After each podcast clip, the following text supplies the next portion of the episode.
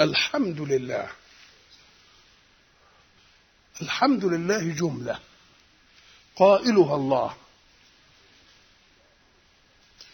وهل قالها لنفسه ولا قالها ليعلمنا أن نقولها؟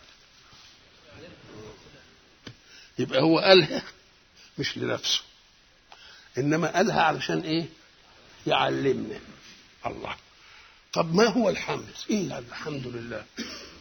قال لك الحمد أن تأتي بثناء على مستحق الثناء من الصفات الجميلة. ومقابل الحمد الذم. تجيب صفات قبيحة وتنسبها لمين؟ لواحد. أم قال لك الحمد ده قد تحمد شيئا ولا علاقة لك به لأنه لأنه أعجبك ما فيه من صفات. فاستحق أن يقول يا سلام.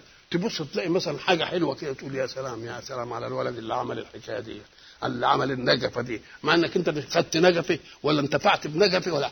إذا فالحمد مرة يكون لأن المحمود فيه صفات تستحق التمجيد. وإن لم تصل إليك. فكيف إذا كانت صفات التمجيد والتعظيم أثرها واصل إليك؟ يبقى ده يستحق الحمد يبقى الحمد لله. كل حمد ولو لبشر عائد إلى الله. لأنك أنت لما تحمد إنسان على صفة كويسة من الذي وهبه هذه الصفات؟ حمدت إنسان على أنه كريم وعمال بيبذل ويدي ويدي من الذي أعانه على كذا؟ إذا فكل حمد على إطلاقه ولو لمخلوق عائد إلى من؟ عائد إلى الحق سبحانه وتعالى. يبقى اذا الحمد أن توجد صفة تستحق المدح. فيجي الحامد يشوف الصفة دي في المحمود يقول يا سلام عليه ويمدحه نقول له طب فكيف إذا كانت تتصل بك إنعاما؟ يبقى أنت الحمد إيه؟ حاجتين اتنين. كلمة الحمد لله وردت في القرآن 38 مرة. وخصت في فواتح السور في خمس صور في الفاتحة وفي سورة الأنعام في قوله الحمد لله الذي خلق الإيه؟ السماوات والأرض. إيه؟ وجعل الظلمات والنور. ثم الذين كفروا إلى آخره. وبعدين جاءت في سورة الكهف الحمد لله الذي أنزل على عبده الكتاب ولم يجعل له عوجا. وبعدين جت في السورة في سورة إيه؟ اللي إحنا اللي إحنا بصددها دلوقتي. في سورة سبأ بس قال إيه؟ الحمد لله الذي إيه؟ له ما في السماوات وما في الأرض وله الحمد في الإيه؟ في الآخرة. وجت في سورة فاطر الحمد لله فاطر السماوات والإيه؟ جاعل الملائكة رسلا أولي أجنحة مثنى وثلاث يبقى 38 في غضون القرآن. خمس مرات في أوائل السور. لكن أوائل السور وزعت عليها ال 38 ليه؟ قال لي لأن الله بدأ خلقه فينا من عدم. يبقى له علينا نعمة الخلق من عدم. هذه واحدة. ثم خلق لنا أقواتنا ما يمد به حياتنا. يبقى خلقنا من عدم وأمدنا من عدم. دي لكيان الإنسان المادي.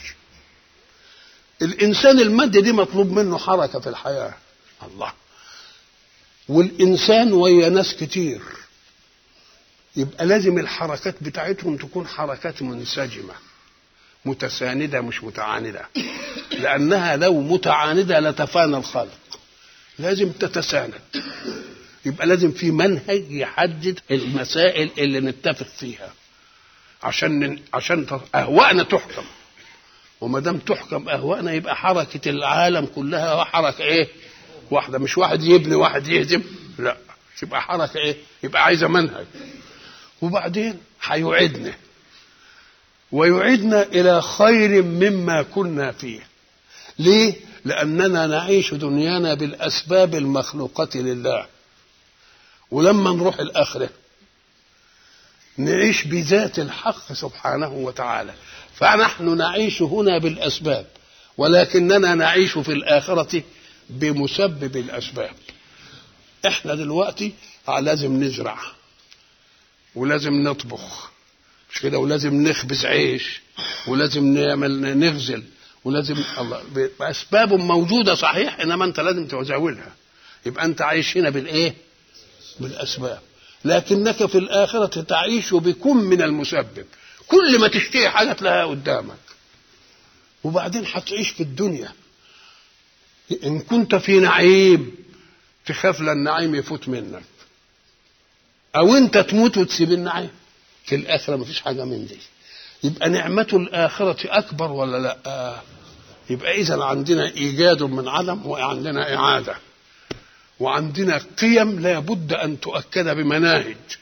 وقبل ما يخلق الإنسان خلق له منهجه. الصانع الذي يصنع أي آلة؟ اللي صنع ده إيه؟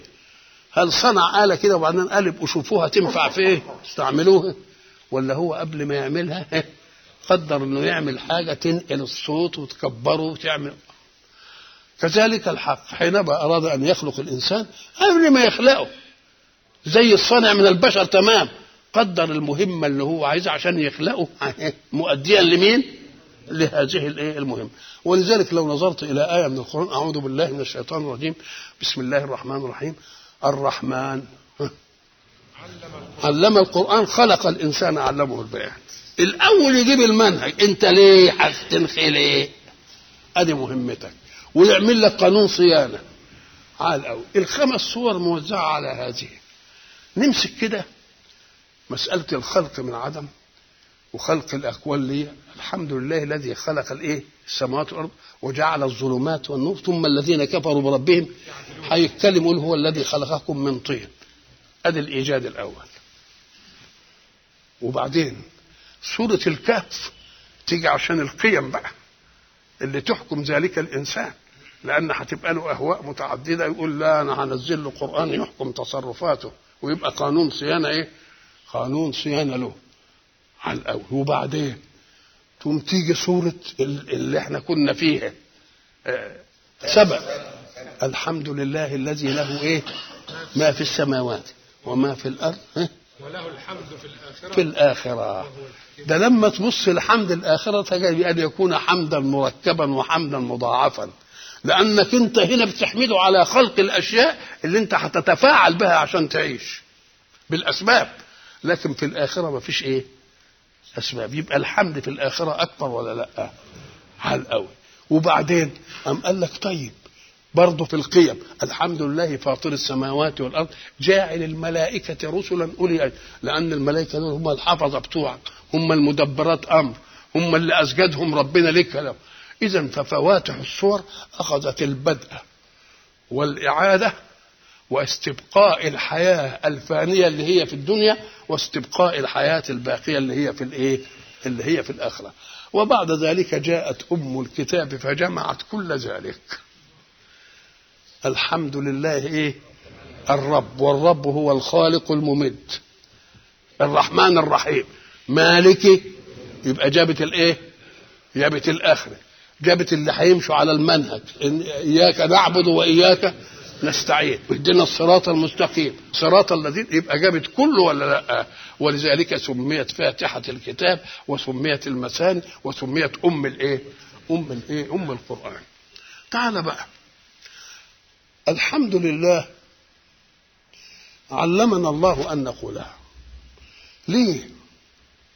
قال لك لأن الناس مختلفين في المواهب وفي الملكات وفي حسن الأداء. وفي صياغة الثناء. يبقى واحد أديب كده يحمد ربنا يجيب بقى أسلوب كويس ويقعد بقى يحمد ربنا وإيه؟ ويعمل قطعة أدبية. طب والغلبان اللي ما يعرفش الكلام ده يعمل إيه؟ ما يعرفش يحمد. أم قال لا شيلوا إيدكم من حكاية الصيغة دي أنا سأعلمكم صيغة يستوي فيها الفيلسوف مع راعي الشاه. ومش هحب الحمد لله به عشان إديتكم تساوي في هذه. يبقى الله بقى ربنا علمنا الحمد لله عشان نتساوى في الأداء. ولذلك علمنا الرسول لا نحصي ثناء عليك. أنت كما أثنيت على نفسك. إحنا بنقول الحمد لله ما تقولش أنت مقصرت ولا أسلوبك وحش أنت اللي معلم هذا. يبقى أكن تعليم ربنا لنا صيغة الحمد له اللي هي بالحمد لله نعمة أخرى تستحق أن يحمد. الله. يبقى الأشياء اللي بنحمده عليها وعلمنا الصيغة كمان قال تعليم الصيغة دي ده يستحق إن هو إيه؟ يحمد طب ولما تحمد على إنه علمك الصيغة هتحمده بإيه؟ برضه هتقول الحمد لله. يبقى حم وحمدك على الحمد إيه؟ يستحق حمدا طب سلسلها كده. إذا معنى ذلك أنك يجب أن تظل حامدا لله وأن يظل الله محمودا. دي عايزة حمد وده عايزة حمد وده عايزة حمد وده عايزة حمد. مسألة إيه؟ يبقى لازم يفضل ربنا إيه؟ محمود. زي ما قلنا اختلاف المواقيت في الأرض اختلاف المشارق والمغارب عشان ربنا يعبده بكل عبادة في كل زمن. قلنا إحنا نصلي الصبح هنا وناس بيصلوا الظهر. وفي الوقت نفسه ناس بيصلوا العصر وناس بيصلوا المغرب. وناس بيصلوا العشاء الله يبقى في كل وقت يحمد الله إيه؟ يصلى لله في كل وقت. ومش كده واحد بيقول الله أكبر الله أكبر الأول وواحد بيقول أشهد أن لا إله إلا الله. يبقى تظل هذه الألفاظ دائرة طول الوقت. يبقى الكون كله فيه نغم بس من يحسن استقباله؟ فين الجهاز الصفائي اللي يحسن استقبال هذه الإيه؟ يبقى وإن من شيء إلا يسبحه إيه؟ يسبحه بحمده. تعال بقى. وله الحمد في الآخرة. طب إحنا قلنا في الدنيا قال لك ده الحمد في الآخرة يبقى أكثر. لأننا جبنا العلة. هناك إحنا هنا في فناء. هناك ما فيش فناء. هنا تنقطع النعمة أفوتها ولا تفوتني؟ هناك ما فيش كلام من يبقى في حمد تاني ولا لأ؟ قال لك ولذلك هيقول لنا في القرآن وآخر دعواهم أن الحمد لله رب العالمين. ويقول الحمد لله الذي صدقنا إيه وعد. والحمد لله الذي هدانا لإيه؟ هدانا لهذا. يبقى له الحمد في الآخرة ولا ملوش طب أنت لما تقول بتحمد ربنا لأنه يملك السماء والأرض طب وأنت مالك بقى؟ هتحمده؟ ده هو ملك وأنت مالك أنت بقى؟ أم قال لك شوف فيه فرق بين أن يخدمك في كونك من تملك وبين أن يخدمك من لا ما لا تملك بل يملكه الغير. شوف العظمة بقى. أنت بتنتفع باللي أنت إيه؟ تملكه. لكن الأرض المملوك الأرض والسماء المملوكة لله في خدمتك. يبقى الحاجة اللي مملوكة للغير بتخدمك. أكتر من الحاجة اللي تكون مملوكة ليك وت إيه؟ وتخدمك. يبقى العظمة فين إيه ما هو الراجل قال له أنت ما بتجيبش سيارة ليه؟ قال له يا أخي ما إخواننا عندهم سيارات كتير. كل يوم اركب سيارة واحد لا هغرم بنزين ولا هغرم صيانة ولا هغرم مش عارف إيه الله يبقى انتفاعك بما يملك الغير ده مسألة أكثر من انتفاعك بما إيه؟ بما إيه؟ بما تملك. وملك الله لصالحنا نحن يبقى إذا دي تستحق الحمد ولا لا؟ تستحق الحمد اللهم لا تحرمنا نعمته الحمد لله والحمد لله الذي له ما في السماوات وما في الأرض حاجة ثانية. يا بالك لو حد ثاني كنا بنحب نتقرب له ويمكن يمنعني. قال لك لا اطمئن على أن دي مملوكة لي وأنا ربك ومش هتخلى عنك ابدا ولا فيش قوة تانية هتاخدها عشان ما تخدمكش. أنا مديك هو اللي يملكها ما فيش حد يملكها تاني. يبقى دي تطمين لنا ولا لأ؟ تطمين لنا. ولذلك الحق سبحانه وتعالى حينما يقول للشيء كن فيكون.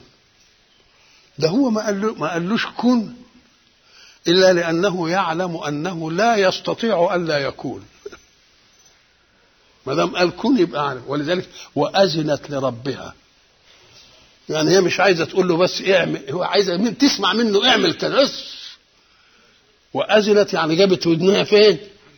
وحق لها وحقت مش الآية كده؟ وأذنت لربها وإيه؟ وحقت.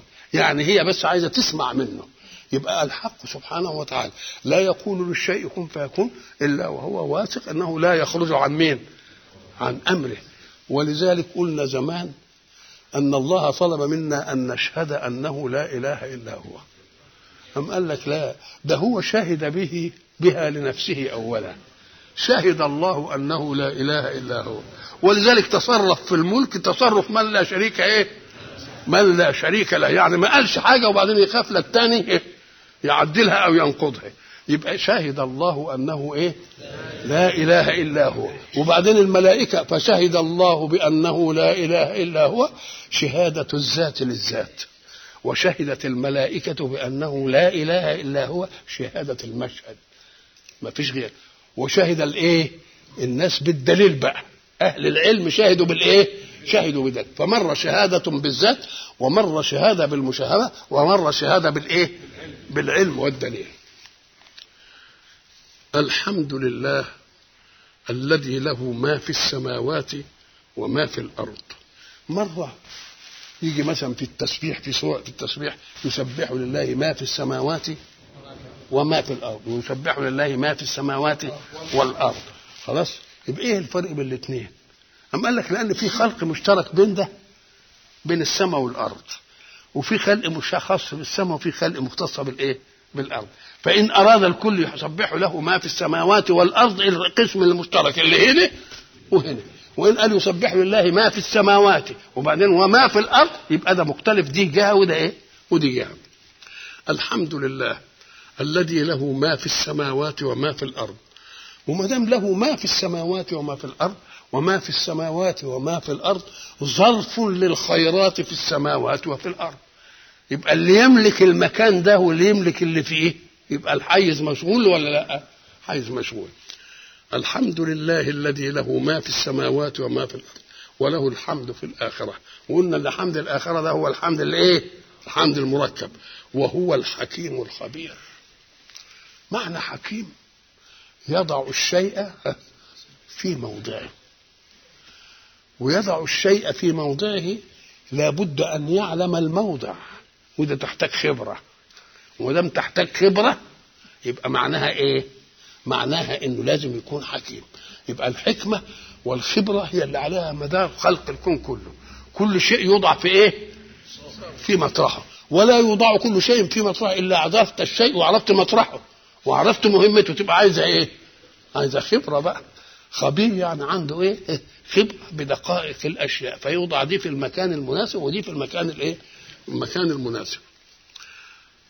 ثم بعد ذلك أراد أن يشرح لنا الحكمة والخبرة. فقال يعلم ما يلج في الأرض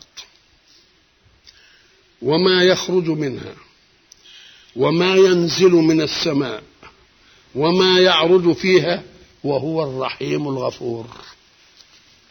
يعلم ما يلج في الأرض. يلج يعني يدخل.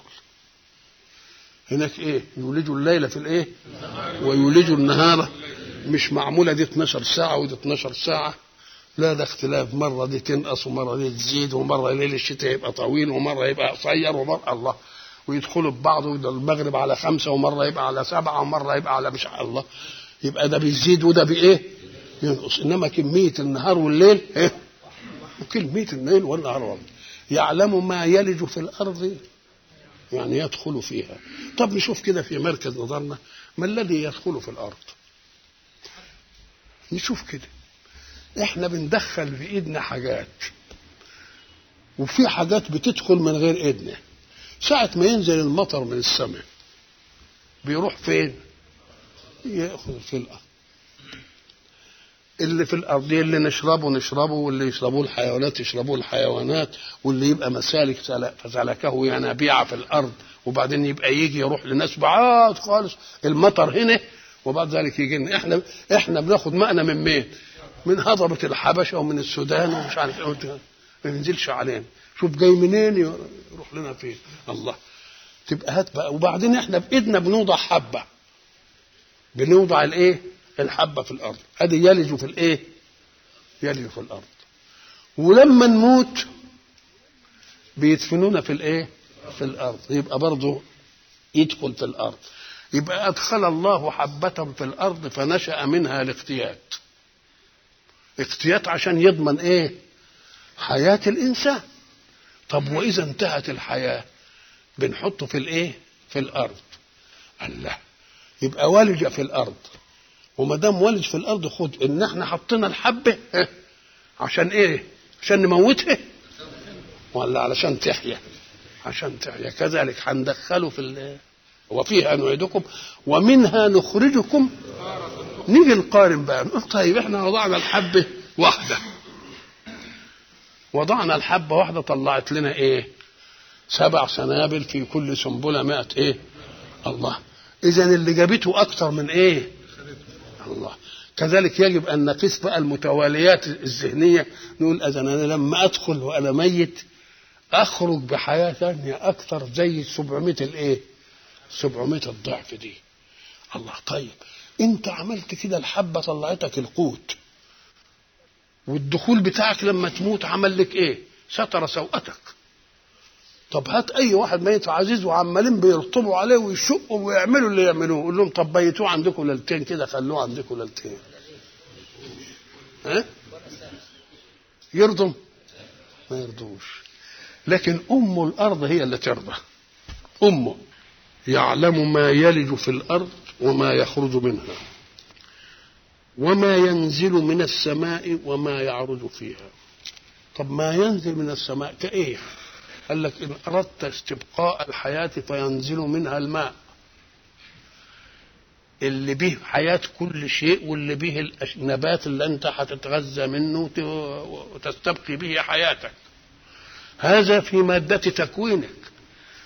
وينزل الملائكة بمنهجه الذي به حياة قيمك. وينزل أيضا الملائكة المدبرات لك أمر له معقبات من بين يديه ومن خلفه يحفظونه حفظا صادرا من أمر الله. حفظا إيه؟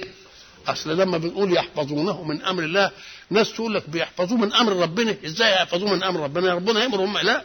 يحفظونه حفظا صادرا من مين؟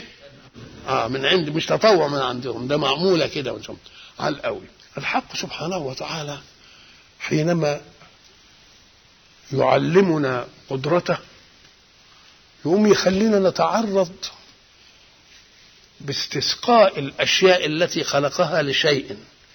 إحنا عندنا مثلا في الاجزخانات يقول لك ماء إيه؟ ماء مقطر. مش كده؟ طب ماء مقطر يعني إيه؟ يعني خال من أي شائبة إلا المائية. ودي له طريقة بيعملوها إزاي؟ بيجيبوا موقد ويحط عليه مثلا أناء والإناء فيه مية تقوم المية من بعد السهولة تدخل إيه؟ في الغازية وتطلع بخار. البخار يمشيه في انبوبه طويلة كده وبعدين يحط على الأنبوبة دي مية ساقعة. يقوم بعد ما كان بخار يعمل إيه؟ يقوم يتكثف وينزل نقط مقطرة. مش كده؟ أهي دي شوف عملية عشان نعمل كوب ماء مقطر تكلفنا قد إيه وتعمل قد إيه وهو إلى آخره. قال لك أهو ربنا عامل لك التقطير ده وأنت لا تشعر به. المية في البحار المالحة اللي متركبة تركيبة كيماوية عشان ما تعطنش عشان ما تفسدش. ولذلك تجد البحر تترمي فيه رمة. تقوم تلتفت البحر فيه كده تقول ملائكه عمال يعمل فيها كده كده كده لحد ما تيجي على الإيه؟ على البر. كل قذارة في البحر. تلتفت تلاقي الأمواج عمالة تعمل فيها كده. ولذلك لما تروح على شواطئ اللي بيسموها البلاد تقوم تلاقي حاجات إيه؟ حاجات كتيرة مرمية على البتاع دي. لو كانوش بينظفوها تبقى إيه؟ تبقى مزبلة. إنما بينظفوها ويشيلوها. ادي أدي المية اللي موجودة. وبعدين تيجي حرارة الشمس والجو تقوم تبخر منها شيء. ولذلك قلنا إن سطح الماء ثلاث ارباع اليابسه أو أكثر شوية والربع يابسه عشان كل ما يتوزع السطح كل ما التبخير يكون أسرع. ضربنا مثل زمان أفتكر؟ إنك أنت لو جبت كوب ماء وملأته مية ونسيته في الشقة بتاعتك وغبت فيه شهرين ثم رجعت ما الذي ينقص من الماء؟ تقوم تلاقي نقص منه سنتي اتنين لأن الحيز التبخيري ضيق طب قبل ما تمشي خد المية بتاع الكوباية دي وبخها في الأوض. قبل ما تسك الباب تكون مبخره الله. اذا اتساع السطح هو اللي هو اللي يساعد على إيه؟ على على البخر. وعشان يدي ماء للكون ده كله يبقى لازم السطح إيه؟ يقوم يطلع بقى ولا انت داري ويطلع وبعدين يمشي يمشي سحابة ومش عارف إيه. وبعدين يصادف منطقة باردة يروح نازل إيه؟ نازل قطرات مية. عملية إحنا ما نقدرش بها بعدين لما عرفنا التقدير بيكلفنا إيه عرفنا بقى القدرة الإله الأعظم إزاي عمل لنا هذه الإيه؟ وبعدين الميه العذبة دي تنزل. نزلت من السماء عشان صالح الأرض. ماء عذب نشرب منه ونسقي الأنعام ونسقي الإيه؟ الزروع. وبعدين؟ واللي يفيض مسارب في الأرض. ليه؟ يمشي بقانون الاست... اسمه قانون الاستطراق اللي ما عرفناش إلا قريب. تنه ماشي كده الحتة ما فيهاش مطر بينزل. يقول لك احفر ده الماء الجوفي. طب الماء الجوفي ده جه منين؟ الله فسلكه ينابيع في الإيه؟ في الأرض. الله. هات وما يعرج إيه؟ فيها. طب ده اللي نزل لنا. إيه اللي بيعرض فيها بقى؟ آه القرآن أشار لها. إليه يصعد الكلم الطيب. آثار التكليف المنهجي من الله والعمل الصالح يرفعه. الله. لكن نلاحظ هنا في الأسلوب إحنا عندنا كل حرف من الحروف له معنى.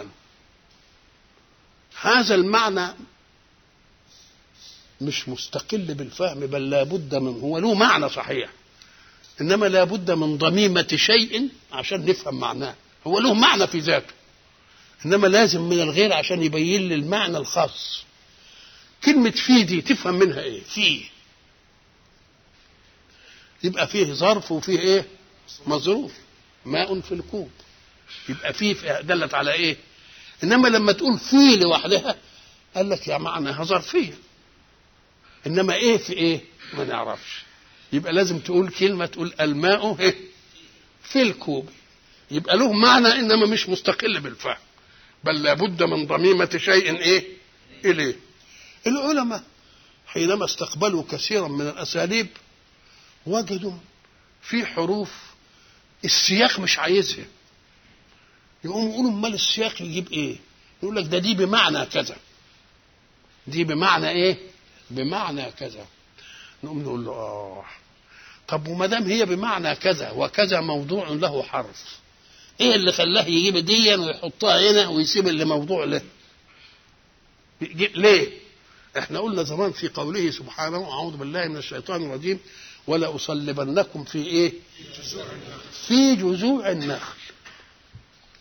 أهل العلماء يقول لك في جذوع النخل أي؟ على جذوع النخل. يقول له الله. طب وما كان يقول على؟ على جذوع الايه؟ على جذوع النخل سب على وجاب فيه ليه؟ اللفظ اللي موضوع لها ده اللي انت جبت تقول دي بمعناها كذا ما جابو ما جابوش ليه؟ ويجيب لي لفظ تاني. قام قال لك انت ما انتش دقيق الفهم عن الله. تقوم تقول له ده جابها لحكمة عشان يدي معنيين اتنين. معنى على ومعنى فيه.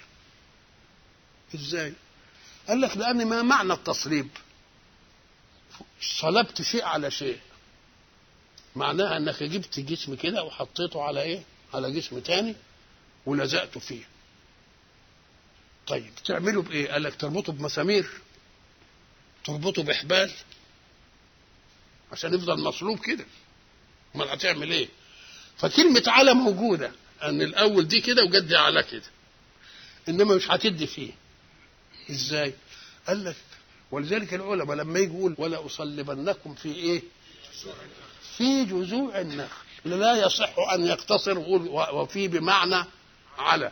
والمعنى أصلبنكم على جذوع النخل. نقول له ده كلام فيه قصور. تعبير فيه قصور. أمال يقول إيه؟ ولا أصلبنكم على جذوع النخل تصليبا قويا. بحيث تدخل أجزاء المصلوب في المصلوب فيه. يبقى فيه هي اللي جابتني دي بقى. هات عود كبريت وحطه على إيه وبعدين هات فتلة إيه ولفها كده. إن لفتها لفة خفيفة يبقى العود فين؟ على الظهر. لكن لما تشد الفتلة قوي العود يعمل إيه؟ يروح يدخل جوه. آه. يبقى أكن معنى فيه جابت إيه؟ شدة الصلب بحيث تدخل أجزاء المصلوب في المصلوب فيه. يبقى اوعى تقول إن معنى ولا أصلبنكم في إيه؟ في جذوع النخل. لأصلبنكم على جذوع النخل تصليبا قويا بحيث تدخل أجزاء المصلوب في في المصلوب فيه. تبقى إدت كلمة على الاستعلى وإدت كلمة الإزاي؟ كلمة الظرفية. هنا بقى الآية. وما ينزل من السماء وما يعرض فيها وما يعرض إليها. أهو قال لك وما يعرض إليها. نقول له لا إليها ما تنفعش هنا. هي لازم يعرضوا فيها. لأن إلى تدل على الغاية. سافرت من القاهرة إلى إيه؟ إسكندرية. تبقى إلى الإيه؟ الغاية. وأصل السماء مش غاية الكلم الطيب مش غاية الصعود. ده المنتهى إلى الله. يبقى أكن السماء دي طريق فقط. هيمشي فيه لحد ما يروح فين؟ إلى المنتهى الأعلى. يبقى إيه؟ يبقى هنا في يصعد فيها ولا إليها؟ نقوم نقول لا فيها. لأن لأن السماء مش الغاية بتاع إليه يصعد الكلم الطيب. لأن الكلم الطيب يصعد إليه وهو فوق السماء لأن في منتهى بعد السماء يبقى فيها هنا بمعنى إيه؟ ما تقولش إن هي جاية إلى هنا لأن إلى ما تنفعش هنا لأن السماء والأرض مش غاية لصعود الكلم الطيب إنما الكلم الطيب صعد لمين؟ إلى الحق سبحانه وتعالى فيبقى السماء والأرض إيه؟ طريق يبقى فيها هناك كمان قلنا ساعة ما تعرضنا إلى قول الحق سبحانه أعوذ بالله من الشيطان الرجيم وسارعوا إلى مغفرة من ربكم تبقى المغفرة هي الإيه؟ الغاية طب يسارعون في الخيرات. ما قالش ليه يسارعون إلى الخيرات؟ قال يسارعون إيه؟ آه المغفرة غاية ما فيش بعدها غاية. تبقى إلى صح فيه. إنما لم يسارعون في الخيرات كأن خيراته تترقى وتتعالى. كلما وصل إلى خير وصل إلى أخير من هذا الخير. يبقى سير فيها مش إليها. نعم. وما يعرج فيها ما تقولش وما يعرج إيه؟ فيها بمعنى إلى تقوم تقول له لا ده هي فيه جاية لأن السماء والأرض مش غاية للصعود. ده الغاية للصعود بعد كده تبقى هي بس طريق. هناك آية تانية في القرآن أعوذ بالله من الشيطان الرجيم. حينما تكلم الله عمن كذب نوحا وعادا وثمود والذين من بعدهم لا يعلمهم إيه؟ إلا الله. جاءتهم رسلهم بالبينات. فردوا أيديهم في أفواههم. أهي في أفواههم دي أقول لك أهي في دي بمعنى إلى. نقول له لا. الرسل جابوا المنهج. فلما جابوا المنهج الناس المكذبين ما قبلوش المنهج. وقالوا لهم وفروا عليكم كلامكم وفر كلامك ليك أنت. ورد الكلام بتاعهم فين؟ مش إلى الأفواه لأن إلى الأفواه تبقى هنا ده بالغ في الرد حتى أدخلها في الإيه؟ في الأفواه. يبقى إلى بمعنى هنا إيه؟ وهو الرحيم الغفور. كلمة رحيم معناها قال وننزل من القرآن ما هو إيه؟ شفاء ورحمة. كلمة شفاء معناها إن في مرض. ومرض نشأ من الغفلة. فيجي القرآن يذكرني وينبهني ويخليني إيه أعمل إيه؟ أشفي نفسي من داء الغفلة دي. طب ورحمة قال لك القرآن يشفي من داء الغفلة؟ فإن لم توجد الغفلة يبقى يرحم ما يجيش الداء عشان تبقى تشفيه بالقرآن. يبقى من أول الأمر ما يجيش الإيه؟ يبقى الرحمة معناها إن ما يجيش الإيه؟ إنما الشفاء يبقى فيه داء والقرآن يشفيه. يبقى في حاجتين اثنين الذي أصابته الغفلة يجي له داء. يوم القرآن لما يقرأه يدي له إيه؟ تذكير. يرجعه تاني. لكن طيب والرحمة؟ لكن الرحمة ان ما يجيش الداء خالص. نعم. حتة تانية قال له هو الغفور. كل حاجة يأكد على المغفرة لأنه خلق الإنسان ويعلم إن هو مش ممكن هيكون على المنهج الصح. ولذلك قال ويعفو عن كثير ويعفو عن كثير يعني برضه يعني زي ما يقولوا سيطلقوا فرغة في أشياء كده الله قال لك ليه؟ قال لك لأن لو ما كانش فيه غفور وما كانش فيه تواب كان أي واحد يعمل ذنب يفقد معنى يفقد ما دام الذنب انحسب ولا عادش فيه فايدة؟ يبقى يسموه إيه؟ فائد من الذي يشقى بفائد دي المجتمع. لكن لما يعرف إن ربنا بيغفر يقوم يختشي على عرضه بقى ولا يعملش حاجة تانية. إنما لو كان كده كان يعمل الذنب وخلاص ذنب واحد بس وبعدين يشقى المجتمع بالذنب. طب ولو كانش بيتوب؟ برضه اللي كان يعمل ذنب يفقد ويعمل كل ذنوبه تنتهي ومن من من اللي يشقى؟ إذا فشرع الله للتوبة جميل للخلق. الخلق كلهم تاب على واحد عشان يعمل إيه؟ عشان يرحم الباقي كله من شرسته. ولذلك ثم تاب عليهم إيه؟ الله. إيه اللي تاب عليهم ليتوبوا؟ أم قال لك تاب عليهم يعني شرع لهم التوبة عشان يفتح لهم مجال التراجع. ولما يفتح لهم مجال التراجع يبقى رحم الغير رحم الضعيف. لأن القوي كان يبقى عنده شراسة ويتمادى فيها ويبقى إيه؟ طاغوت بقى. نعم. ولذلك هناك سبحان الحق سبحانه أعوذ بالله من الشيطان الرجيم. في آية وإن تعدوا نعمة الله لا إيه؟ لا تحصوها. صدر الآية واحد. إنما في آيتين اثنين العجز بيختلف. وإن تعدوا نعمة الله لا تحصوها. إن الإنسان لظلوم كفار. وآية ثانية. وإن تعدوا نعمة الله لا تحصوها. إن الله إيه؟ آه. يبقى جايب غفور رحيم هنا وجايب إيه ظلوم؟ وكفار هنا. مع أن وإن تعدوا نعمة الله لا تحصوها. صدر الآية واحد. ولذلك دي كان المستشرقين يتكلموا يقول له يا أخي بلا خليك خليك ذكي. اشمعنى وقفت عند دي ولا تقفش عند قول الله وإن تعدوا نعمة الله لا تحصوها. وتقول لنا كيف يقول الله وإن تعدوا نعمة الله والعد لا يكون إلا لمتعدد وهو ذكر مفردا واحدا. ده ذكر إيه؟ نعمة. هنعد إيه في النعمة؟ قال لك إياك أن تفهم أن النعمة اللي أنت بتقولها دي نعمه دي نعمة واحدة. ده أنت لو دققت فيه تلتفت لها نعم لا نهاية لها ولا حصر اللي أثبت لها علم العناصر دلوقتي. يمسك التفاحة ويقول لك فيها قد إيه وفيها إيه وفيها إيه وفيها إيه وفيها إيه. يبقى كل نعمة وإن كانت واحدة إلا أن في طيها إيه. نعم. كنت تقول كده. كنا نبقى نعمل نجد لك شبهة في إنك أنت بتتكلم. قول الله يقول وإن تعدوا والعد لا يكون إلا لمتعدد وهو ذكر غير متعدد وهو النعمة الواحدة. نقوم نرد عليه الرد ده بقى. خلاص كده؟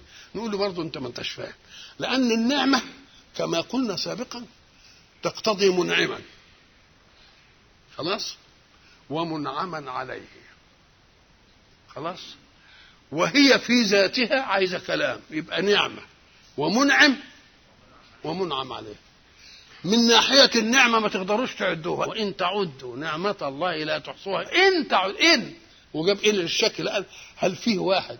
في جامعات مخصوص في العالم عشان تعمل إحصاء في الكائنات كلها هل لقيت جامعة من الجامعات تسامت إلى أنها تعد نعم الله في الكون؟ أبدا.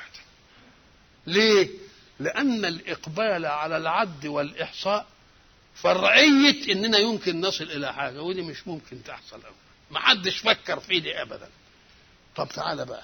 أدي النعمة كتيرة قوي قوي قوي وإن ظننتها واحدة ففيها مطمور فيها نعم كثيرة جدا. والمنعم. قال لك لو أن المنعم عليه خدناها على قد ما فعل كنا نحجب النعم عنه. لأنه ظلوم وايه لا وكفار. وكفار للنعمة. كنا نمنعها إنما اللي حماه أن المنعم غفور رحيم.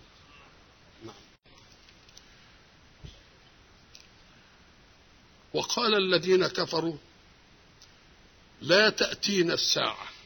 برضو الساعة هي هي هي. ليه؟ هم يقولوا كده ليه؟ لأن هم عارفين إنهم اسرفوا على نفسهم. ولو كانت الساعة هتيجي هتبقى صورتهم إيه؟ شروطهم باينة. يبقى من مصلحتهم؟ إن الساعة دي ما تجيش قوي كلام كذب ولذلك تجد من الناس اللي يتداركوا على الدين يقول إذا كان الله قد قدر كل شيء معصية وطاعة من العبد فلماذا يعذبه في المعصية؟ طب ما سمعتش منك فلماذا يسيبه في الطاعة؟ مما يدل على إن الوقفة مش عقلية بقى. لأن الوقفة لو عقلية كنت تقول طب بي بي بيعذبه ليه وهو كتب عليه المعصية؟ ما تقول بينعم عليه وهو كتب عليه الطاعة. أنت جبت الحاجة اللي إيه؟ اللي تنفعك. إنما التانية اللي تفيدك اطرشت فيها سبتها دي كده. سبت دي ما قلتهاش ولا جبت لها سيرة. يبقى معناها أنك أنت اللي خايف على نفسك. بدليل أن ما يعطيك الخير سكت عنه وما يعطيك العقاب تكلمت فيه وأنت لم تتكلم فيه إلا لأنك واثق من كثره سيئاتك. وكثره سيئاتك نفسك الحكاية بتاعت الدين دي تبقى كذب كلها عشان مش هيريحك لأنها لو كانت صدق تتعب قوي تتعب قوي وقال الذين كفروا لا تأتينا الساعة ولذلك سورة الكهف قال لك وما أظن الإيه؟ الساعة قائمة. وبعدين بقى ولا ان رددت إلى ربي لأجدن خيرا منها إيه؟ منقلبا برضه فطرته ما ولذلك دائما سؤالهم عن الساعة. ده دليل على انها مرعبباهم قوي مرعبباهم. ليه مرعبباهم؟ قال لك لأن إن إن, إن استتروا عن الكون وعن حكامهم في في مصائبهم قال له إيه لئن عميت على قضاء الأرض فلن تعمي على قضاء السماء. إن كنت تقدر باللحن الحجة زي ما النبي قال. إنما أنا بشر وأنكم تختصمون إلي ولعل أحدكم أن يكون ألحن بحجتي. فأقضي له فمن قضيت له من حق أخيه شيء فلا يأخذ فإنما أقطع له قطعة من النار. اذا القاضي بيحكم للإيه؟ للحجة وللبيان. يمكن واحد لسانه طويل عنده حجة يقدر يعمل مش عارف. زي المحامين اللي بي إيه؟ اللي بيعمل الله. إذا الحق سبحانه وتعالى ساعة ما يتكلموا عن الساعة دي يدل على إن دي اللغز اللي تعباهم. هي اللي إيه؟ اللي تعباهم. لأن جاههم بقى آه لهم جاه ولهم نفس ولهم سيادة ولهم سيطرة ومش عارف. فأمنين على نفسهم دلوقتي. إنما بعدين جئتمونا فرادى كما خلقناكم أول مرة. يعملوا فيها إيه؟ دي ما يقدروش يعملوا فيها حاجة يبقوا لازم يتكلموا فيها وأزيا لها نظير في العالم الحديث عالم الاقتصاد. كل واحد كل ما يقعد ويا عالم يسأله عن فايدة البنوك. ويمكن سأل ألف عالم. إيه اللي ما خلاكش تقتنع بجواب واحد؟ إنها مشوكاك. ونفسك تسمع من واحد حاجة يعني تديها كده يديك يقول لك لا حلال برضه تيجي تسأل واحد تاني يقول له يا مش عارف برضه الله ما دام شغلك كده وشك والباطل ما حاك في صدرك ما دام حاكت في صدرك تبقى دي هي الإيه؟ هي دي الباطل. وقال الذين كفروا لا تأتينا الساعة. قل بلى كلمة بلى دي تبطل الحكم المنفي الأول. طب الحكم إنهم لا تأتينا الساعة يبطله الله بيقول هتيجيكم هيحصل. هتجيكم يبقى ساعة ما تسمع كلمة بلى تعرف إن في حاجة منفية. بننقض هذا النفي. وما دام ننقضه نجيب المقابل له في الإثبات. ومش بس قال كده نقضه وجابها بالقسم. قول كده بملء فيك بلى وربي واحلف بربك انها هتيجي يا يحلف بربه. يعني علم رسول الله أن يقسم على إتيانها وهو مطمئن أنها تأتي وإلا فيلقنه. يمين كاذب؟ مش ممكن. ما يلقنوش يمين إيه؟ يمين كاذب. قل بلى وربي لتأتينكم. عالم الغيب. وما دام حجيكم اوعوا تفتكروا إنها هتيجي بس. وعمل عليكم إحصاء. وما غاب وعلمة عالم الغيب يعني في ذنوب الناس شايفاها منهم. وفي ذنوب مدكنينها ما حدش يعرفها. يقول لك أهو ربنا عالم اللي أنت مدكنه برضه. يبقى اذا هيحاسبك. مش اللي أنت عملته وعرفوا الناس. لا. اللي أنت عملته وقدرتك سترته على الناس. لتأتينكم عالم الغيب. لا يعزب عنه مثقال ذرة في السماوات ولا في الأرض. ولا أصغر من ذلك ولا أكبر. إلا في كتاب مبين. الحق سبحانه وتعالى في جمهرة الآيات يضرب المثل لصغر الأشياء بالذرة. نعرف الذرة هي إيه. الذرة هي الهباء المنشور في الجو. إحنا قاعدين ما إحنا شايفين حاجة في الجو. مش كده ولا إيه؟ مفيش حاجة. قدامنا جو صافي. يقول لك لا طب طب خلي بقى الشمس أو فخ أو حزمة نور كده ضوء تدخل من من قوة من طاقة ولا حاجة وخليها تدخل علينا دلوقتي. تقوم تلاقي الجو اللي أنت بتقول عليه رايق ده إيه؟ ملان ذره عمال بيتحرك يبقى كونك لا تراه مش معناه إنه مش موجود. أنت ما عندكش إيه؟ الدقة البصرية اللي تستطيع إنك أنت تجد موجود. ولأن الضوء هو الذي تنكشف فيه الأشياء إذا جبت حزمة ضوئية مركزة كده ونفذتها من قوة ولا من ولا من خلق تقوم تشوف أنت الإيه؟ تشوف أنت الذر ده. يبقى الذر هو الهباء المنتشر في الكون الذي لا تدركه العين المجردة. إلا إذا جبت له حزمة ضوئية قوية ونفذتها تقوم تشوف اللي فيها عمال بايه إذا هدأت الانفاس إحنا لنا نفس أهو بيتردد. هذا النفس ما بيخليش الذرة تستقر وتنزل. لأن الهواء متجدد. لكن سيبه شوية من غير ما يسد البتاع تلتفت تلاقي الذره ده عمل إيه؟ هبط كده. ومن العجيب أن الذر لا يبينه لنا إلا حزمة الضوء. والضوء والذر أحكم مقاييس في الكون. الضوء والذر أحكم مقاييس في الكون. مش قلنا زمان إن لما واحد مقاول يعمل لك البيت وبعدين يوضب بقى يبني ويغفق ها؟ وبعدين يعمل بوية ها؟ ويوضبها كده ويبقى في نظر العين أنها إيه مستقيمة. إنما بقى الحدق اللي يعني يبص كده بالمقاييس يقوم يقول له إيه؟ سيبها يومين ما استلمش النهارده. يسيبها يومين يسيبها أسبوع تقوم يدخل كده يلاقي الجدار اللي كان لامع ده ومملس فيه فيه شوية تراب. الذر وهو نازل بينزل عمودي إذا كان حتة من مليون من الملي نشأة يقوم نازل عليها وعمل تقوم تلتفت تلاقي إيه التراب عامل تمويجة. كذلك الضوء. تجيب الضوء كده وتعمله في الجنب كده. يقوم إن كان واحد على على مليون من الملي يروح عامل ظل يجي على الناحية الثانية يبقى اللي بيكشف الأبعاد إيه؟ يا الذر يا الإيه؟ إن الله لا يظلم مثقال إيه؟ ذرة.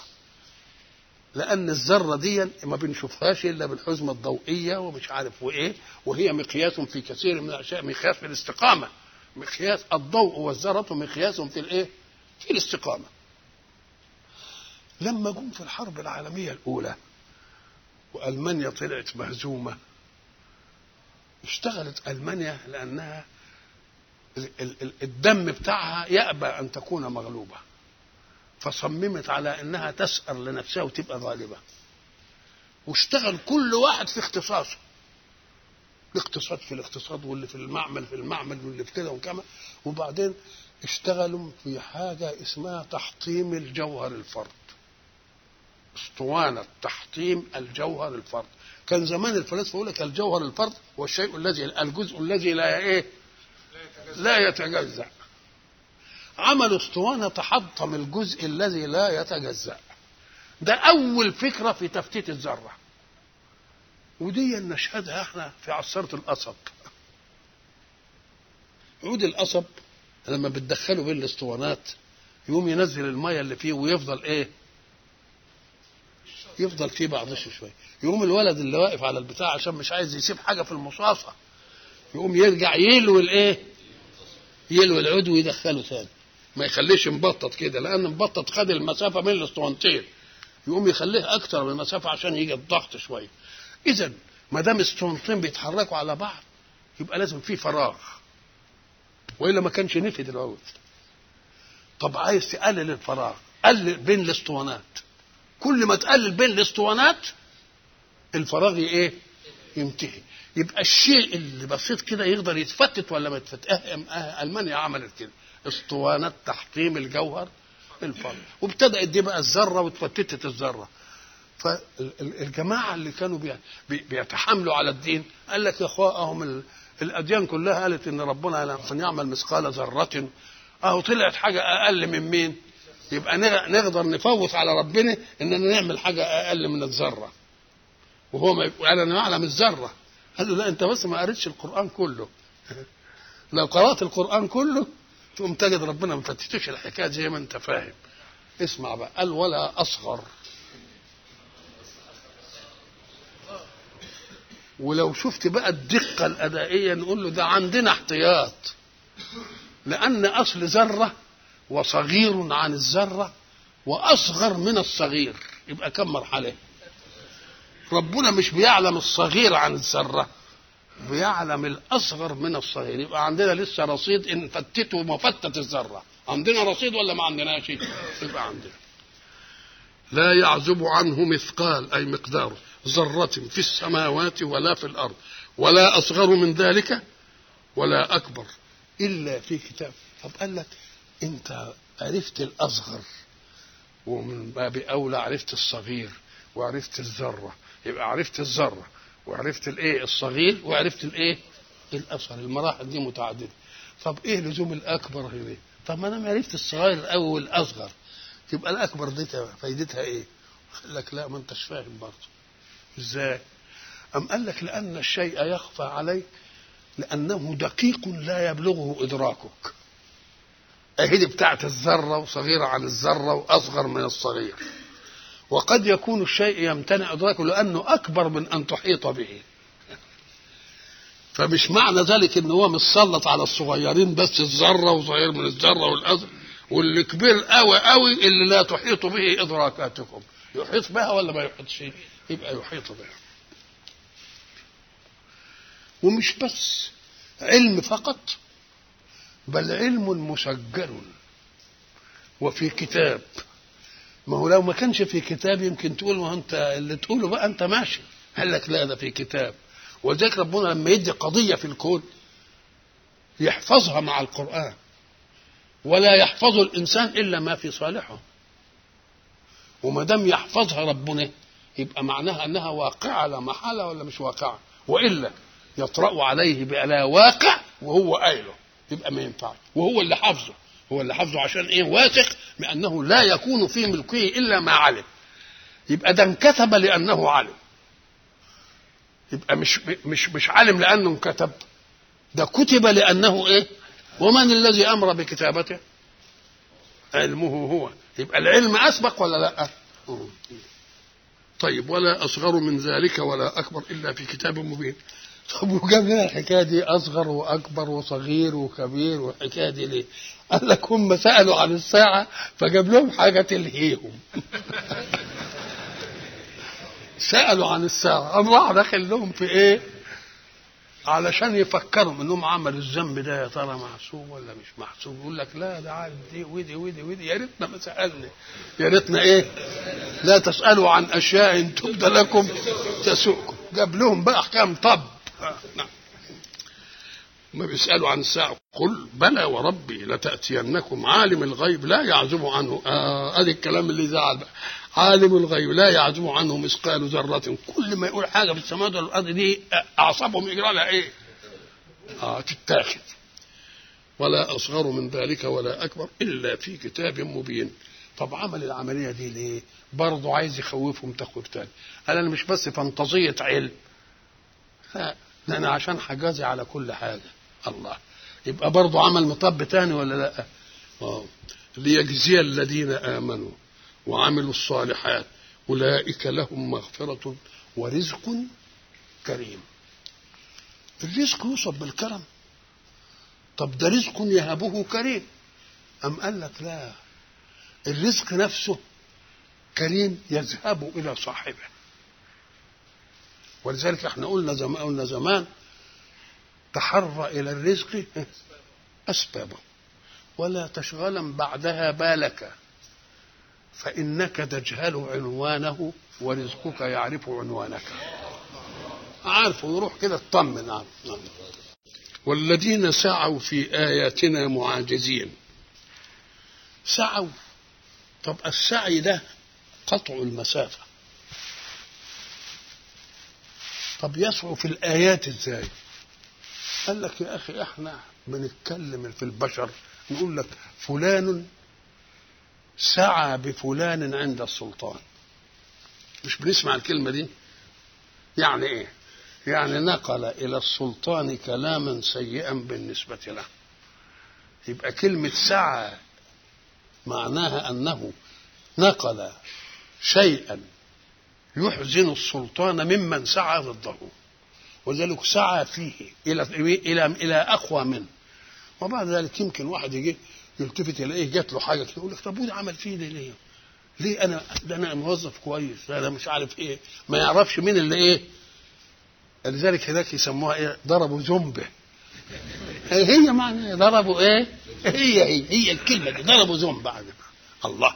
يبقى سعوا في آياتنا يضربوا فيها ذنب علشان اللي بعيد عنها ما يجيهاش. واللي فيها يفكر إنه إيه؟ إنه يملص منها. سعوا في آياتنا وآياتنا القرآن. عايزين يبطلوه. عايزين يخلوا الناس تنصرف عنه. الله. ليه؟ لأنهم واثقين أن الناس لو مكنوا القرآن من آذانهم لا بد أن يلج قلوبهم بالإيمان. ولذلك قال لك لا تسمعوا لهذا القرآن. طب لو كان القرآن ده مش مؤثر يعني ويجيب يعني. كنت بتقول ليه لا تسمعوا لهذا القرآن؟ قال لك مش بس لا تسمعوا وشوشوا عليه. والغوا فيه. لعلكم تغلبون. إذا ما دام القرآن موجود مش هنستطيع نغلب إلا إذا إيه؟ منعنا الآذان عن سماعه. أو لما يجي القرآن نشوشر عليه بأي إيه؟ نعمل عليه ضجة. زي ما زي ما أقول لك بقى إيه؟ نهيص عليه. هيص عليه يعني معنى نفسد أثره في النفوس باننا نهيص عليه. والذين سعوا في آياتنا معاجزين. معاجز. اسم فاعل من عاجزه زي قاتل ومقاتل. طب عاجزة يعني إيه؟ عاجز ديا معناها زي ما تقول كده نافسه. نافسه يعني إيه؟ الأصل في المنافسة الماء. كان سيدنا عمر رضي الله عنه سيد ابن عباس شافوا بركة مية فقال له هيا بنا ابن عباس إيه؟ نتنافس. نتنافس يعني إيه؟ أدي الأصل فيها يعني. وبعدين أصبحت هي الايه المسابقة في أي ناحية اسمها منافسة. يعني يغطسوا في المية ويشوفوا مين اللي يقدر يصبر أكثر من الآخر. نفسه يقوى على إنه أدي معنى إيه؟ نتنافس يعني نشوف مين اللي نفسه إيه؟ لأن معنى نفسه أطول إن رئته سليمة. ومخزونها من الهواء يكفي مدة طويلة. اللي رئته مش سليمة ياخد شوية هواء قد كده. ينخنق. فمعنى نتنافس يعني نشوف من أطول من نفسه. طيب عاجزه. نثبت إنك أنت عاجز وأنت تثبت إنني عاجز. عاجزني وعاجزته. لما يعاجزني عايز يعمل عمل يخليني أعجز عنه وأنا عايز أعمل عمل أخليه إيه؟ لكنهم يريدون بهذه المسألة في القرآن بالسعي في آيات الله إنهم يعملوا إيه؟ يعجزوا الدعوة عن أن تبلغ مداها ويعجزه محمد عليه الصلاة والسلام من إنه يتمم إيه؟ رسالته. ويعجزه منهج الله إنه يصل إلى خلق الله. قال بيعجزوا مين؟ بيعجزوا مين؟ بيعجزوا ربنا. أنا اللي بعت الرسل ومش معقول هبعت الرسل وأسيبهم. مش ممكن ابدا. ده أنا بسيبهم بس علشان يبقوا قاتلوهم يعذبهم الله بأيديكم. إنما أنا اللي أتدخل. ولقد إيه؟ سبقت كلمتنا إيه؟ إنهم لهم الإيه؟ وإن جندنا لهم الغالبون. يبقى اذا هيعجزوا مين؟ الكلام ده لو كان مسألة منهم لمحمد ولا منهم للمؤمنين إنما ده اللي بيعمل الآيات بالآيات يبقى بربنا. فهل يستطيع أحد أن يعاجز الله؟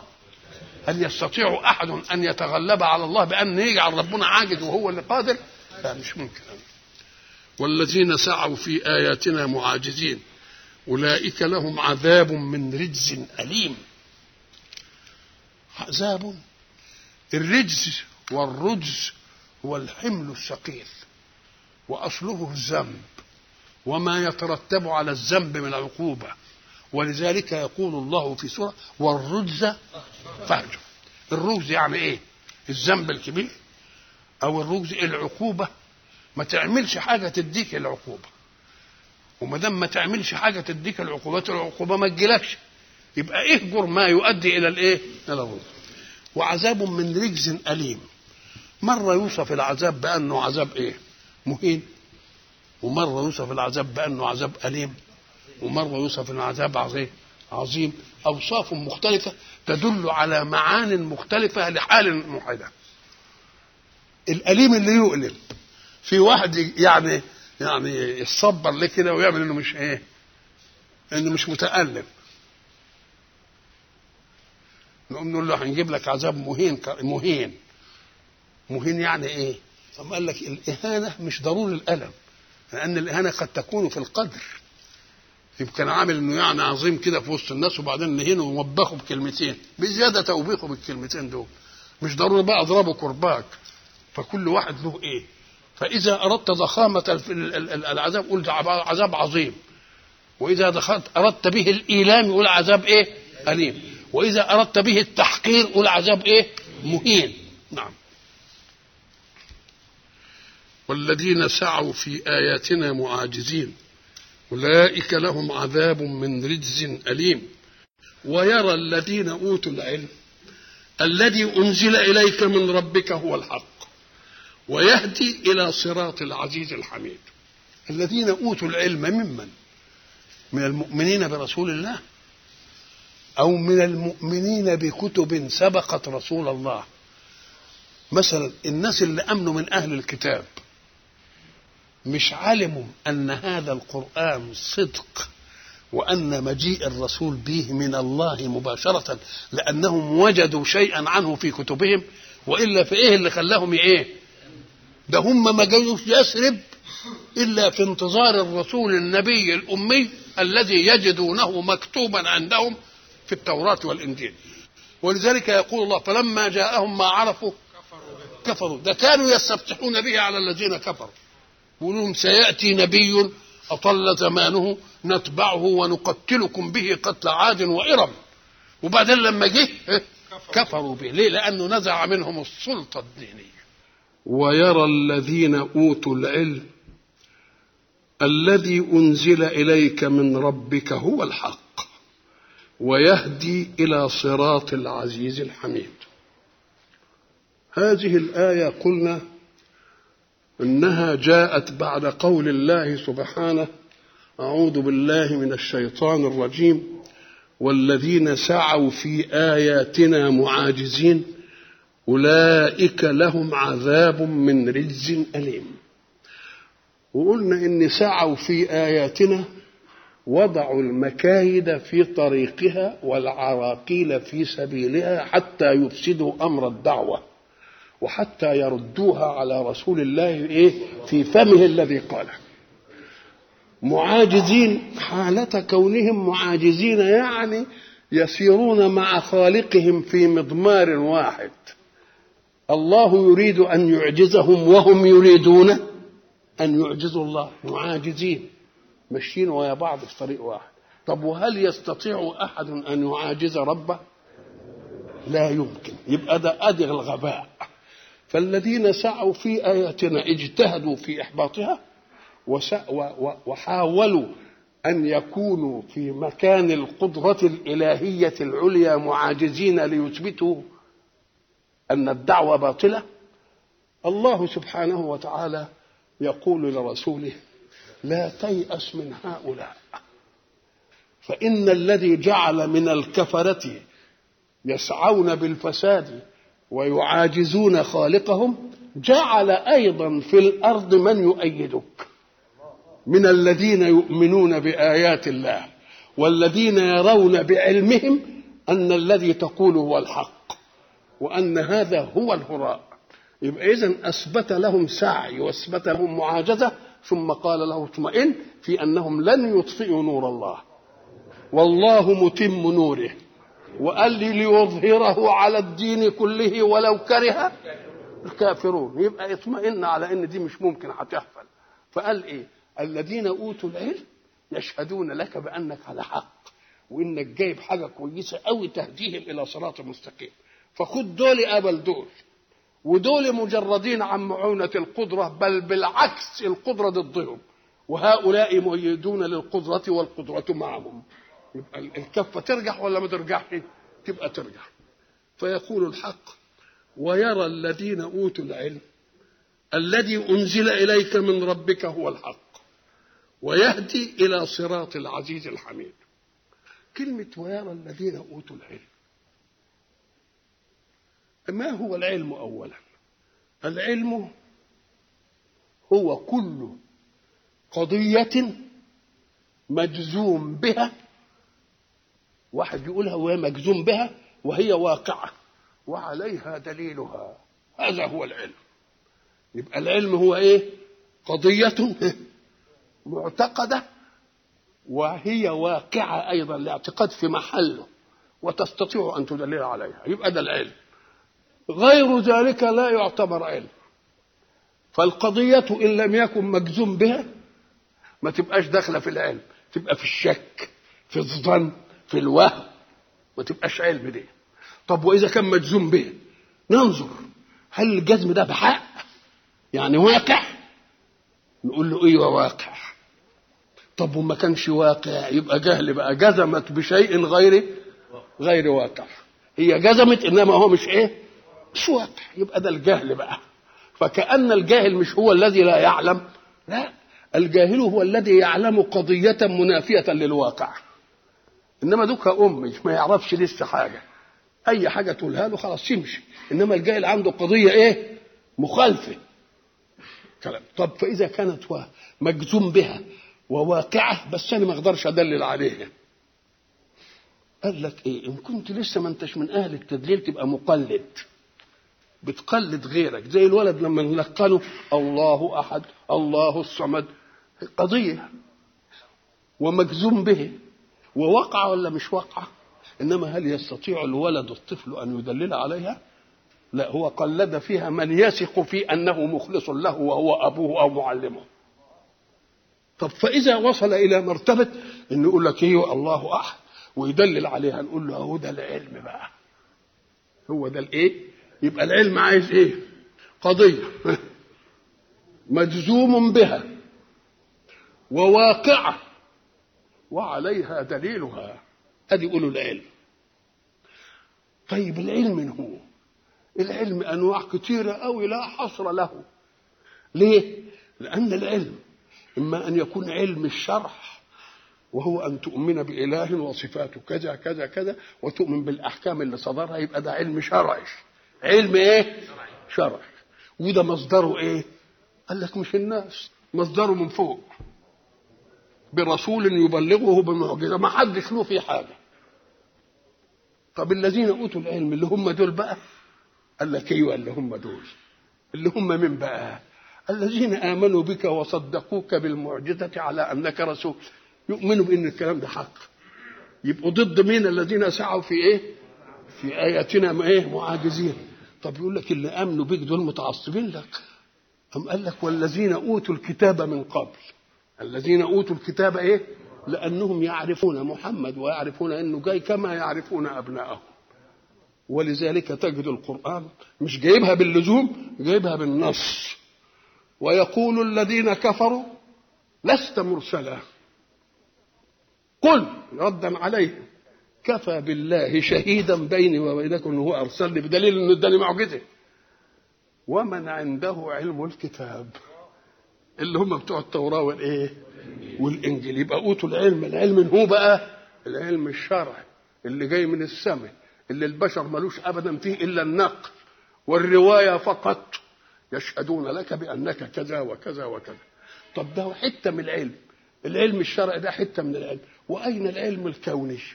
طب الشرع ده بيقول حلال وحرام وذنب والعلم الكوني بقى اللي بينظر في الجماد وبينظر في النبات وبينظر في الحيوان وبينظر في الإنسان في غير قانونه الشرعي في كل ناحية من نواحيه. الله ده علم صحته. مثلا ده مش علم علم برضه. ما دام العلم كله قضية مجزوم بها وواقعة وعليها دليل مرة يبقى شرعي دي اللي ما حدش له دخل فيه. ما فيش إلا البلاغ من الرسول وتنتهي المسألة. ودول شهدوا لك إن كانوا من أمتك وإن كانوا من الإيه؟ من السابقين اليهود والإيه؟ والنصارى. طب والعلم الثاني بقى اللي هو العلم اللي نسميه إحنا العلم الكوني. اللي بيتعلق بالكون كله. يتعلق بالكون كله بجميع أجناسه. اللي هي إيه أجناسه؟ أدناها الجماد. خلاص؟ ثم يأخذ خاصية أخرى وهي النمو فيبقى نبات. ثم يأخذ خاصية وهي الإحساس يبقى الحيوان. ثم يأخذ خاصية وهو التفكير يبقى الإنسان. مش دي كل أجناس الوجود؟ فيه جنس بعد كده. العلم الذي ينتظم هذه الأشياء. أيشهد لك ويرى أيضا هو كده قال لك آه. العلم الكوني الشرع مش جاي عشانه. الشرع جاي عشان يضبط الحاجة اللي الأهواء بتختلف فيه. إنما العلم الكوني ده كل الناس هيتفقوا فيه. كل عقل يبحث وبيغشوا ببعضه ويسرق ويعمل. يحوشوا العلم الأهوائي ما يوصلش. إنما العلم الكوني يسرقوه أهو ده هيتفقوا فيه يبقى ملناش دخل بيه. العقل ونشاطه الله خلق لك مقومات حياتك في الأرض. شمس. وقمر ونجوم ومية وهواء والأرض بتطلع نبات وحيوانات بتخدمك. دي ضروريات الحياة. انت عايز تترفها بقى شغل مخك في الكون اللي انت عايش فيه عشان تطلع إيه أسرار الله في الكون وترقي حياتك شوية. قلنا زمان كنا لما بنعوز مية بنروح فين؟ إن كان عندنا نهر بنروح النهر. ما عندناش نهر بنفحت بير ونروح للبير. مش كده؟ طيب عال قوي وبعدين نروح للبير ما نلاقيش فيه مية. يعني المياه الجوفية امتنعت مش موجودة. نقوم نعمل إيه؟ نستسأل يا رب. امطر لنا شوية مية. لكن لما بعدت الوسائل عندنا وبقت الميه في الصنبور وافتح بالبيت ومش عارف إيه ساعة ما الاقيش مية ما بقولش يا رب زيني. أقول له شوف الكوبانية إيه هذا المواسير المواسير تلفانة. يوم يروح للمواسير يقول له مواسيرنا سليمة والبتاع الحداد عال وكل حاجة. يقول له تروح شوف الكوبانية الكبيرة. يقول لك عال قوي يقول روح بالبابور عمل إيه؟ البابور متعطل. الم... الله. بعتت الصلات بيننا وبين مين؟ هنا. كل الزمن ما يتقدم بحضرته يبعدنا شوية عن مين. إنما الأول ما كانش في غير ما لقيتش الميه أقول يا رب. أستسقي. خلاص. دلوقتي لما كنا بنروح البير يا نجيب بالصفايح يا نجيب بالقرب يا نجيب مش عارف إيه ونروح ونعمل الدوشه دي كلها. فواحد قاعد يفكر بفكره الكوني بقى. مش مش ربنا قال له اعمل كده لا. فكر كوني. عمل إيه؟ قال لك الله. المية هو اللي بتنزل على الجبل ده بتنزل على الجبل الأول. وبعدين ما تستقرش إلا في الواطي في الأرض. طب ما الجبل كان يحتفظ بقى لك لا ما بينزل الواطي. قال الله. طب أنا امال أعمل إيه؟ قال لك طب أنا لو لو أنا عليت المية دي عالية عالية عالية قوي جبت منها مواسير ها؟ ووديتها البيوت. ما هو الماء العالي يستطرق يجي للواطي يجي لك لحد البيت. ده كان شغل العقل ده. زيادة في الإصلاح. زيادة في الإيه؟ في التكون ده اسمه علم إيه بقى؟ علم كوني. السماء ملهاش دعوة بيه. الكفرة والمؤمنين يعملوه. ولذلك تجد حاجات بيعملها الكفرة كتير. اللي اخترع الكهرباء دي إيه؟ كافر. اللي عمل التلغراف كافر. اللي عمل التليفون كافر. مسألة مش ملهاش دعوة بالإيه. إذا الشرع ما يتحكمش إلا في الحلال والإيه؟ والحرام. والحركة اللي هتختلف فيها الأهواء يضبطها هو في إيده. واللي هتتفق فيها الأهواء يسيبها هو حر على الأول. طب الذين أوتوا العلم بقى نشوف. أدي إحنا عرفنا العلم الشرع طب والعلم الكوني بقى المتعلق بالجماد والنبات والحيوان والإنسان؟ قال لك شوف بقى ربنا قال عليه مش هيجي كلام من عندي قال لك إيه؟ ألم تر أن الله أنزل من السماء ماء؟ هتيجي فاطر دي. فأخرجنا به ثمرات مختلفا ألوانها. أدي أدي نبات. ومن الجبال أدي الجمال جدد بيض وحمر مختلف ألوانها وغرابيب سود. يبقى جاب إيه؟ كم جنس؟ نبات وايه عال جدد بيض وحمر مختلف ألوانها إيه؟ وغرابيب سود. ومن الناس أدي الإنسان. يعني القوانين بقى بتاعته الاجتماعية والكلام اللي هو الصحية والبتاع. والدواب أدي الإيه؟ أدي الحيوان. والأنعام مختلف ألوانه كذلك. هات بقى شوف ال- إنما يخشى الله من عباده العلماء. العلماء اللي فين بقى؟ في الحلال والحرام. لا مش في الحلال والحرام. في ده إيه؟ جمادا في علم نباتا في علم حيوانا في علم إنسان في علم. دي قضايا علمية. قال إنما يخشى الله من عباده العلماء لأنهم هيشوفوا أسرار الله في هذه الأشياء ويطلعوا لنا منها حاجات حلوة. وصاحب الشرع بقى اللي بيقول حلال وحرام ياخد من كلامهم ويؤيد قدرة الحق سبحانه إيه سبحانه وتعالى. لما يقول لك بقى والجاذبية ونيوتن اخترع الجاذبية يا سلام. اهي الجاذبية قعدت تخدمنا ولا إحنا جاريين لحد ما جه مين؟ ما جه نيوتن. طيب والحركة والاحتكاك وتطلع شرارة كهرباء وتطلع نور. أهو جه أديسون. وعمل لنا الله يبقى اذا دول علماء ولا مش علماء؟ وبالعكس عالم الشرع هياخد مما وصل إليه العالم الكوني أشياء دليل على إيه؟ على ثبوت القدره يبقى اذا العالم الكوني له مهمة ولا ملوش مهمة؟ طب من الذي يرى أن الذي جاء به محمد هو الحق؟ إن كان العلماء الشرعيين هم أهل الكتاب قالوا واللي آمنوا بيك؟ قالوا خلاص. والتانيين قال لك هم هيشهدوا برضه. إزاي بقى؟ طب هات لي كده علم كونية كده تشهد لله في حاجة. قال لك يا أخي إحنا كنا بنتكلم في إنه عالم الغيب لا يعزب عنه مثقال ذرة في السماوات ولا في الأرض. ولا أصغر من ذلك ولا أكبر إلا في كتاب مبين. ذرة؟ قال لك طب والذره هي إيه؟ الهباء المنتشر في الكون. طب دي كلام كلام ربنا. أنا عايز بقى من العلم الكوني اللي يثبت لي الحكاية دي ان ربنا يعلم الذرة ويعلم مش عارف الايه ويعلمها. قال لك طب تعالى بقى. من الذي خلق السماوات والأرض والشمس والقمر؟ حد يقدر يقول غير دي. ليه؟ قال لك لأنك أتفه أشياء في الوجود. تسأل تلميذ الإعداد يعرف. يقول لك من الذي اخترع الكهرباء؟ يقول لك أديسون. والذي عمل التليفون. أه فلان. من الذي عمل التلغراف. فلان. الله الله الله, الله. من الذي صعد القمر. فلان. الله. بقى الحاجات دي كلها بنعرف تاريخ اللي عملها. ونعمل له تمثال ونهيصه. بقى ما حدش يسأل يقول مين اللي عمل الشمس. الله. مين اللي عمل القمر؟ مين اللي عمل الهوا دي؟ طب ديك طرف في الحياة. إن لم يعلم يبقى زي بعض. ما انتهاش. كانوا ناس عايشين ولا هم يعرفوش حاجة منه الله. يبقى إذا لما نعرف إن كل اللي عمل حاجة معروف عند الناس ده اللي ما بيعملوش بيدعوا إنهم عملوا. يبقى اللي يعمل يداري نفسه كده يعني ولا يقولش قال لك ولئن سألتهم.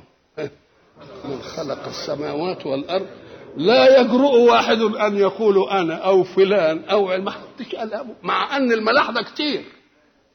حد قال إيه؟ ما يجدوش لها جواب أبدا. يوم يقول لك إيه؟ الله. ما حدش ادعاها خالص ولا فيش. طب من خلقهم ما حدش ادعى إنه خلق نفسه ولا خلق الإنسان. اذا ففي قضية. ساعة ما تعرض الإنسان فبهت الذي كفر. ما يقدرش يجاوب. فلا يجد إلا أن يقول الله. الله الله. اذا نيجي بقى نشوف بقى. إحنا كنا زمان قلنا أن الله إذا قال قولا وقال البشر قولا يجب أن ينطمس قول البشر أمام قول الله. لأن البشر حين يقنن قوانين يقنن لأشياء شهدها الآن إنما ما يعرفش هتجد إزاي. ولذلك بيضطر يعدل القوانين ولا ما يعدلهاش. معناها بيعدل يعني إيه؟ إنه فاتوا حاجة و... والأحداث أثبتت أن القانون قاصر فعملوا الشيء الفلاني. حال قوي نيجي بقى الحق سبحانه وتعالى نشوف كده. إزاي هنثبت حكاية الذرة دي ولا نقول إحنا قلنا بقى إن إحنا لما يكون فقراء في الريف واحد ينور بيته بلمضة نمرة خمسة. مش كده؟ وواحد يبقى كبير شوية يمكن شيخ الغفر يجيب نمرة عشرة.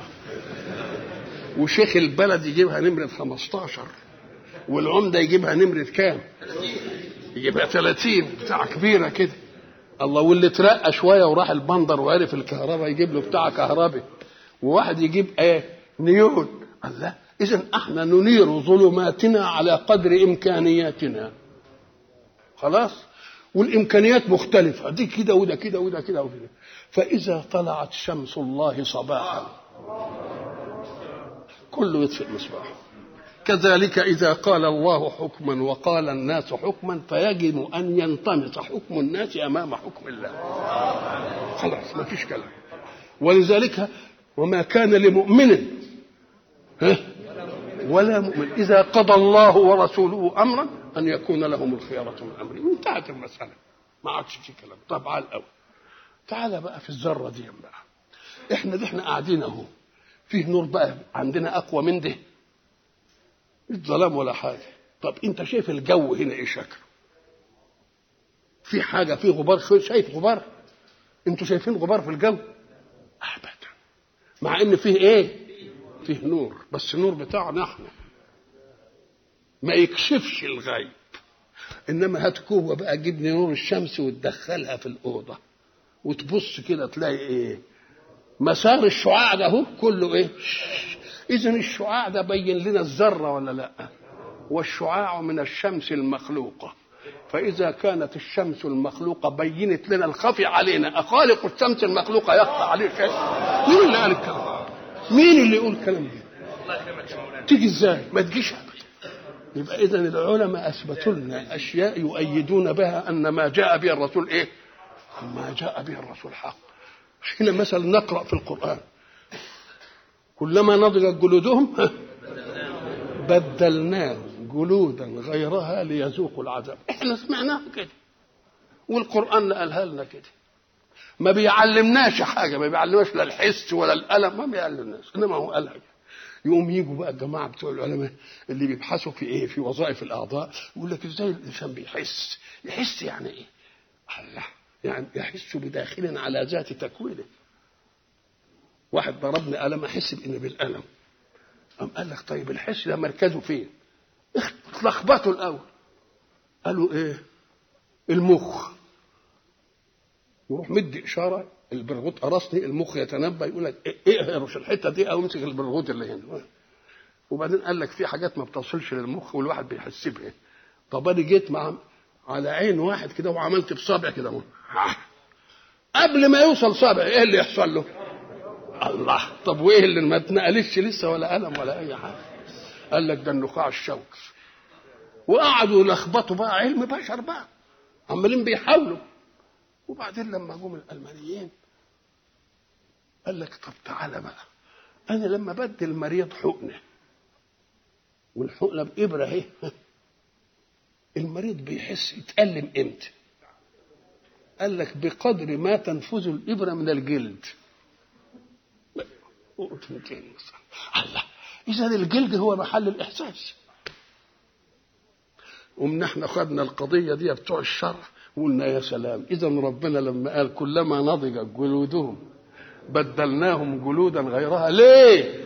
ليذوقوا. إذا محل الإذاقة هو الجلد. يبقى العالم الكوني اداني قضية نفعتني ولا لأ؟ الله نفعتني.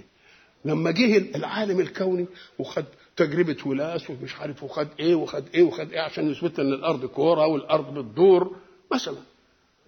وبعدين الله اكن ده يهديني إلى أشياء. عرفنا بعدين إن الايه إن الليل والنهار إيه؟ خلفه يعني دي يخلف ده النهار يخلف إيه؟ والليل يخلف النهار. إحنا ناخدها دلوقتي تبقى صح لك النهار إحنا الليل أهو. خلف النهار امبارح ولا لأ؟ وهيجي بكرة يخلف الليل ولا لأ؟ يقول له أيوه صحيح الآن كده. إنما تعالى لي في أول الخلق. ما دام ربنا جعل الليل والنهار خلفة يبقى من أول إيه؟ من أول الخلق.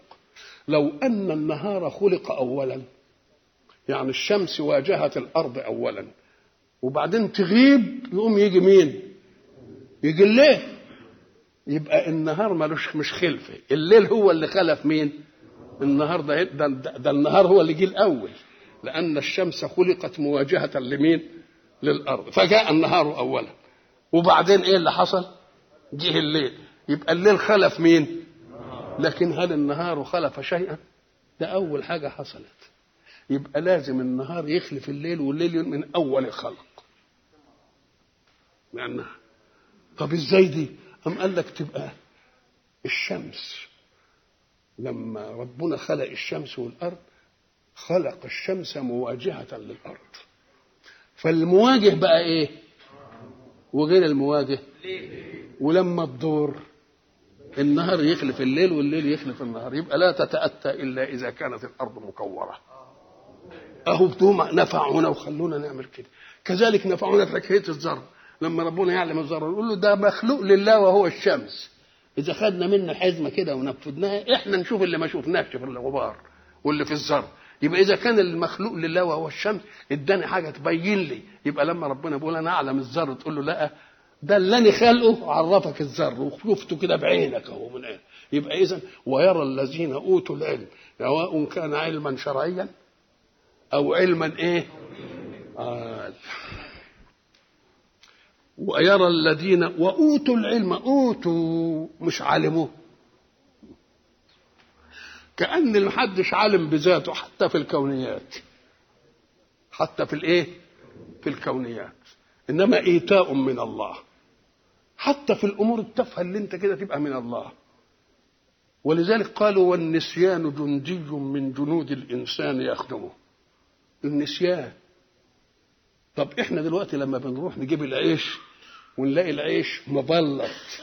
يعني إيه مبلط؟ يعني وشه لازق في ظهره بترضى بيه ولا بترده ترجعه؟ وعايز عيش إيه؟ آبب. أهي أبب يعني إيه؟ آه أبب يعني كان في شوية هوا لما النار مستهم تمدد. يقوم لما يتمدد عايز ياخد حيز يقوم يأبب الإيه؟ طب وازاي عرفت الحكاية دي الخميرة دي؟ ربنا ما قالناش عليها ولا حد عرفها. قال لك اهي واحدة كانت بتعجن يا عيني وعايزة تخبز. وبعدين شغلها شاغل ابنها وقع ولا جرى له حاجة قام انشغلت عن مين؟ عن العجين. وبعدين قالت أوه أنا ناسيه العجين. راحت تلاقي العجين إيه؟ قامت قالت هببيه زي ما يجي بقى. فخدته كده وراحت حاطة منه في الفرن. إيه؟ لقته إيه؟ قالت يا سلام اكن لما الواحد يبطل لما يعلى كده ويبقى يخمر هو. أهي فضلت عندنا. ولذلك كل حتة خميرة الآن بتاكلها فيها خميرة من بتاعة الست الأولانية الأولانية خالص. كل بتاخد أنت خميرة من حتة بيته من امبارح وامبارح خدت خميرة. منين جت؟ الله يبقى النسيان جندي من جنود الله ولا لا؟ جندي من جنود الله. واحد كان بيولع عشان يتدفى يصطلي بالليل. خلاص كده. وبعدين كان ذابح الايه الشاة. قام جه ديب عايز ينازعه في الإيه؟ في الشاة. يمسك قامت حصلت معركة. قامت نطرت حتة من الإيه؟ من الذبيحة على النار. على ما خلص من الحكاية بتاع لقى ريحة حلوة كده. بص لقى حتة لحمة إيه؟ في النار. قال الله اذا أنا لما أعمل كده ده وشوي. آه. شوف جاي إزاي؟ يبقى اذا الله يهدي ولو بالصدفة. يبقى كل علم حتى الكون من مين؟ لأنه إن ما ادكش العلم قضية مباشرة يدي لك لها مقدمات. قلنا زمان لما كنا بنتعلم ودونا الهندسة في كتاب اسمه هول ونايت. وبنبرهن على النظريات. نظرية كذا وبرهان كذا والمطلوب كذا مش, مش كده؟ كلكم عارفين دي ولا لا؟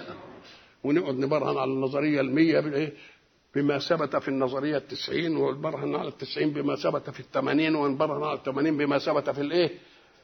طب ينزل كده للعشرة عشان ما نطولش. ونبرهن على العشرة بالرابعة ونبرهن على الرابعة بالثالثة والثالثة والثالثة طب والأولى بقى؟ برهنت عليها بإيه؟ هات لي البرهان بتاع النظرية الأولى. يقول لك بديهية في الكون. يا أكن كل علم وصل إلى إيه؟ إلى البديهية اللي مخلوقه لمين؟ لله تبقى كل العلم سواء كان شرعي ولا كده من منين؟ آه منها.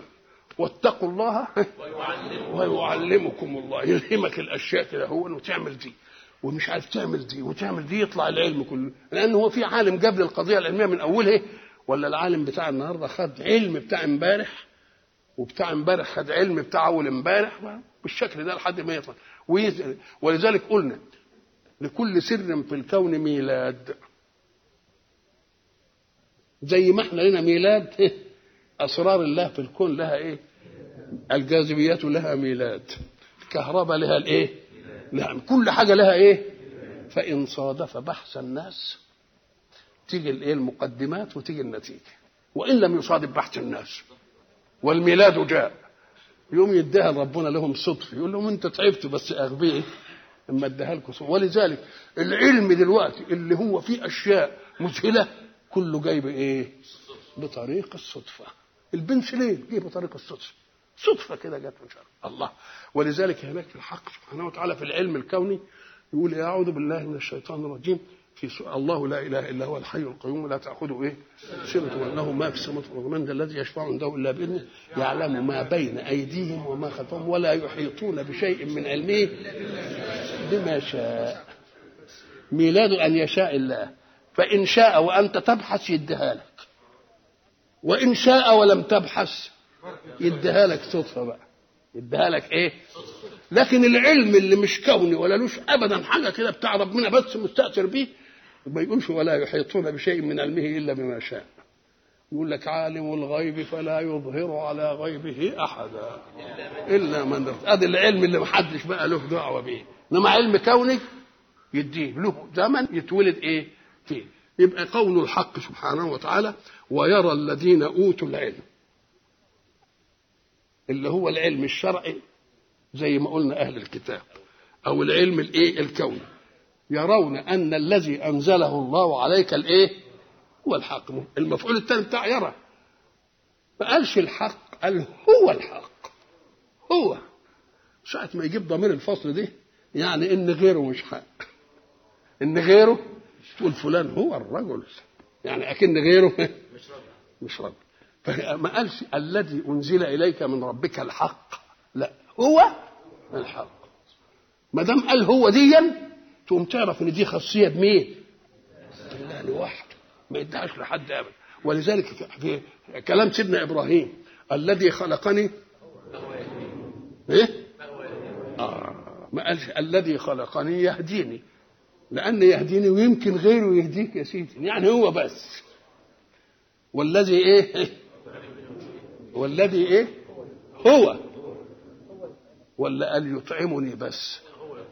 والذي هو يطعمني إيه؟ ويسقيني. أحسن. تفتكر إن أبوك اللي بيجيب لك اللي مش عارف إيه؟ وإذا مرضت يقوم يقول هو. ليه؟ لأنك أنت يمكن فاهم الدكتور اللي أنت رحت له شاطر وعرف الدواء واداك البتاع قام قال لك لا هو. مش الدكتور. الطبيب يعالج ولكن الله هو الذي يشفي. نعم. والذي يميتني ما قالش هو يميتني. لأن ما فيش حد ادعى إن إيه؟ إن غير ربنا يموت. غير ربنا يقتل بس. إنما ما يموتش لأن في فرق بين الموت والقتل. ويرى الذين أوتوا العلم الذي أنزل إليك من ربك هو الحق ويهدي إلى صراط العزيز الحميد. لو ما قالش هو يمكن الحق يجي من غيره. قال يا أخي هو في حقين؟ قام قال لك أيوه حقين بالظن. حقين بالظن. ده حق وده حق. بس الجهة منفكة. بس الجهة إيه؟ منفكه زي إيه يعني؟ افرض إن واحد قال لك والله أنا كنت سهران امبارح بالليل في المكان الفلاني أنا وفلان. تقول له يا راجل اتقي الله ده فلان أنا مودعه في المطار امبارح ومسافر على بره. يا راجل بلاش كده. والله ويقعد يحلف.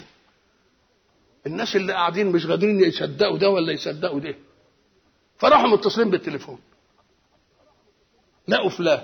قال له يا فلان أنت مش كنت مسافر امبارح؟ قال له والله أنا كنت مسافر امبارح وبعدين في المطار كلموني في التليفون إن الواد ال- براد ال- الشاي وقع عليه وراح حرقه فرجعت من المطار علشان الله يبقى ده حق وده حق ولا لأ؟ آه. يبقى هو الحق يبقى غيره باطل. إنما لو قال الحق بس يبقى يمكن غيره حق رخر على الظن. يمكن غيره هو الحق. ويرى الذين أوتوا العلم إن الذي أنزل إليك هو الإيه؟ وغيره يبقى باطل. إنما لو قال الحق بس تقول ما يمكن في حق تاني.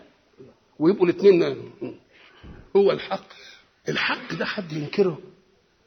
طب ده أنت لما تحب تأيد نفسك في أي حاجة تقول ده حق. يعني لا يجب أن ينازعني فيه أحد. بيبقى الدعوة بتاعتك إن ده حق. يبقى الحق لا ينازع إيه؟ لا ينازع فيه أمر ثابت. حق. أمر ثابت. فإذا كان هو أمر ثابت يا ترى ينفعك ولا ما ينفعكش؟ قال لك هو ثابت ويديني نافع الله ده يبقى فيه حجتين اثنين أنه حق ثابت وإنه إيه؟ بيديني نفع. قال لك هو, هو الحق يعني غير باطل. وكمان بس بس هو الحق الأمر الثابت اللي يجب تتحسب له ويهدي إلى صراط العزيز الحميد. يبقى في أمرين ولا مش في أمرين؟ أمرين تشجع بإيه؟ تشجع على إيه؟ اللي ما ياخدوش على إنه متعصب للحق ياخدوا على الفايدة بتاعته الآخر يبقى اذا دي حيثيات الإيه؟ حيثيات التمسك بالإيه؟ بالحق. ويهدي إلى صراط إيه؟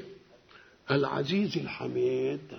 العزيز إحنا قلنا العزيز هو الذي لا يغلب ولا يقهر.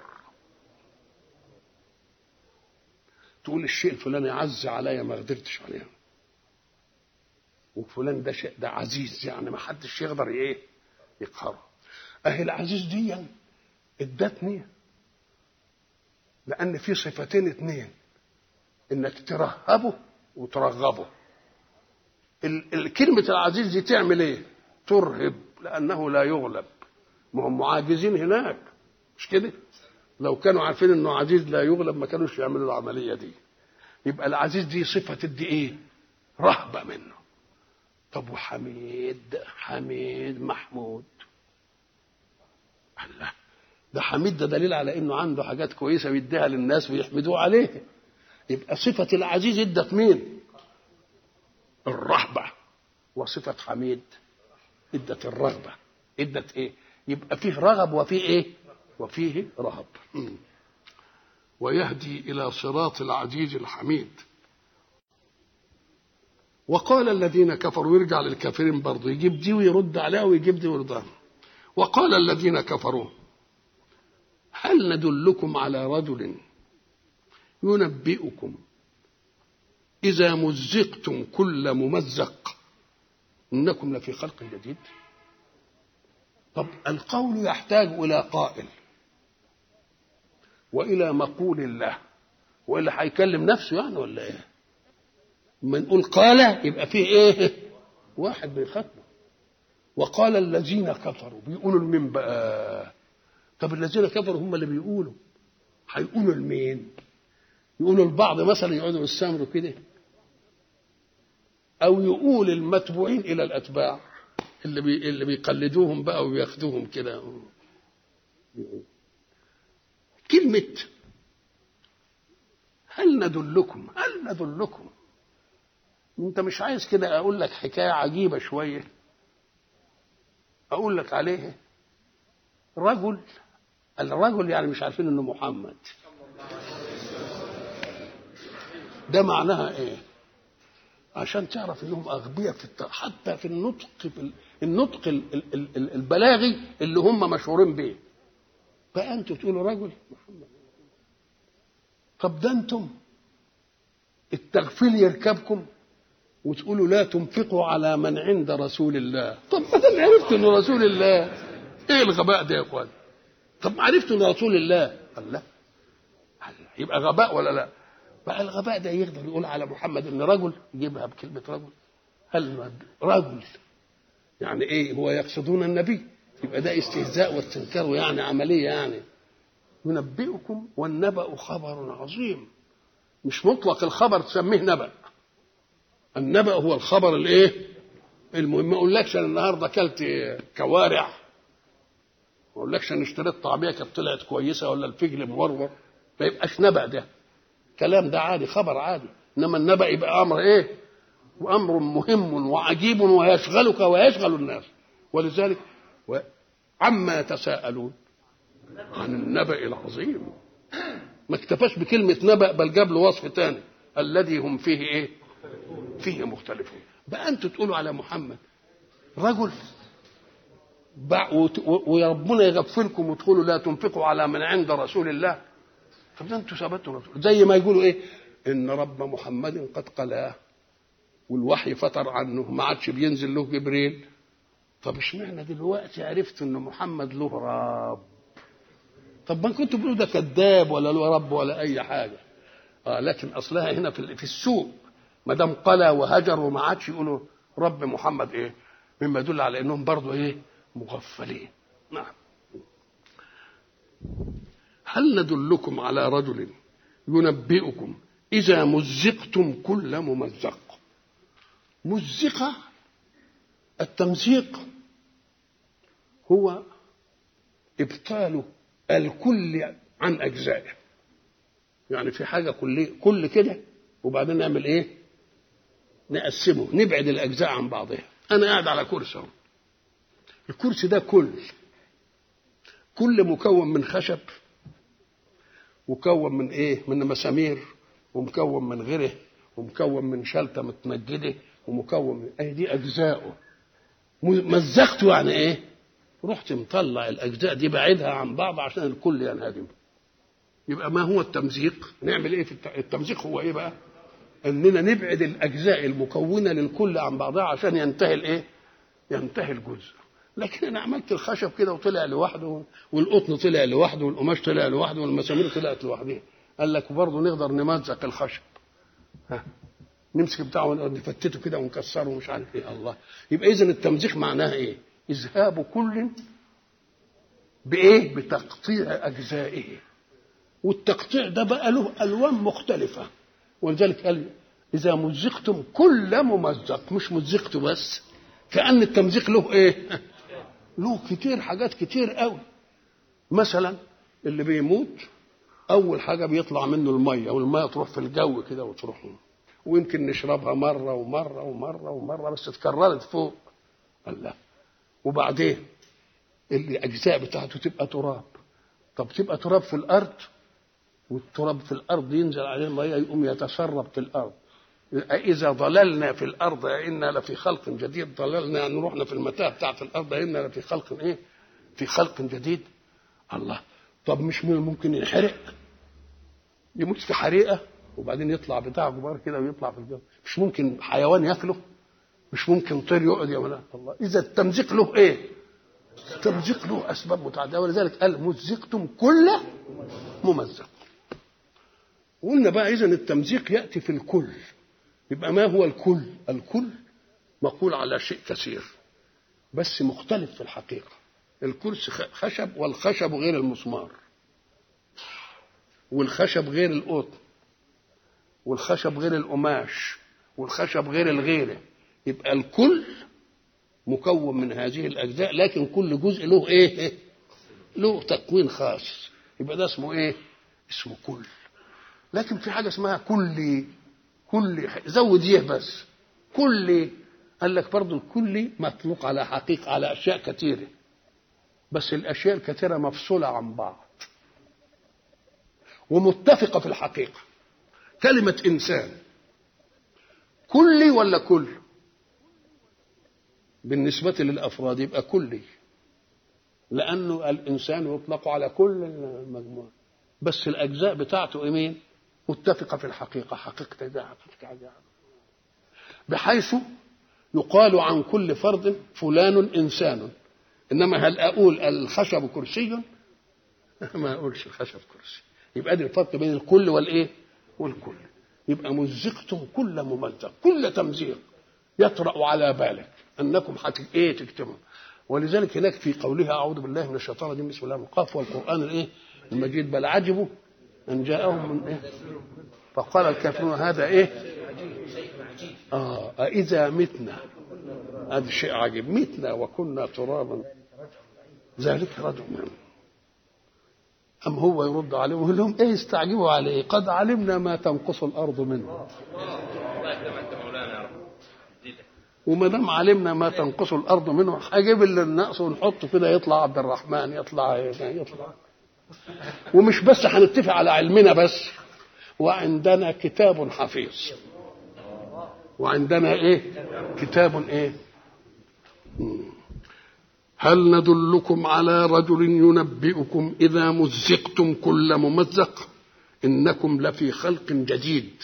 كلمة جديد أن يعاد شيء إلى أصل تكوينه. يا أخويا أنت قلبت البدلة ده بقت جديدة. الواحد لما قلب بدلة ولا قلب كاكولا ولا أي حاجة وبعدين يبص يقول لك والله ده بقت جديدة خالص يبقى الجديد هو إيه؟ أن يعاد شيء كان في الأصل وبعدين يعاد. اسمه إيه؟ شيء جديد. وقال الذين كفروا هل ندلكم على رجل ينبئكم إذا مزقتم كل ممزق إنكم لفي خلق جديد؟ هكذا قالوا. والقائل لا بد أن يكون فيه واحد بيقول له. يبقى فيه قائل ومقول له. كلمة أفترى على الله كذبا أم به جنة. من الذي قالها؟ هل الذي قال الأول أو الذي سمع؟ يصح أن يكون. كأنه قال ننبئكم أن إن واحد فيكلمكم إذا مزقتم أنكم لفي خلق جديد. والله ما إحنا عارفين الراجل افترى على الله كذب ولا مجنون. يصح هو اللي يقولها ويصح إنه لما قال كده إن اللي, اللي سامع هو اللي يقول. يقول الله. إزاي يقول الكلام ده؟ يعني افترى على الله كذبا أم به جنة. ما الفرق بين الاثنين؟ افترى على الله كذبا أم به جنة. نقول له الافتراء كذب متعمد. كذب متعمد. طب واللي به جنة؟ الكلام هراء لا وزن له ولا يقال فيه صدق ولا كاذب؟ طب إزاي هم بيرددوا المسألة؟ كانوا يقولوا أفترى على الله كذبا ويسكتوا ما يقولوش به جنة لأن به جنة ده بيجيبوا له عذر. بيجيبوا له إيه؟ عذر ينفذوا من مين؟ من ربنا اللي افترى عليه. قال لك لا لأن الكاذب دائما يخاف لحد يفقسه. يقوم يحاول يجعل لنفسه في كلامه مخرج من الكذب. يقول والله أنا ما أنا عارف هو افترى على الله كذب ولا هو بي ولا به جنة؟ عشان لما يجي دليل على انه مش مفتري كذب يقول لك أنا ما قلتش حاجة ما أنا ما آه. يبقى أكن حتى الكاذب يعمل إيه؟ بيحتاط على إنه ما حدش يعرف إنه كذاب. ليه؟ لأنه هو عايز يكذب حاجات كتير. وإذا عرفوا إنه كذاب في دي مش هيصدقوه في الثانية يبقى لازم يعمل حاجة احتياطية كده عشان ان ثبت غير كده. يقول ما أنا قلت يمكن مجنون. يبقى أفترى على الله كذبا يعني إيه؟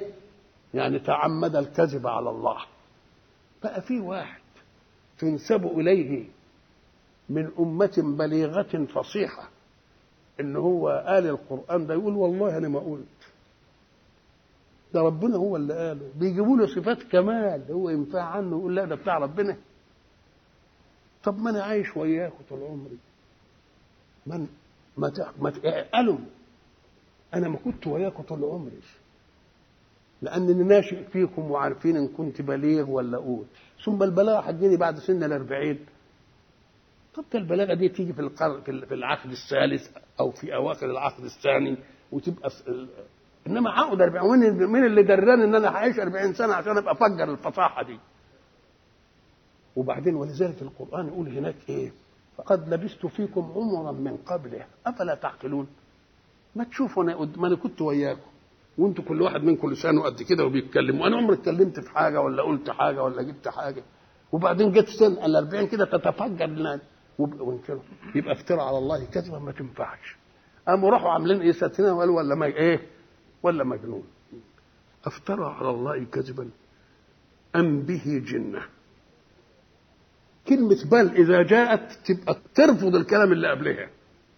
لا افترى على الله كذب. ولا به جنة. ليه؟ قال لك لأن المجنون لا يحمد على فعل ولا يذم على فعل. أبدا.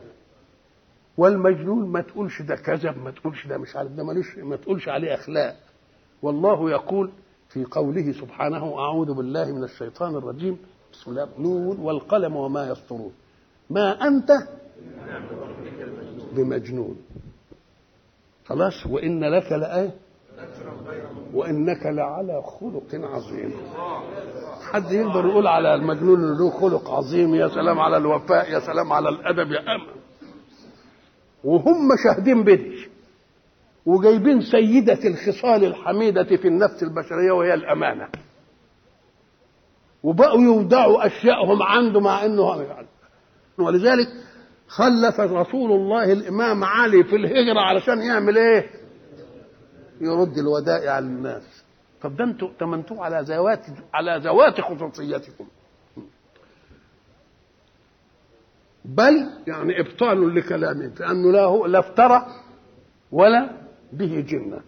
بل الذين لا يؤمنون بالآخرة في العذاب والضلال البعيد. في العذاب ليه؟ أم قال لك إن كان افترى على الله كذب. هم بيقولوا افترى على الله كذب وهو ما, ما افترش كذب. يبقوا يستحقوا إيه؟ يستحقوا أن يعذبوا طب ولما يقولوا به جنة؟ ما وصفوهش بحاجة يعني هم وصفوه بوصف يعني مخل بس بتكوينه. إنما ما كذبش ولا أي حاجة. يبقى في ضلال بعيد. يبقى العذاب لما اللي قالوا إيه؟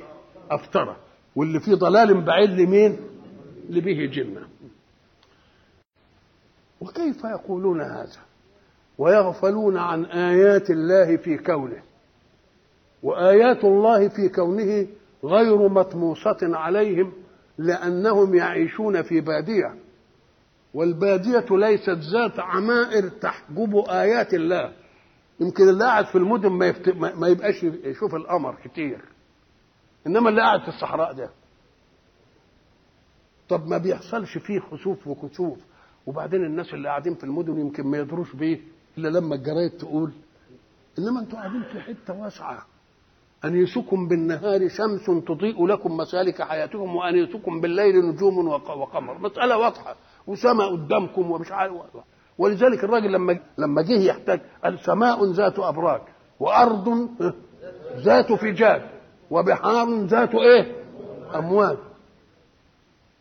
أفلا يدل كل ذلك على وجود لطيف خبير البعره بتدل على البعير.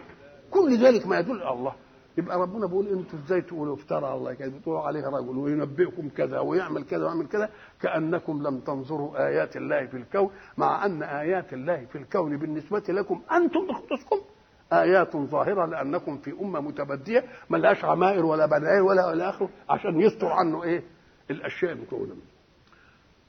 أفلم يروا إلى ما بين أيديهم قدامهم وما خلفهم من السماء والأرض؟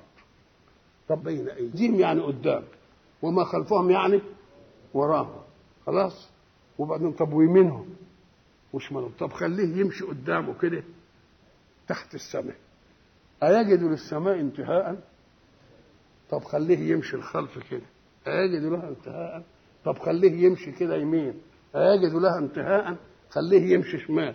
أيجد لها انتهاء؟ مهما مشي برضه هيلاقي إيه؟ هيلاقي إيه؟ السماء.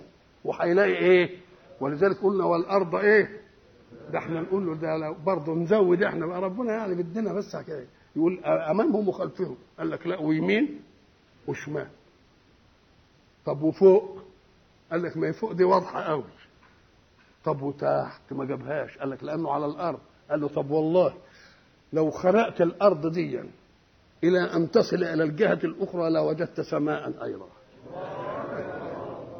يبقى السماء اللي عمالة محيطة كده مش عارف إيه وبلا عمد بعد ما تسأل. ده أنت حتة خيمة. حتة خيمة. أربعة في خمسة. ما بتقدرش تصلبها إلا إذا عملت أوتاد وحبلت شدها وحطيت عواميد كده عشان تشيل المش عارف الإيه. ولو عمود بس وقع منها تت إيه؟ تتربى بقى ده كله وأنت تشوف السما دي كلها قدامك ويمينك وشمالك وتحت إن كنت ما قالهمش تحت عشان ما عندهمش بريمة. يفتحوا الإيه لا نقول له امشي. امشي امشي امشي. الراجل أثبت كروية الأرض بإيه؟ مش قاعد يمشي في اتجاه واحد؟ وبعدين التفت قاعد يمشي يمشي يمشي يمشي. وبعدين التفت تلاقاه في المكان الذي بدأ منه. إذا كانت مبسوطة بقى كان لازم يلاقي إيه؟ غاية ونهايه ما لقاش غاية ونهايه فأثبت إن الأرض إيه؟ الأرض كروية. يبقى هم الحتة الخامة لازم يصلبوها بقد إيه؟ شوف كل خيمه لها كم وتد وكم حبل شادد وكم عمود شايل وإن عمود الهوى عملوا كده ولا حد عمل كده تروح إيه؟ تروح متطبقة. أفلم يروا إلى ما بين أيديهم وما خلفهم من السماء والأرض إن نشأ نخسف بهم الأرض. ودي ما حصلش حصلت لقارون. أو نسقط عليهم كسفا من السماء نزلت الصعقه ولا ما نزلتش. إن في ذلك لآية لكل عبد منيب. آية لكل عبد يحاول إنه يرجع لربه. وربنا عمل الآيات كده علشان زي المعوقة عن الكفر. يمكن الواحد يرجع تاني ويروق وبتاع ويرجع لربه ساعة ما ينيب إلى الله أيرفضه؟ بل بالعكس يقبله. يبقى إذا الحق سبحانه وتعالى خلق الخلق ويريد أن يسعد الخلق. بس جرب اللي يستحق السعادة بأنه أطاع منهج الله ولا ما أطاعش فكان نفسه. ولذلك النبي يقول مثلي ومثلكم مثلي ومثلكم كرجل أوقد نارا فأخذ الذباب والفراش يتهافت عليها. وصحيح لما تقعد النار تلتفت تلاقي إيه؟ الفراش إيه؟ زي المصباح حط مصباح في الشارع كده شوف الذباب يعمل عليه إيه وال وال وال والفراش والناموس وأنا آخذ بحجوجكم عن النار. يعني يمسكنا من ورا كده ويشدنا ولكنكم تفلتون مني.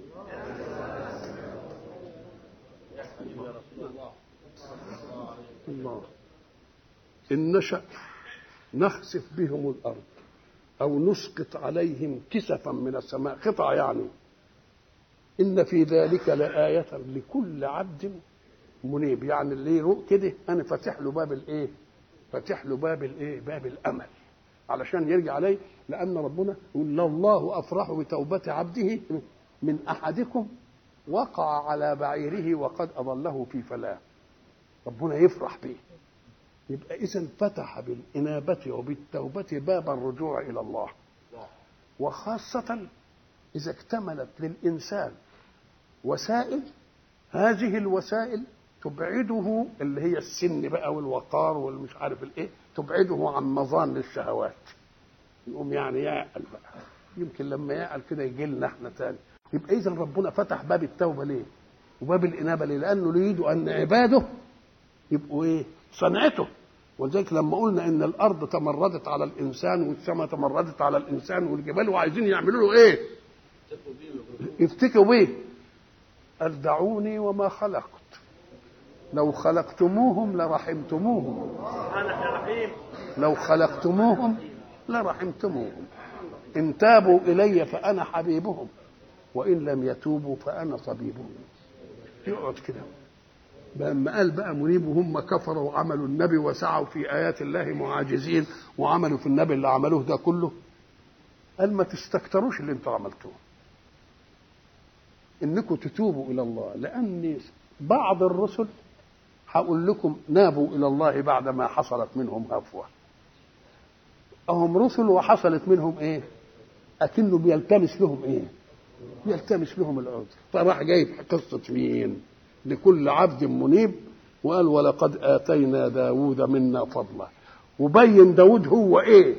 علشان يبين لنا إيه؟ وظن داود أنما فتناه. فاستغفر ربه وخر راكعا وأناب. قال لهم ما تخجلوش أن تنيبوا إلى الله. لأن سيد سيدكم اللي أنا اديته كذا وكذا وكذا اللي ما اديتوش لحد ومع ذلك إيه؟ خر راكعا وإيه اكنه بيعمل لهم إيه بيحننهم عشان يرجعوا إلى أحضان إيه أحضان ربهم. وهناك برضه سليمان قال كده قال إيه هات لي ملك لا ينبغي لأحد من بعدي. وهب لي ملكا لا ينبغي لأحد من بعدي إنك أنت الوهاب. برضه لما سخر له كذا وعمل له كذا جاء في نفسه شوية كده قام قعد على الكرسي ولما قال كل حاجة يعني مستجيبة له ولقد فتنا سليمان مش كده؟ وألقينا على كرسيه جسدا. كلمة جسد يعني ما يقدرش يتحرك في ذاته.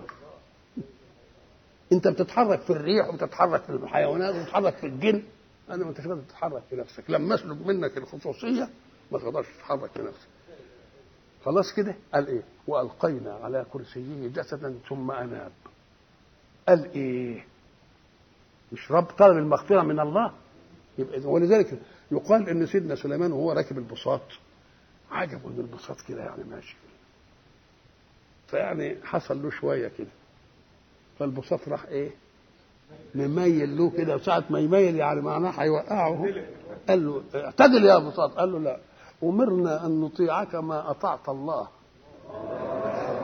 حكايه أنت اللي أنت مش عاملني. انت مش اللي جايبنا انت. نعم. نعم. ولقد آتينا داود منا فضلا. آتينا داود منا فضلا. الفضل هو الأمر الزائد. صحيح اداله حاجات ما اداهاش لكثير من الرسل. يبقى اداله الاستفاء واداله المنهج واداله كل حاجة وإيه؟ واداله حاجة إيه؟ زايدة. اللي هي أول حاجة فيها والنا له الحديد إيه؟ أن اعمل سابغات ولقد آتينا داود منا. كلمة منا دي اوعى تفتكر لها من ذاتك. منا. ولذلك قلنا الكلام ده في منا ده إيه؟ حينما البحر رمى بصندوق موسى عند فرعون. وبعدين راحوا فاتحين لقوا ولد وهم بيقتلوا الأولاد عشان تشوف الغباء. انت بتقتل الأولاد وجاي لك ولد لحدك تقوم ال- ال- الست يعني تقول ده قرة عين لي ولك وانت بقى إما إن كنت مقتنع بانه قرة عين صحيح وهتربيه يبقى كويس. يبقوا أنتوا الاثنين حصل لكم غش وإن كنت ما أنتش قادر تعارضه مع إنك أنت بتقتل الأولاد. تبقى الرجولة بتاعتك ناقصة ما تدعيش إنك اله فقال له يا موسى افتكر كويس إنني فرعون اللي عمال يقتل وديتك له. فهو اللي حافظ على حياتك. خلاص أنجيناك من المتلف ويقتل لا ياخد يا ربي. لأن القتل معناها إزهاق الإيه؟ الحياة والتربية معناها تربيب الحياة. شوف بالعكس ما تفتكرش إنك أنت كان شكلك جميل قوي بحيث إنك أنت الولية لما شافتك قالت يا سلام ده يبقى ابن حلو ده قوي أنت كنت أسمر شعرك اكرت ومناخيرك كبيرة وبقك مش عارف إيه. ما فيك يعني الشيء اللي يلفت ولذلك شوف بقى وألقيت عليك محبة مني. مش مبرر أهي مني دي هي اللي ولقد آتينا داود منا فضلا. إيه قال؟ إيه إيه الفضل اللي ما حدش خده ده يا أخوان؟ فضل. كانه بيأتي الناس كلها نعم. وبيأتي الرسل نعم متميزة بالمعجزات ولا وإنت خدت أكتر. إيه الفضل؟ يا جبال أوبي معه يا جبال؟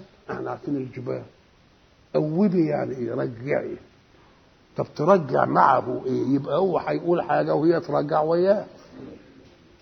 يبقى لا يمكن أن يقول وترجع إلا إذا فهم هي بتقول إيه وهو وهي فهمت وهو بيقول إيه. يبقى عرف لغة الجبال ولا ما عرفش يا جبال أوبي معه ودي قلنا فيها لما قلنا وإن من شيء إلا.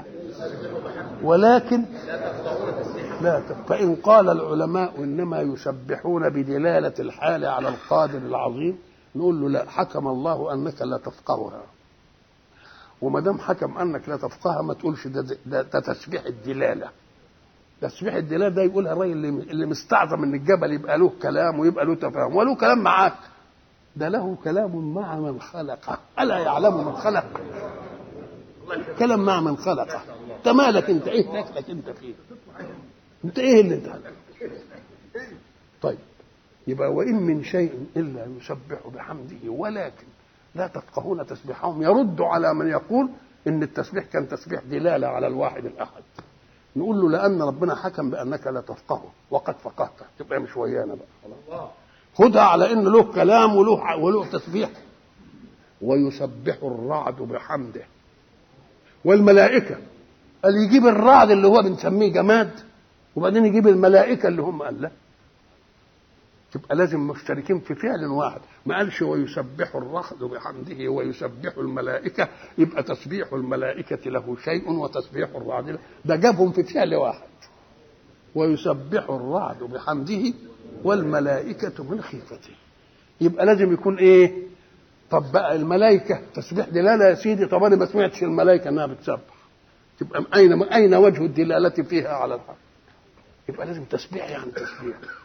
طب وليه إحنا قلنا بقى في الهدهد وقلنا في النملة وقلنا في كل الم...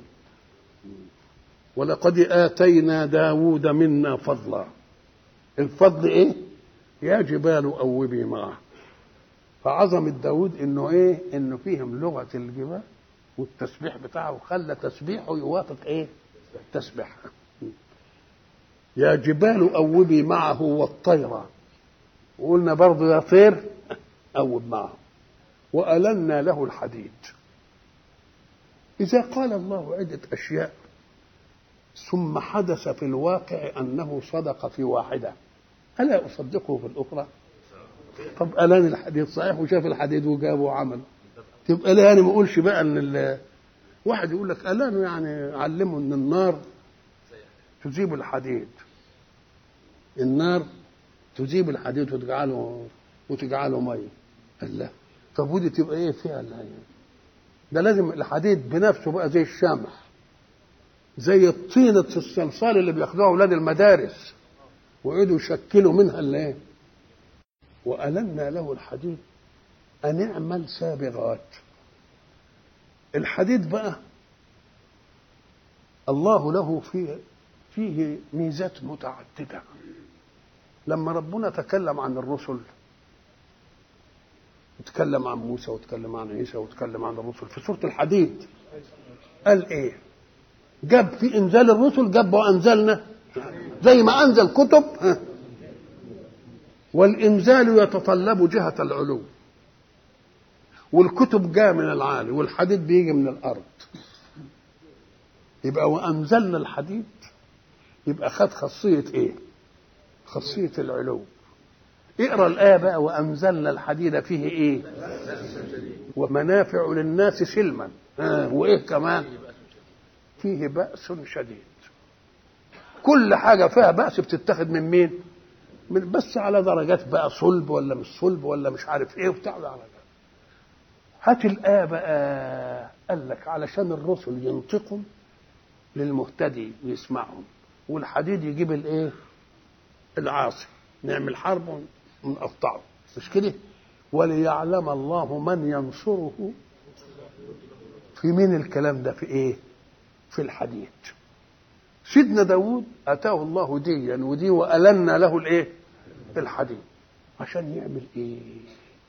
ما قالش اعمل منه فاس لأن دي هتنفعه هتبقى للأرض شرشرة يعمل محشة يعمل مش عارف محرات يعمل ان يعمل سابغات أول ما يعلموا الحديد ويلينوا له يقول له اعمل سابغات والسابغات دي وسيلة إيه؟ ده عدة حرب. عدة السابغات هي الدروع. يقوموا يلبسوا على مظان الفتك اللي هو الصدر لأن الصدر هنا فيه الإيه؟ القلب وفيها الرئتين. ولذلك يحافظوا إيه؟ يحافظوا على الصدر دي. ويعملوا الدروع دي. كان الدروع قبله تنعمل صفائح ملساء. يقوم لما يجي عليها السيف يتحرك. فقال له لا وقدر في السرد عملها حلق ووضب الحلق وشبكه ببعضه عشان لما السيف يجي ما يتزحلقش عن عن الضريبة. عادة الدروع بتبقى على الصدر. قال له احتاط شوية وخلاها سابغة يعني تم ديلها شوية كده. كان سيدنا علي رضي الله عنه وكرم وجهه الدرع بتاعه ملوش ملوش ظهر فيقولوا له ألا تتخذ لدرعك ظهرا قال سكلتني أمي. إن مكنت عدوي من ظهري. وأنا أمكنه من ظهري؟ ما أمكنوش من ظهري أبدا. هنعمل سابغات؟ سابغات يعني إيه؟ يقول لك أسبغ الوضوء يعني إيه؟ تممه ووسع دايرته. ساعة ما يقول لك ما تجيبش لحد هنا خدها شوية كده زودها شوية. دروع سابغات يعني تامات عشان تعمل وقاية مين؟ للجسم. فكأنه علمه أول ما علمه مش وسيلة السلم وسيلة الحرب. ليه؟ علشان نعد لمن ينقض كلمة الله ومنهجه نعد له ما استطعنا من إيه؟ ما استطعنا من قوة. أن اعمل سابغات وقدر في السرد. قدر يعني اعملها بإيه؟ بتقدير دقيق. في السرد يعني في النسيج. العلماء يقول لك السرد الحلق اللي معمول منه الدرع بيبقى فيه خروق عشان نعمله بمسامير. قال لك ما تخليش الخرق واسع عشان المسمار ما يلقش. ما تخليش ضيق عشان المسمار ينكسر. قدرها يعني اعملها بإيه؟ اعملها بقدر. ناس قال لك لا يا شيخ وقدر في السرد والسرد هو النسيج. قدر يعني خد على قدر ما تحب ما تريد. ما تعملهاش شغله قال لك لأن دي لها قصة. سيدنا داوود كان بيأكل من بيت المال لأنه متولي أمور الناس وياكل من بيت المال. فأنزل الله ملكا في صورة رجل. وبعدين خلى ناس تسأله كيف يعيش داوود؟ قال فيه خصال كثيرة جميلة وليس فيه إلا أنه يأكل من بيت مال المؤمنين. فلما بلغ داود زعل وعيط. قال يا رب ليه جعلت فيا الحتة دي؟ فعلمه صناعة الدروع. يعمل الدرع ب 4000 ويعيش منه لحد ما يخلص يعمل منه. وبعدين قال له انت مش تقعد بقى تعمل الدروع وتعملها شغلانة؟ أن اعمل سابغات وقدر في السرد واعملوا صالحا. إني بما تعملون بصير. بيخاطب نبي. وبيقول له لاحظ رد بالك. انني طلبت منك أن تعمل. ولكن لاحظ إن أنت اللي بتعمله أنا قاعد إيه؟ بشوف عملك. الله. بيقول للنبي اللي المفروض إنه مأمون على التصرف. فما بالك إحنا بقى قال لك ده يلاحظ إن الإنسان إذا عمل عملا لمن يراه يقعد بقى إيه؟ يتقنه بقى ويوضبه. وإذا بقى ضير وشه إيه؟ يكلفت بقى ويعمل له قال إيه إيه رد بالك إنني إيه؟ إنني بصير. معنى بصير يعني إيه؟ إنني شايف العمل بتاعك. فاعمل على أني شايفك. وإن كنت بقى تغشني وأنا شايفك لما جعلتموني اهون الناظرين إليكم؟ ده لو انت بتعمل عمل لأي واحد وشايفك بتعمل ما تقدرش تغشه. تبقى اشمعنى أنا؟ يا عبادي إن كنتم تعتقدون أني لا أراكم فالخلل في إيمانكم. وإن كنتم تعتقدون أني أراكم فلم جعلتموني أهون الناظرين إليكم؟ واعملوا صالحا إني بما تعملون بصير. هذا أمر مين؟ أمر داود باختصار يعني وإن كان له قصص طويلة ثانية ولسليمان الريح. الله. أتينا داود فضل قلنا يا جبال قومي معه. وعملنا لسليمان إيه؟ سخرنا له الإيه؟ الريح. إحنا قلنا كلمة الريح إذا رأيتها مفردة فاعلم أنها من جنس التعذيب. وإن رأيتها مجموعة رياح فاعلم أنها من الرحمة. مثلا الرياح ربنا يرسل الرياح إيه؟ لواقح الرياح. لكن لما جه في ريح قال لك الريح العقيم ما تذر من شيء أتت عليه إلا جعلته آه كالرميم. يبقى ريح لما تيجي لوحدها وقلنا دي العلم الكوني يسندها. ليه؟ قال لك لأن معنى رياح. لو كانت جاية من جهة واحدة تبقى ريح واحدة بس قوية.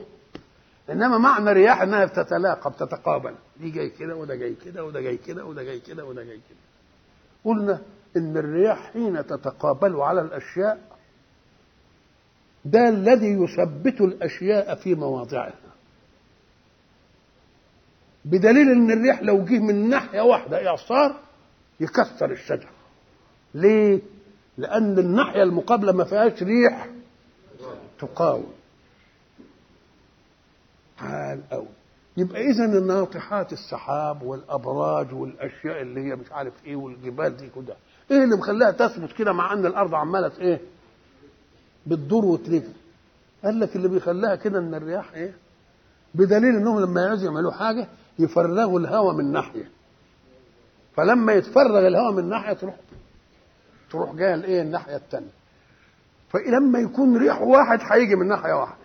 إنما رياح هيجي من إيه؟ أدي السبب في إن دي الرياح لواقع ودي الريح الإيه؟ الريح العقيم. بل هو ما استعجلتم به ريح فيها عذاب إيه؟ أليم. طب هل ربنا سخر الرياح لسليمان ولا سخر الريح وهل الريح عند سليمان دي من ال... قال لك نعم. لأن الريح دي إدت سليمان عزة. لا يقوى أحد مطلقا أن يك... ولذلك ده الوحيد اللي ما عندش حرب ما حاربش ولا عمل أي حاجة. حد واخد ملك و... و... ونبوة. الملك سند ما حدش يقدر يتنفس. عشان يقول لك أنا لما أنا لما عاوز المؤمنين كلهم المؤمنين أجيب واحد إيه؟ يحملهم على إنهم إنما أنا مش عايز كده. لأنني لا لا أريد قوالب وإنما أريد قلوب. آه مش عايز قوالب. أنا عايز إيه؟ قلوب. ولذلك لعلك باخع نفسك ألا يكونوا إيه؟ مؤمنين. إن نشأ ننزل عليهم من السماء آية. فظلت أعناقهم لها خاضعين.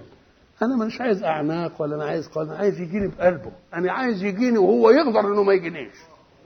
ادي ادي أدي العظمة بتاعت الإله. نعم.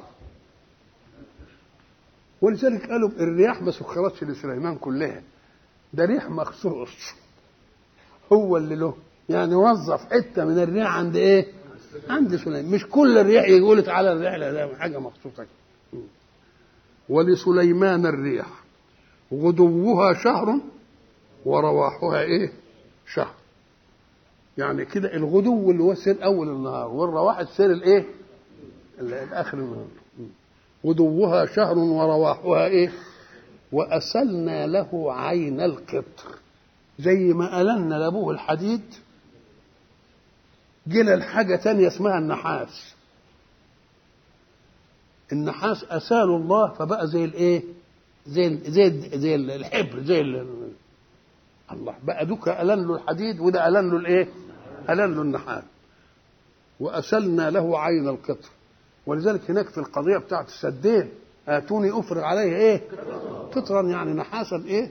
نحاسا مذابا وأسلنا له عين القطر. وحاجة ثانية ومن الجن من يعمل بين يديه. شوف بس كلمة بإذن ربه.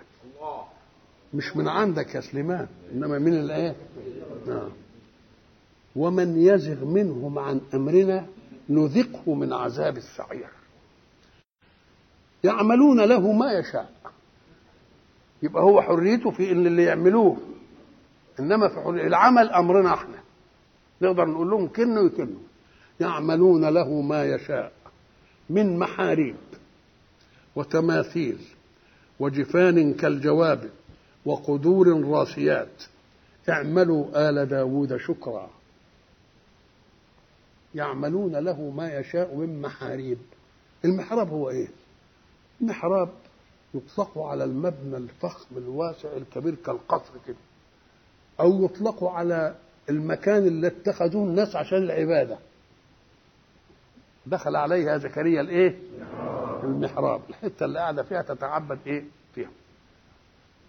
يعملون له ما يشاء من محاريب وتماثيل. إحنا عارفين التماثيل اللي هي صور الأشياء الحيوانات والرجال. قال لك إيه الحكاية بتاع التماثيل دي؟ يعملوا أيمتن الله على نبيه بأنه خلى الجن تعمل له تماثيل؟ ده التماثيل أمرها معروف عندنا وبنكسرها وبنحطمها. قال لك لا. إنما حطمت بعد أن اتخذها الناس للعبادة والألوهية. إنما كانت الأول ما فيش بل بالعكس كانت التماثيل للإذلال لأنه كان يعمل له الكرسي بتاعه أسدين وهو قاعد فوقهم كده. الاسدين اللي هم يخوفوا مش عارف قال هو إيه دليل على أن الوحي حتى في خدمته. وكانوا يعملوا له مثلا القصر ويجوا يعملوا البلكونة زي يمكن شفناها قريب. يعملوا البلكونة إن فيه ناس محنية كده وشايله البلكونة بدل المسلح ما يطلع كده هو عاملين كده. قال لك بيتخذ التماثيل لإيه؟ ده للخدمة مش للعبادة.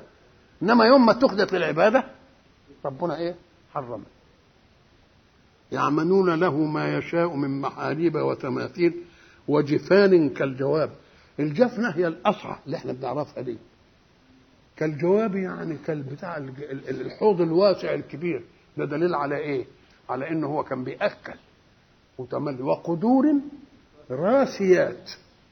قدور مش هتتحط على الكانون ونشيلها ونحطها. ده قدور معمولة إيه؟ ثابتة مما يدل على أنها كبيرة أو ما تتنقلش.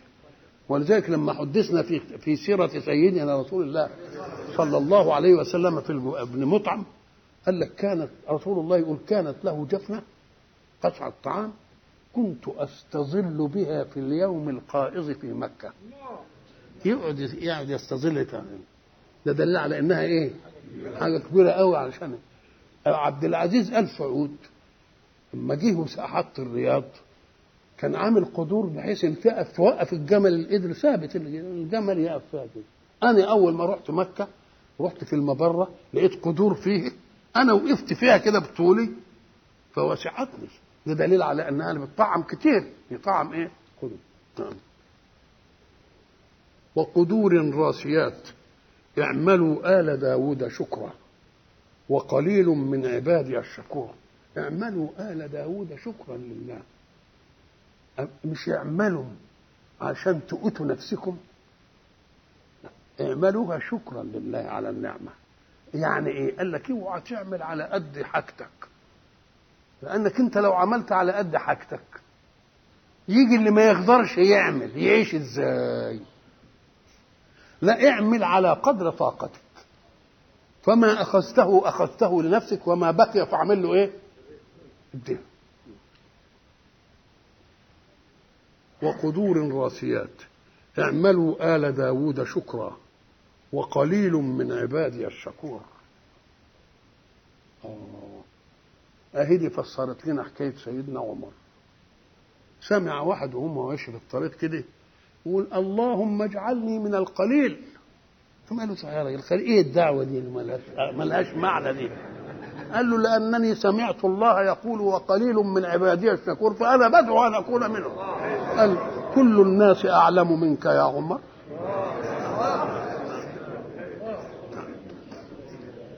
ما فيها ناس بتلتقط كده الإيه؟ الرجل اللي ماشي في سوق البطيخ في بغداد. وعمال بيبيع حاجة زي الخمير كده زي ما كان الراجل بيعمل الخمير ده وي... عرق سوس ويعملوا أي شراب فيش حر بقى هناك شديد والطز اللي بيجي هناك بيبقى فظيع فكان كل واحد شوية ياخد إيه يمر عليه يقول له هات هات هات. بس فالراجل صايم السريع صايم. وبعدين مشي قام لقى واحد بيقول إيه غفر الله لمن شرب مني. فراح مميل عليه كده وراح قال له اديني يا شيخ أشرب. قام اللي وياه قال له يا شيخ افتكر إنك صايم. قال له والله لقد رجوت دعوته.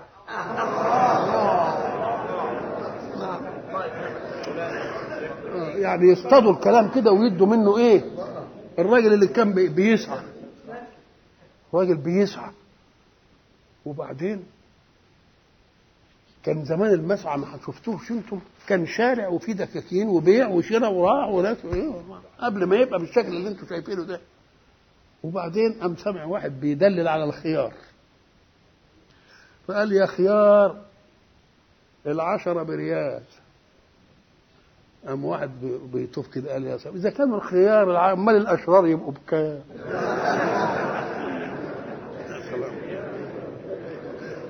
يا سلام. كالجواب وقدور راسيات اعملوا آل داود شكرا. شكرا لإيه؟ للنعمة. طب والشكر يعمل إيه؟ قال لك يزودك. يز... إيه؟ يزودك. فربنا بيعلمك إزاي؟ عشان تزود ال- النعمة بتاعتك. أو اعملوا آل داود شكرا أن أقدركم على العمل حتى تعولوا من لا يقدر على العمل. يبقى ادي اللي إيه خدت في حضنك شوية. ناس. الله وقليل من عبادي الشكور فلما قضينا عليه الموت ما دلهم على موته إلا دابة الأرض تأكل من سأته. فلما خر تبينت الجن أن لو كانوا يعلمون الغيب ما لبثوا في العذاب المهين. إيه اللي جاب الضمير هنا هو؟ فلما قضينا عليه الموت ما دلهم دل مين على إيه؟ موته. دلهم دل مين لازم الجن بقى. آه جاء الجن يبقى أعاد الضمير على معلوم من السياق الأول لأنهم يعملون له ما يشاء من محاريب فقالوا القصة إن سيدنا سليمان كان يعبد الله واقفا متكئا على عصا. مش قاعد على راحته كده. ويعبد يوما كاملا وليلا. ما هي كلمة شكرا بقى. على قد ما اداله بقى النعم الواسعة دي كلها. ويظل بالأسبوع وبالشهر. ولا يأكل إلا خشكار الخبز. شوف النعمة دي كلها ربنا مسخر له إيه؟ ويأكل الخشكار. الخشكار اللي هي الردة. العيش اللي من ردة اللي إحنا كنا نسميه في الفلاحين السن. ونسيب ال- ال- القطافة كان يسمى الدقيق الأبيض القوي ده قطافة نمرة واحد ال- ال- الأعيان يأكلوه. والع- وال- وال- والعبيد هم اللي يأكلوا الإيه؟ اللي بس وبعدين تبين إن الخير كله في السن. دي بدليل إن اللي عاش طول عمره ياكل قطايف وياكل دقيق نقي ومش عارف إيه يجي في آخر حياته يقول اوعى تقرب منه ما تاكلش إلا السن. ما هو بيعوض. عشان يخلق بقى يبقى ها؟ آه. ولذلك شوف بقى اذا ال- ال- ال- ال- ال- الردة اللي إحنا بنقول عليها دي دلوقتي معمولة دواء. عاملين ال- الاجزاء ال- ال- ال- عاملينها أقراص وعاملينها أواني والواحد ياخد كده معلقة من اللي مش عارف إيه ويضوبها في المش عارف إيه. الرده اللي إحنا إيه كنا نعاف منها زمان دي لفتتنا في عند قول الحق سبحانه وتعالى والحب ذو العصف. فلما قضينا عليه الموت ما دلهم على موته إلا دابة الأرض تأكل من ساته فلما خر تبينت الجن أن لو كانوا يعلمون الغيب ما لبثوا في العذاب المهين. وقلنا إن من أشياء التي سخر الله جميعها لسليمان ليحقق له ملكا لا ينبغي لأحد من بعده أن سخر له الريح وسخر له الجن يعملون له ما يشاء من محاريب وتماثيل إلى آخره. وتسخير الجن معناه أن الحق سبحانه وتعالى سخر له أخف الخلق حركة وأخفاها. وهم الجن لأن الجن لهم طبيعة مخصوصة. قال الله فيها إنه يراكم هو وقبيله من حيث لا ترونهم. ولهم أيضا خفة في مزاولة الأعمال بأن يقصروا زمنها وأن يكثروا حملها. والدليل على ذلك أن سليمان عليه السلام حينما طلب عرش بالقيس في سبأ قال لجلاسه أيكم يأتيني بعرشها؟ فلم يتكلم واحد من الإنس العادي لأنه قيد الإتيان بشيء لا يمكن لقدرتهم أن تفعله. أيكم يأتيني بعرشها قبل أن يأتوني مسلمين؟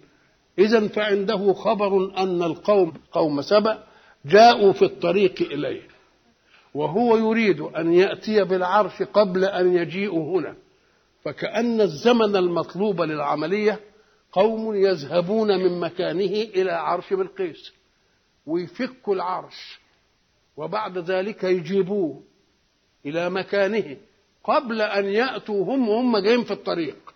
فيبقى إذا عايز إيه؟ عايز زمن. فلم يتكلم إنسي لأن الإنسي عرض المطلوب على القوة الموهوبة فلم يجدها تحتمل. لم يتكلم. تكلم جني. ولم يتكلم جن عادي وإنما قال قال عفريت من الجن. الله كلمة عفريت دي تدل على الشاطر على جنسه لكن هو من جنسه برضه. فكأن الجن برضه فيه عفريت وفيه لبخة. زينا تمام. اللي ما تكلمش الجن العادي إنما تكلم مين؟ عفريت من الجن. ولذلك يقول لك ده فلان ده عفريت. الله يعني يعمل اللي ما تقدرش انت تعمله في الزمن اللي ما يمكنش ينعمل فيه. قال عفريت من الجن أنا آتيك به. بس إيه؟ قبل أن تقوم من مقامك. مقامه دي هو اللي يحدده. كان بيقعد قد إيه؟ ساعة؟ ساعتين. يعني ده؟ هيجيبه قبل ما يقوم يبقى على الوقت المحدد لجلوسهم معه. وبعدين ما نفعش الكلام ده. قام واحد تحدى أكثر. قال الذي عنده علم من الكتاب أنا آتيك به قبل أن يرتد إليك طرفك. ارتداد الطرف ما يعيش زمن. فهو بيقول له أنا آتيك به قبل أن يرتد إليك طرفك. يكون الطرف اتحرك كم مرة. ده قبل ما يخلص الكلام لازم يكون كده. ولذلك يكون الحق على الاستجابة السريعة فلما رآه الله ده لسه بيقول هو قال له طب روح هات هو أمره هو وجهه قال له أنا آتيك به قبل أن يرتد إليك إيه؟ طرفك مش قال فراح وجاب وعمل مش عارف قال لك فلما رآه أي سليمان مستقرا عنده تعجب. وشكر الله على أن هذه المسألة. إذا التسخير معناها إيه؟ إنه جاب قوة فوق الإنس طاقة وقدرة وقصر زمن وطول حركة. الحق سبحانه وتعالى يعلم أن الجن كانوا يسترقون السمع ولذلك الميزة اللي جاءت في رسالة سيدنا محمد رسول الله صلى الله عليه وسلم فمن يستمع الآن يعني بعد ما جه رسول الله محمد يجد له شهابا وصدى إذا سر السماء صين كله. ولكن في أيام الجن ما كانوا بيسترقوا سر السماء صين جله يعني معظمه. إنما يسيب ربنا يسيب لهم حاجة كده ياخدوها لقط كده من كلام الملائكة. عشان ينزلوا يعملوا بها إيه؟ يقولوها وإن الشياطين لا يوحون إلى أوليائهم. يقوم أوليائهم لما يقول والله هيحصل كذا وكذا كذا. افرض إنها خمسة المية بس. يقوم يغش الناس يقولوا يا سلام ده بيعلموا الغيب. بيعرفوا اللي مش عارف الحاجة قبل ما تيجي. لكن عند سيدنا رسول الله صان الله له سر السماء كله. وإن كان قبل كده كان سر السماء أيضا مصون ما كان اللي واقف يتلصص ده. يا دوب ياخد كلمة وكلمة تفوت منه كلمتين يفوتوا منه وينزل يبشر بالكلام. فبعضه يصدق يقوم لما يصدق الناس يقولوا يا سلام ده بيعلموا الغيب. الجماعة دول بيعرفوا الغيب. فالحق سبحانه وتعالى أراد في مسألة موت سيدنا سليمان إنه يفضح الجن في هذه المسألة. فلما إيه؟ فلما قضينا عليه الموت. كلمة قضينا عليه الموت مع تفيد أن الموت قضاء. يعني لا مندوحة عنه. زمنا لا يترتب على مرض ولا على سبب. ولذلك قلنا زمان والموت من دون أسباب هو السبب. مات لأنه يموت. بس. مات لأنه إيه؟ لأنه يموت. ولذلك يخاطب الأحياء بما فيهم سيدنا رسول الله. يقول له إنك ميت. وإنهم ميتون. قبل ما يقول على أمته ميتون يقول له هو. إنك إيه؟ ميت. وكلمة إنك ميت يعني تؤول إلى الموت. مش معنى إنك ميت يعني دلوقتي لا تؤول إلى الموت. لكن اللي يموت بالفعل ما. مش... لا يسمى ميت. نحن ونحن أحياء ميتون. يعني إيه؟ يعني هنموت. وربنا بيجيبها كده بيقول لك دي مسألة مفروغ منها. مش حد هيخلد فلما يجي يقول ميت يبقى كل الأحياء يخاطبوا بهذا. لكن حينما نريد أن نخبر بالموت حقيقة ووقوعا نقول إيه ميت. ميت.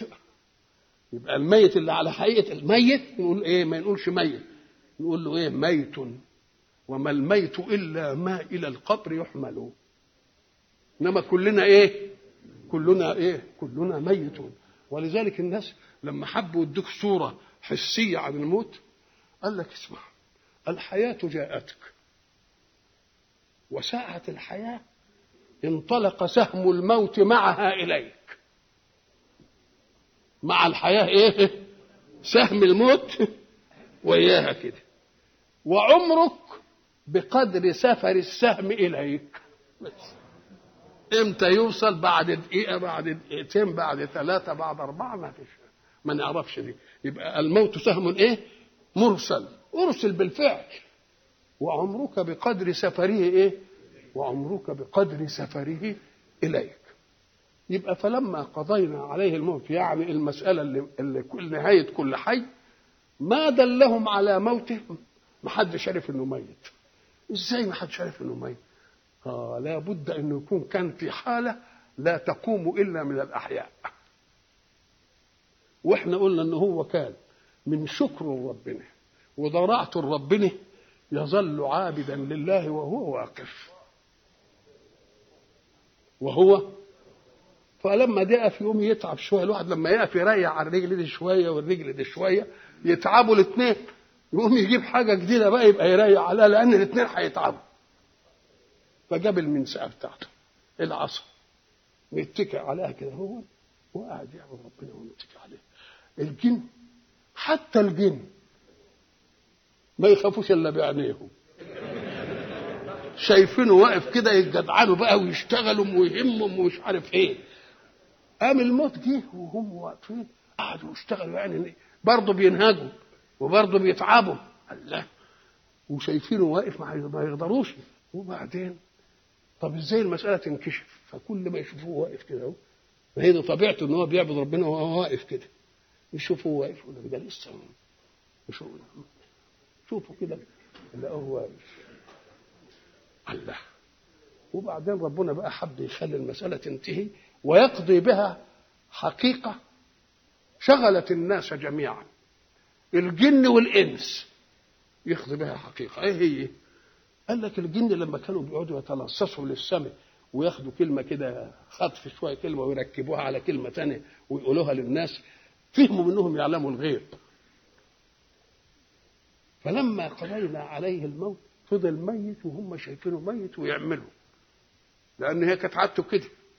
وبعدين ربنا سلط حاجة اسمها الأرضة أنتوا الناس بتفهم إيه؟ ما دلهم على موته إلا دابة الأرض الأرض المقابلة للسماء.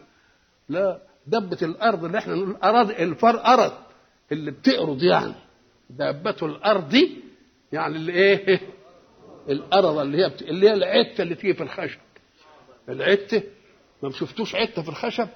في عتة في الخشب تقعد تاكله كده. إيه اسمها؟ الايه. و... والفعل منها إيه؟ أرضت تأرض أرضا. زي ضرب يضرب ضربا. يبقى الأرض معناها إيه؟ اللي هو إيه؟ أرض الفار. يقول لك الفار أرضه تبقى الأرضة هي التي جت للإيه؟ للمنساء اللي هي العصاية من تحت وقعدت إيه؟ تنخر فيه لما نخرت فيها اختل التوازن اختل التوازن. وقع ولذلك عبر عن اختلال التوازن والوقوع القسري الذي لا نظام له بقوله فلما خر وخرور الشيء ملوش نظام بقى. لما خر السقف هل له نظام؟ دي تنزل الأول ولا دي؟ خر قصر.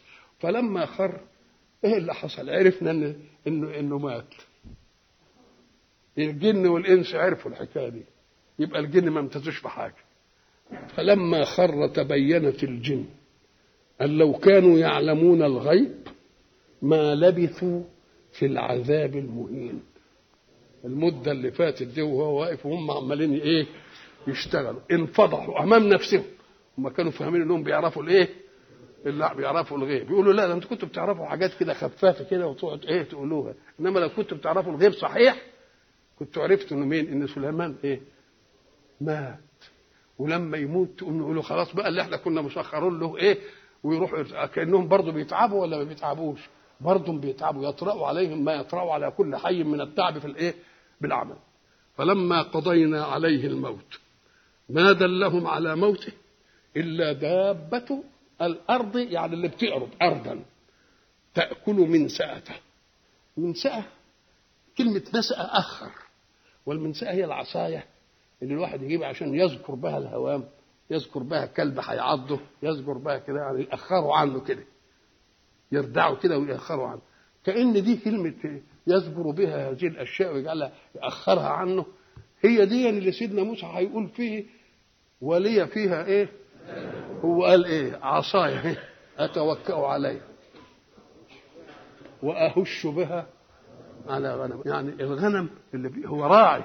بيرعى. ما هو ما بعث الله نبيا إلا راعى الغنم. وما دام يرعى الغنم الغنم فيه صغير وفيه إيه كبير. الكبير يقدر إيه يمد بوزه وياخد الايه ورق الشجر وياكل. طب والصغير؟ ما يقدرش يمد الحكاية دي. شوف الرا... شوف الراعي وظيفته إيه. قام قال ما إحنا نجيب العصاية ونضرب الشجرة نقوم ننزل الايه الورق. يقوم الورق ينزل على الأرض يقوم الصغير يلاقي إيه؟ يجي تحت بطن أمه وتحت بطن أبوه كده وإيه؟ يا سلام! وأهش بها على إيه؟ على غنم. وساعة ما يهش بها الهش مش هيبقى له بقى انضباط. تنزل بين الغنم تنزل تحتها تيجي الريح تعملها كده. يقوم الايه الصغير يلاقي إيه؟ في أي وقت إيه؟ يلاقي الايه يلاقي الأكل بتاعه.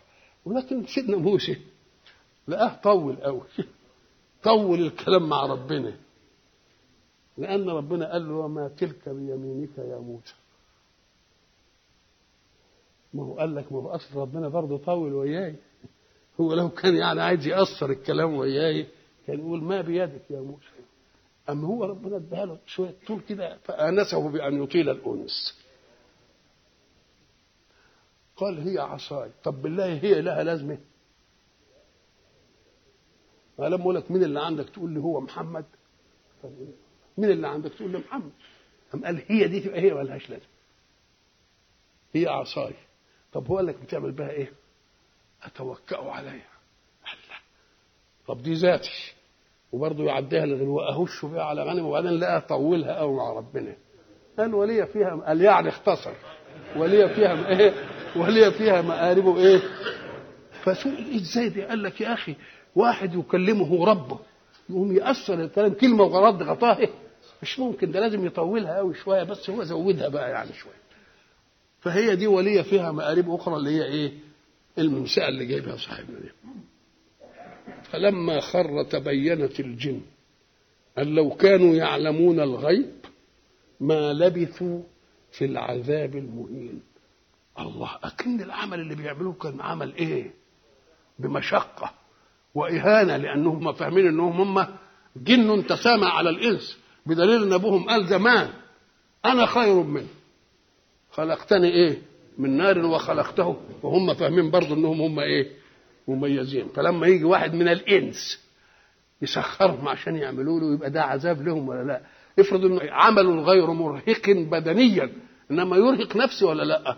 إن الجنس اللي كان بيقول أنا خير ومش عارف إيه وبيدعي مش عارف إيه عمال بيخدم الايه طب العذاب المهين طب كيف يكون رسول واللي يبقى معاصره وبيختمه يبقى في عذاب مهين. قام قال لك أصلك أنت خدت الشبهة دي من قوله الجن وظنيت إن الجن كلهم كانوا مسخرين. لا ده آية تانية شرحت إن من الجن. الجن دي جاية عشان إنه مستور الفعل ما تشوفوش. إنما هو قال إيه؟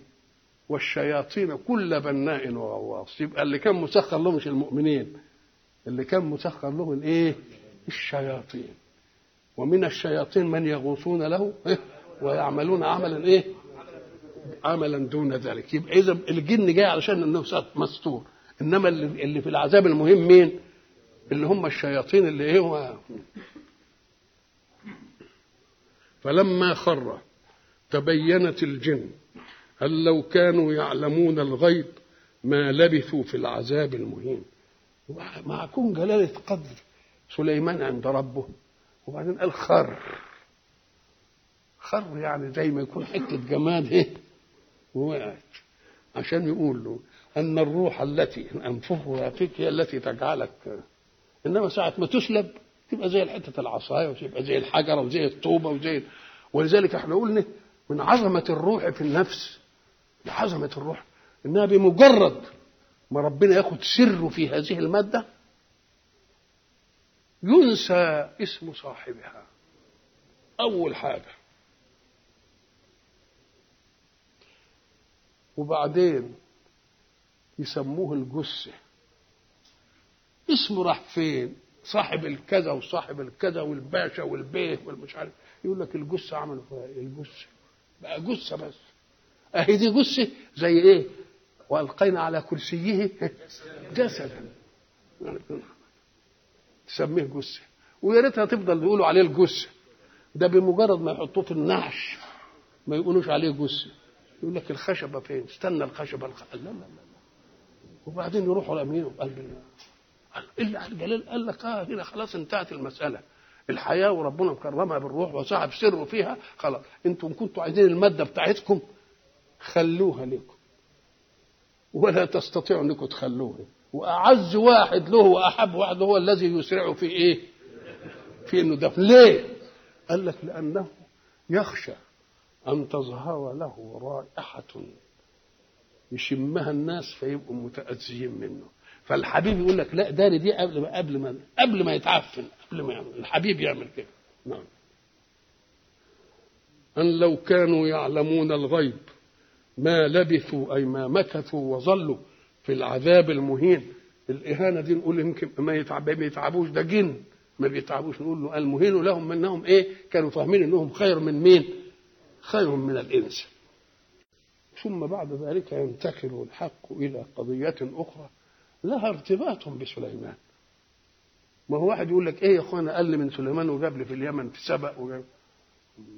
قال لك ما هو اصل لسليمان أبرز قصة في الإيمانيات والعقائد مع بلقيس ملكه سبأ فيبقى في مناسبة ولا لا؟ زي ما جاب قصة داوود بعد إيه؟ منيبين. للإنابة جاب قصة داوود. وبعدين برضه جاب قصة مين؟ سليمان برضه للإنابة. فكان لما ذكر الإنابة هناك عشان يشجعهم يقول له الرسل اللي أحسن منكم نابوا إلى الله وتابوا إليه. ليه ما تعملوش كده؟ فيبقى كل حاجة يجيب لها حاجة عشان تلضم بس إيه بيدي ودي إيه اللازمة بتاعت القصة بقى بتاعت سبأ هي دي إن إيه إن سليمان له مع ملكة سبأ إيه؟ قصة وقصة طويلة تتصل بالعقيدة وتتصل بأن سر الله في كونه يقدر عليه الحيوان والعقيدة معروفة حتى للجمال لأن الهدهد هيقول له أحط بما لم تحط به. إيه الديمقراطية دي يا أخويا مع إنه شوف حاتم قد إيه يقول له أحط أحط بما لم تحط به مع إنه الأول كان بيهدد لأعذبنه عذابا شديدا أو لأذبحنه. وبعدين بقى تذكر إنه نبي وإنه لازم يتأخذ البينة الأول أو لا يأتيني بسلطان مبين. شوف التراجع إزاي لقد كان لسبأ في مسكنهم آية. سبأ اسمه رجل كان اسمه عمرو ابن عامر ويلقبونه بمزيقياء وأبوه واحد اسمه ماء السماء. يبقى سبأ هو عمرو ابن عامر اللي كانوا بيقولوا عليه مزيقياء وأبوه ماء السماء. هذا سئل عنه رسول الله. قال فروة بن مسيك رضي الله عنه سألت رسول الله عن سبأ. فقال هو كذا وكذا وكذا وكذا وكان له عشرة أولاد. كل ولد منهم عمل قبيلة لوحده واحد اسمه أزد واحد اسمه كنده واحد اسمه مزحك واحد اسمه أشعرون واحد اسمه أنمار واحد اسمه غسان وواحد اسمه إيه عاملة وواحد اسمه لخب وواحد اسمه جزام الله. كل دول أسماء ولاده. أسماء ولاده. كانوا عشرة. ستة منهم راحوا اليمن وأربعة راحوا الشام. الستة اللي راحوا اليمن عاشوا في اليمن. وخدوا الخير وبتاع اللي كانت عاملاه مين؟ بالقيس بالقيس فكرت مرة في إن المطر بينزل ولكن لما بينزل الأرض بتتشربه وبيصيح كده في الجديان عايزة تحبسه. اللي بنعمل خ... اللي هي فكرة الخزانات. فجاءت بين جبلين زي إحنا ما عملنا في السد العالي وراحت بين قطاع كده وخلت ال... ال... الوادي اللي بين الجبلين يحجز المية وعملت لها عيون تاخد منها تفتح العين على قدر الحاجة والضرورة. زي إحنا ما بنعمل دلوقتي في القناطر والبتاع والحاجات اللي زي دي. وبعدين قعدوا يزرعوا بقى. ولذلك كانوا يسموه اليمن الإيه؟ اليمن الخصيب واليمن السعيد لأن بقى أشياء في نعم كتيرة وبتاع حاجات زي دي. طيب على الأول. بعدين سبق ده واحدة عرافة اسمها طريفة. عرافة يعني كانوا يروحوا لها يحتكمون إليها. زي ما إحنا نقول ده فلان ده أبو العريف. كل واقفين على حاجة يروحوا يساليه يسألوه. فراحوا سواء كانت كهنة أو امرأة حكيمة أو امرأة لها رأي وبتاع وحاجات زي دي فأخبرته أن السد الذي بنته بالقيس هيخرب والماء هيغرق الدنيا. فأنت تفر من هنا الآن وتطلع لبره الحجاز. فطلع. واحد راحوا غساسنة الشام ومنازلة العراق وجماعة راحوا المدينة اللي هم قبيلة أنمار والجماعة راحوا الأردن اللي هم أسد عمان. كل واحد راح له في إيه؟ في حتة. وانتشروا في الجزيرة. لقد كان لسبأ وسبأ ما دام اسم واحد تقوم القبيلة تسمى بإيه؟ باسمه. القبيلة تسمى باسمه. ثم يتعدى الاسم القبيلة يتعدى إلى المكان. يبقى الأول كان اسم واحد. وبعدين بقى علم على إيه؟ القبيلة. وبعدين بقى علم على إيه؟ الحتة اللي ساكنين فيها الناس الناس دول. فالله بيقول إيه؟ لقد كان لسبأ في مسكنهم. الحتة اللي ساكنين فيها إحنا عارفين إن مسكنهم مكان السكن. مكان السكن ده مرة يقولوا سكن ومرة يقولوا بيت. ومرة يقولوا منزل. كل حاجة لها إيه؟ مأخوذ من سكنة. ليه؟ لأن السكن الإنسان بياخده عشان يرتاح فيه من من حركة الحياة والعمل. يقوم يسكن إليه ويطمئن. ولازم يسكن في حتة فيها مقومات الأمن. ما يسكنش في حتة كده يعني. لازم يسكن ولذلك أول سيدنا إبراهيم ما راح على البيت العتيق إني أسكنت من ذريتي بواد غير ذي زرع عند بيتك المحرم. ربنا ليقيموا الصلاة. الله. ده بيقول له أنا أسكنت ابني وأمه في حتة ما فيهاش زرع. والزرع أول مقوم من مقومات الحياة. وما دام ما فيش زرع يبقى ما فيش مية. يبقى ما فيش فيها من مقومات الحياة إلا إيه؟ إلا الهواء بس. ولذلك ستنا راحت كده وكده عشان تدور بس على حتة فيها مية ولا حتة فيها شجرة عشان تعرف إن فيه مية ولا الغر إلى إلى آخر الإيه؟ القصة. يبقى أسكنتوا يعني جعلتم متوطنين هنا قاعدين. الفرق بين المسكن والمنزل إن المنزل قد تنزل فيه مرة وبعدين ما تنزلش فيه أو عاملة للطوارئ كده تبقى تنزل فيه. ولذلك في غزوة بدر ابن المنذر قال له إيه؟ أمنزل أنزلكه الله أم هو الرأي والحرب؟ قال له لا الرأي والحرب. قال له لا نعمل كذا ونعمل يبقى منزل تنزل فيه يعني حتة عاملها انت كده زي استراحه إن شئت نزلت إنما سكن استقرار. بيت ملاحظ فيه البيتوتة. والإنسان لا يأخذ نومه على حق إلا في مكان يأمن فيه. إنما إن كان يخاف وإن كان جعان ما ينامش وإن كان خايف ما ينامش. يبقى معنى بيتوته يعني إيه؟ مطمئن جدا على إن ما فيش حد يهيجه ولأنه شبعان. يبقى المسكن ولذلك إحنا هناك كنا قلنا الحق سبحانه وتعالى حينما أراد أن يقطع بني إسرائيل في الأرض. قال إيه؟ وقلنا من بعده لبني إسرائيل اسكنوا الأرض. لما يجي المستشرق ده يقول الله الله يقول لهم اسكنوا الأرض. امال هم كانوا فين؟ طب ما هم كانوا في الأرض برضه شوف الاستدراك. يقول لك اسكنوا. أنا ما تقوليش اسكن الأرض. لأن وأنت بتقول لي أنا ساكن قاعد في الأرض. أمال أنا كنت فين؟ إن أنت تقول لي اسكن القاهرة اسكن طنطا تاخد لي حتة من الأرض وتعينها لي وتقول لي بلاش دي اقعد فين إنما اسكن الأرض طب ما هو في الأرض. ما فهموش عن الله. لأن الله يريد أن يقطعهم كما قال وقطعناهم في الأرض أمما. يبقى أنتم مالكوش مسكن مخصوص ولا وطن مخصوص. انساحوا في الدنيا في الأرض كلها. يبقى سكنكم فين؟ الأرض كما ملكوش وطن. بدليل وقطعناهم في الأرض أمما. مش كده؟ آه يبقى الآية أنتم مش فاهمين بس عن الله. أدي معنى إيه؟ اسكنوا الأرض. فإذا جاء وعد الآخرة اللي هي جت في أول الصورة ليسوءوا وجوهكم وليدخلوا المسجد كما دخلوه إيه؟ فإذا جاء وعد الآخرة يسوء وجوهكم ويضربكم الضربه القاضية دي. يعملوا فيكم إيه؟ كانوا إزاي يروحوا وراكم في كل أمة وكل دولة؟ ما يقدروش. لازم يجمعكم. جئنا بكم لفيفا حطناكم في حتة مخصوص عشان تبقى الضربة موجهة إلى مكان محدد في زمن محدد. نعم. لقد كان لسبأ في مسكنهم آية. آية. إحنا قلنا زمان كلمة آية.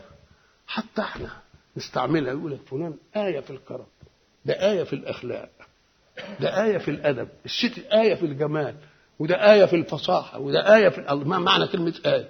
آية يعني شيء عجيب نادر أن يوجد. وقلنا إن الآيات اللي ربنا تكلم عنها مرة تكلم عن آيات كونية في الكون ومن آياته الليل والنهار ومن آياته الشمس والقمر ومن آياته أنك ترى الأرض هامدة فإذا أنزلنا عليها الماء الله كل كل دي آية آية آية اسمها آية إيه؟ كونية وبعدين لما يحب يبعث رسول يقوم يديله معجزة معجزة أمر خارق للعادة شيء عجيب تبقى آية في تسع آيات إلى فرعون وقومه مش كده؟ اسلك يدك في جيبك تخرج بيضاء من إيه؟ من غير سوء الله يبقى إذا كلمة آية تطلق على الآيات الكونية العجيبة وتطلق على المعجزة التي تدل على صدق الرسول في البلاغ عن مين؟ وتطلق الآية على ما يحمل حكم الله في القرآن دي كلها عجائب ولا مش عجائب فكما أن آيات الكون عجيبة وآيات المعجزة عجيبة لازم تفهم إن آيات القرآن عجيبة في تنظيم حياة الناس. بدليل إن اللي كافر به هيضطر ياخدها الآخر بس مش على أنها دين على أنها منقذ من فوضى هم ناشئين فيها. أشياء حصلت لهم ما لقوش حل فيها إلا إيه؟ زي ما إحنا قلنا زمان. كانوا زمان ضد الطلاق يقول لك يا سلام بقى الراجل يطلق مراته ويعمل ده الإسلام ده وبعدين الفاتيكان اللي في إيطاليا اللي في روما أول ما يسنوا يسنوا إيه؟ إباحة الطلاق. يبقى رجعوا إلى مين؟ إلى حكم الله مع أنهم مش مؤمنين بالحكم. وهذا منتهى الغلبة. يبقى غلبة الحجه مش من المؤمن لأن المؤمن يمكن يجامل إنما دول مش مؤمنين. ولذلك الموضوع ده لما جينا في سان فرانسيسكو بيتناقشوا في مش عارف إيه في قوله ليظهره على الدين كله. فالمستشرق فاي قال قولوا اللي يعني يقولوا لنا اللي بيترجم إن الآن نزلت تظهره على الدين كله وبقى له 14 قرن ولسه فيه برضه مسيحية وفي يهودية وفي بوذية وفي ملحدين ولا ظهر على الدين كله. أنا هو فاهم ليظهره على الدين كله؟ يعني كلهم يأمنوا. نقول له لا ما فهمش. لو أنه أتم الآية أو فهم عن الله الآية ما كانش يقول كده. لأن بيقول ليظهره على الدين كله ولو كره الإيه؟ يبقى فيه مشركين. متم نوره ولو كره الإيه؟ الله يبقى فيه كافرين. يبقى ما قلناش إنهم يبقى لكن ليظهره إزاي؟ ليظهر حجته على تقنينات البشر في أنهم يجدون أشياء في أممهم لا يستطيعون حلها إلا بالرجوع لقضية الإسلام. ودي منتهى الغلبة. ان يضطر إليها من لا يؤمن بها. يبقى أنت عايز أحسن من كده إيه؟ نعم. لقد كان لسبأ في مسكنهم آية. ده لازم حكاية جنتان دي مش زي الجنان بتاعتنا. ما دام بقى آية في جنة آية في الجنة. قال لك أيوه قعدوا يشرحوا لنا في, إيه؟ إزاي آية؟ شيء عجيب. أم قال لك لأن أولا لا تجد في هذه الجنان عقرب ولا تجد فيها حية ولا تجد فيها ذبابة.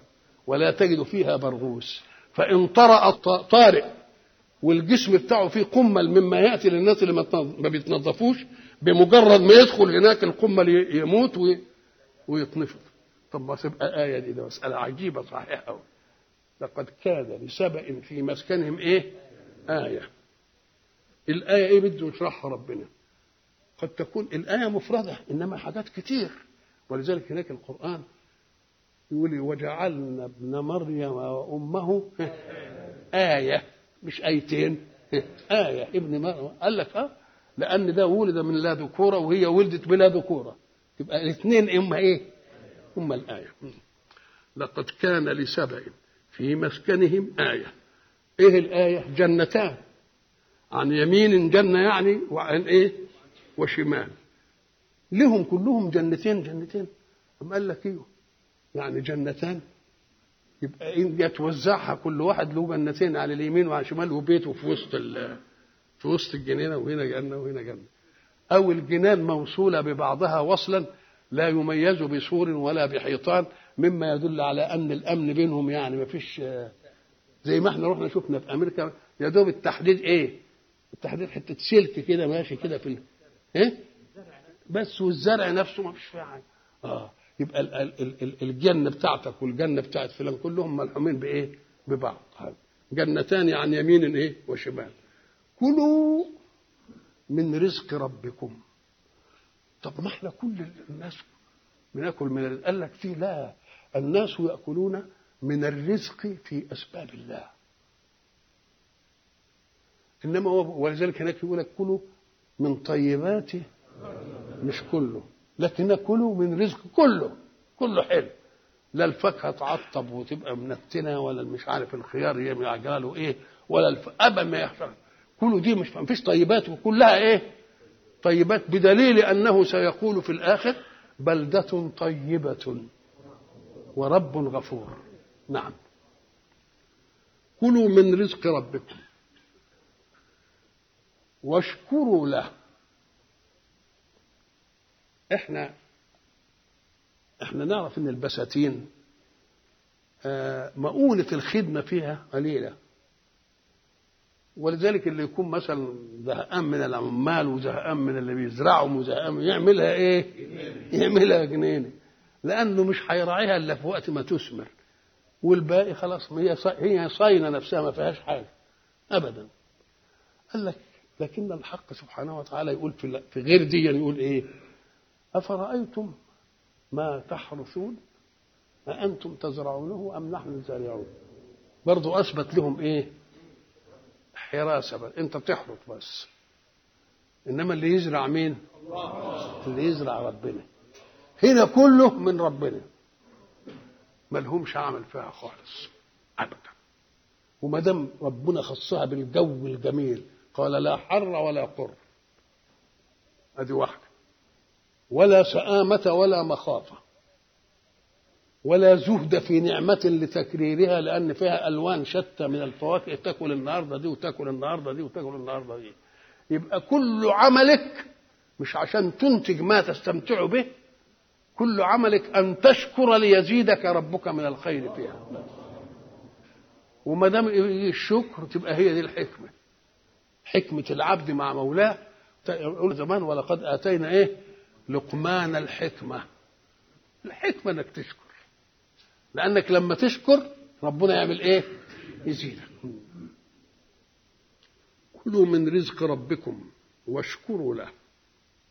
بلدة طيبة ورب غفور. طيبة يعني إيه؟ يعني تعطيك طيب الأشياء بدون منغصات فيها. لأن في أشياء تعطيك طيبا تهنأ به ولكنها تتعبك فيما بعد فبلدة طيبة يعني هنيئا ما فيش فيها ليه لأنها من رزق ربنا بدون عمل لكن لما بيتدخل بقى الإنسان ويعمل ومش عارف إيه وبتاع زي إحنا ما تدخلنا في. نجيب المبيدات ونجيب الكيماوي ونجيب مش عارف إيه وبعدين ابتدأنا نضج منه ونعزو كل الأمراض إلى إيه؟ لأننا لو سبناها أرض بماء من السماء كده تطلع حاجة كويسة. ولذلك يقول لك ما عدناش بنستلذذ لا بخضار ها ولا بلبن. ليه؟ لأنك أنت دخلت أيامتك في عطاء الله. لو أنت خليتك كده يعني مؤدب كده وهترجع عنها ولذلك دلوقتي المترفون في أي في أي مكان والمثقفون والعالون والفلاسفة يقول لك لازم يمر عليه يومين يبعد عن الدوشة اللي عملتها الحضارة دي. في إشعاعات كهربائيتها وفي المية اللي عيارها الملوثة وفي الجو اللي مش عارف إيه واللي ويروح يبعد كده في إيه؟ في حتة يعيش كما يعيش راعي الشاة فيها.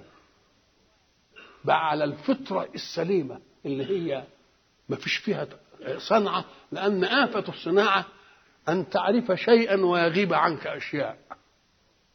ما هم أول ما جم عشان يحاربوا دودة القطن عندنا. قالوا الدي دي تي خلاص ما عادش وقعدوا يبخوها دي دي تي. بعد شوية لقينا الدودة بقت كييفة دي دي تي. ولا عادتش بتفيد وبعدين اتنقلت سمومها في المية وفي المشي وفي مش عارف إيه. وموتت أبو قردان وموتت الطيور وموتت مش الله الله الله, الله. يبقى إيه؟ إيه؟ موتت كل حاجة إلا الدودة. إلا الدودة. ده بقت بقول لك بقت كيفة كيفة نعم. كيفة الدودة دلوقتي أهو. الله. ربنا بيقول ده البلدة دي ما فيهاش حاجة من دي لا لا تلوث بيئة ولا بلدة إيه؟ طيبة. وشوف بقى إذا كان البلدة اللي هي المكان الجماد الساكن موصوف بانه هو طيب. يبقى اللي عايش فيه إيه؟ آه يبقى اللي عايش فيه عايش في بيئة طيبة. يبقى طيب ولا مش طيب؟ يبقى طيب. إياك أن تغتر بأنها أصبحت مملوكة لك وبتاعتك وتنسى اللي اداها لك. وتفتكر إن لك أنت إيه؟ كلا إن الإنسان لا يطغى أن رآه إيه؟ أن رآه أن رآه استغنى. يبقى ربنا لما قال كلوا من رزق ربكم واشكروا له له طلبين اثنين أن تأكل على أنه من رزق الله.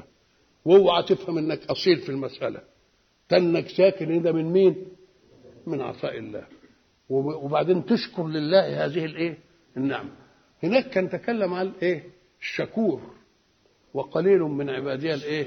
الحمد لله ما قالش وقليل من عبادي الشاكر. إنما هو قال وقليل من عبادي والشكور مبالغة في الشكر. مبالغة في الإيه؟ الشكر. أو قيل الشكور هو الذي يشكر على النعمة ويشكر الله على أن ألهمه أن يشكر النعمة. يبقى عمل الشكر كم مرتبه مرتبتين اثنين. كلوا من رزق ربكم واشكروا له بلدة طيبة ورب غفور. بلدة طيبة دي في أمور دنيانا. قالوا ربنا هيتجاوز عنكم إن حصل منكم حاجة ولا هفوة ولا الطيب تعدى إلى الآخرة. وقال ورب إيه؟ ورب فأعرضوا تبقى أعرضوا على في أمرين. كلوا من رزق ربكم واشكروا له. يبقى أعرضوا. أعرضوا عن واحدة وسابوا واحدة ولا أعرضوا عن المأمور به؟ عن المأمور به. يبقى ما كلوش من رزقه. كلوه من شطارتهم ادي أول خيبة. وبعدين أترفتهم النعمة. لأن فيه ترف فلان أي تنعم وفي أترف فلان أي غرته النعمة. ولذلك هناك وإذا أردنا إيه؟ أن نهلك قرية أمرنا إيه؟ يعني الترف إنك تتنعم. بس إنما ما تطغقش النعمة. وأول طغيان لها أن تنسى من أنعم. ثاني طغيان أن تقول إنها بشطارتك. يقول لك لا تبقى أنت أعرضت عن الإيه؟ عن المسألة. فأعرضوا أي أعرضوا أن يأكلوا من رزق الله وأعرضوا عن شكر الإيه؟ الله. فأعرضوا. آية في القرآن هناك وضرب الله مثلا إيه؟ قرية كانت آمنة مطمئنة. يأتيها رزقها رغدا من كل مكان. فكفرت بأنعم الله. فأذاقها الله لباس الجوع والخوف. يبقى إذن ولذلك هناك برضه سيدنا نوح وأن لو استقاموا على الطريقة لأسقيناهم ماء إيه؟ ماء غدقا. يبقى إذن شكر النعمة والاعتراف بأنها كلها منسوبة إلى الله تبقى أنت عملت صيانة النعمة.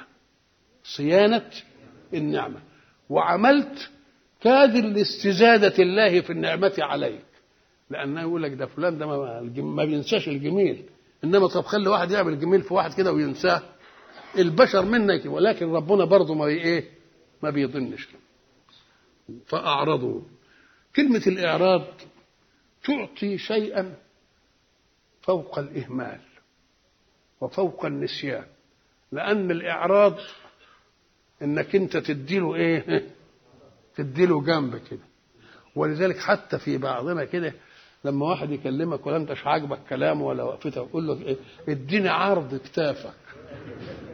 مش بنقول كده اديني إيه؟ عرض كتافك. فأعرضوا. فأعرضوا فأرسلنا عليهم سيل العرم وبدلناهم بجنتين جنتين ذواتي أكل خمط وأثل وشيء من سدر قليل. قلنا الإعراض هو ترك العمل بلا مبالاة. والنسيان ربنا رفعه. والسهو ربنا رفعه. والواحد نايم ربنا رفعه. يبقى ربنا ما بيعملهاش إلا في يقظة العقل وانتباهه وبعد ذلك يعرض عن الشيء. ولذلك قال ومن أعرض عن ذكري فأعرض. عن ذكري فإن له معيشة ضنكا. ولأن الإعراض فيه شبه عدم اعتناء بالآمر. تبقى النكبة فيه أشد. إنما قد تكون معتنيا بالآمر وبعد ذلك تتهم نفسك. يبقى ده كلام معقول. إنما تعرض كده عنه. أعرض ونأى بجانبه. وإذا أنعمنا على الإنسان أعرض ونأى بجانبه. يقول لك سيكون الجزاء على مقدار الإعراض. ولذلك يجي والذين يكنزون الذهب والفضة ولا ينفقونها في سبيل الله فبشرهم بعذاب أليم. يوم يحمى عليها في نار جهنم. كلام حلو ده. لسه ما تعدتش راحت هنا. فتكوى بها. جباههم وجنوبهم وظهورهم. شوف الترتيب. بقى هم كنزوها نقول انت كنزت. زي ما أقول لك انت ربيت اللي هيموتك. انت كنزتها ليه؟ عشان تتنعم. قد تتنعم تنعما ظاهرا في دنيا فانية. إنما هتشوفها قدام. هي هتعمل فيك إيه؟ حتى يتمنى الواحد لو أنه قلل منها حتى يقلل مواضع الكي يوم يحمى عليها في نار جهنم. مش هنحمى عليها حماية كده ده في نار جهنم. فتكوى بها جباههم. والعياذ بالله. وجنوبهم وظهورهم. لو نظرت إلى ذلك العذاب في الجباه والجنوب والظهور لوجدته مجازاة على الإعراض عن صاحب الحاجة حين يسأل صاحب المال. أول ما يجي له واحد ويعرف إن هو يعني جاي يطلب منه حاجة يعمل إيه؟ يشيح عنه بوجهه. طب أدي أول خط وبعدين يديله جنب. زي ما بينه ادانا جنب. وبعدين يروح إيه؟ ملفوت له قوي وماشي وسايبه خالص كده. يبقى يجي الجزاء على قدر إيه؟ على قدر الإعراض. جباه جنوب ظهور. فأعرضوا فأرسلنا عليهم سيل العرم. من العجيب أن الماء به كل شيء حي. لكن ربنا حين يريده وسيلة إهلاك يهلك. أهلك قوم نوح ولا ما أهلكهمش أهلكهم بالمية نفسها قال لك بالمية. بس وبعدين؟ أم قال لك ما أهلكش فرعون؟ مين؟ يبقى إذن الشيء قد يكون واحدا إلا أن الحق سبحانه وتعالى يوجهه للعمل وضده. يبقى دي ليه؟ لطلاقة القدرة فيه. ما تعرفش إن هو بذاته. ولذلك تجد بعد سيل العالم ما جه وفزعتهم المية التفزيع دي لما حبوا يقعدوا حبوا يقعدوا في حتة ما فيهاش ريحة المية. لأن المية عملت إيه؟ رعببتهم من الفزع اللي ودتهم له. وقال لك لا أنا أقعد في حتة ما فيهاش مية وبعدين أبقى أجيب القرب وبتاع وأروح أبعد بعيد وأجيب المية وأجيبها مطرح طب ما تقعد عند البيت. المية جت عملت عندهم إيه؟ عقدة. ودي لها قصة حديثة. كان مثلا فيه واحد آه حالته رقيقة شوية وكنا نلبس كواكيل زمان إحنا في الأزهر وافاطين وبعدين يعني حالته رقيقة ككلها يعني دابت شوية وبقت مقطعة. يقوم يصن كل شوية ويعمل إيه؟ يعدلها كده ويدار القطع. خد إيده خدت على كده. وبعدين ربنا رزقه بقى أخوه اتوظف فجاب له حتة قماش وفصلها له وعملها كاكول لبس الكاكول قام تلتفت تلاقيه بلا شعور. على الجديدة برضه عمل. فواحد قال له يا شيخ أنت أنت إيه مالك قال له القديمة مرعبباني أهي حكاية المية دي خلتهم يسيبوا المية خالص. يقول لك لا نبقى نضرب إليها أكباد الإبل ونروح نسقي ونجيب بالقرب ونجيب كل إنما المية لا. لا المية لا. فأرسلنا عليهم إيه؟ سيل العرم. السيل هو أن يسيل الماء. ومعنى أن يسيل الماء لأن المية تنزل على الأرض.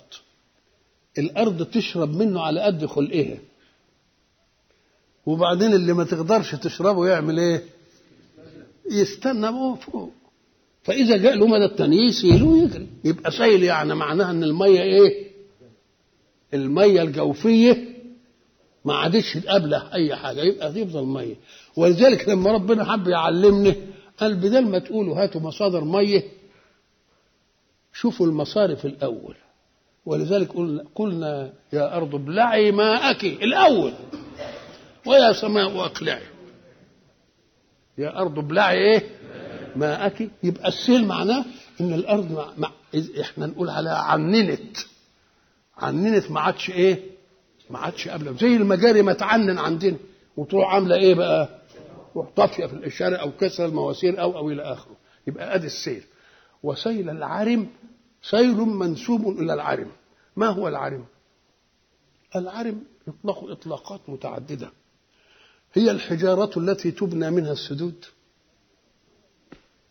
أو هو الجرذ اللي هو الف- الفأر اللي هو اللي هو قعد ينقب في حتة الحجر لحد ما عمل إيه؟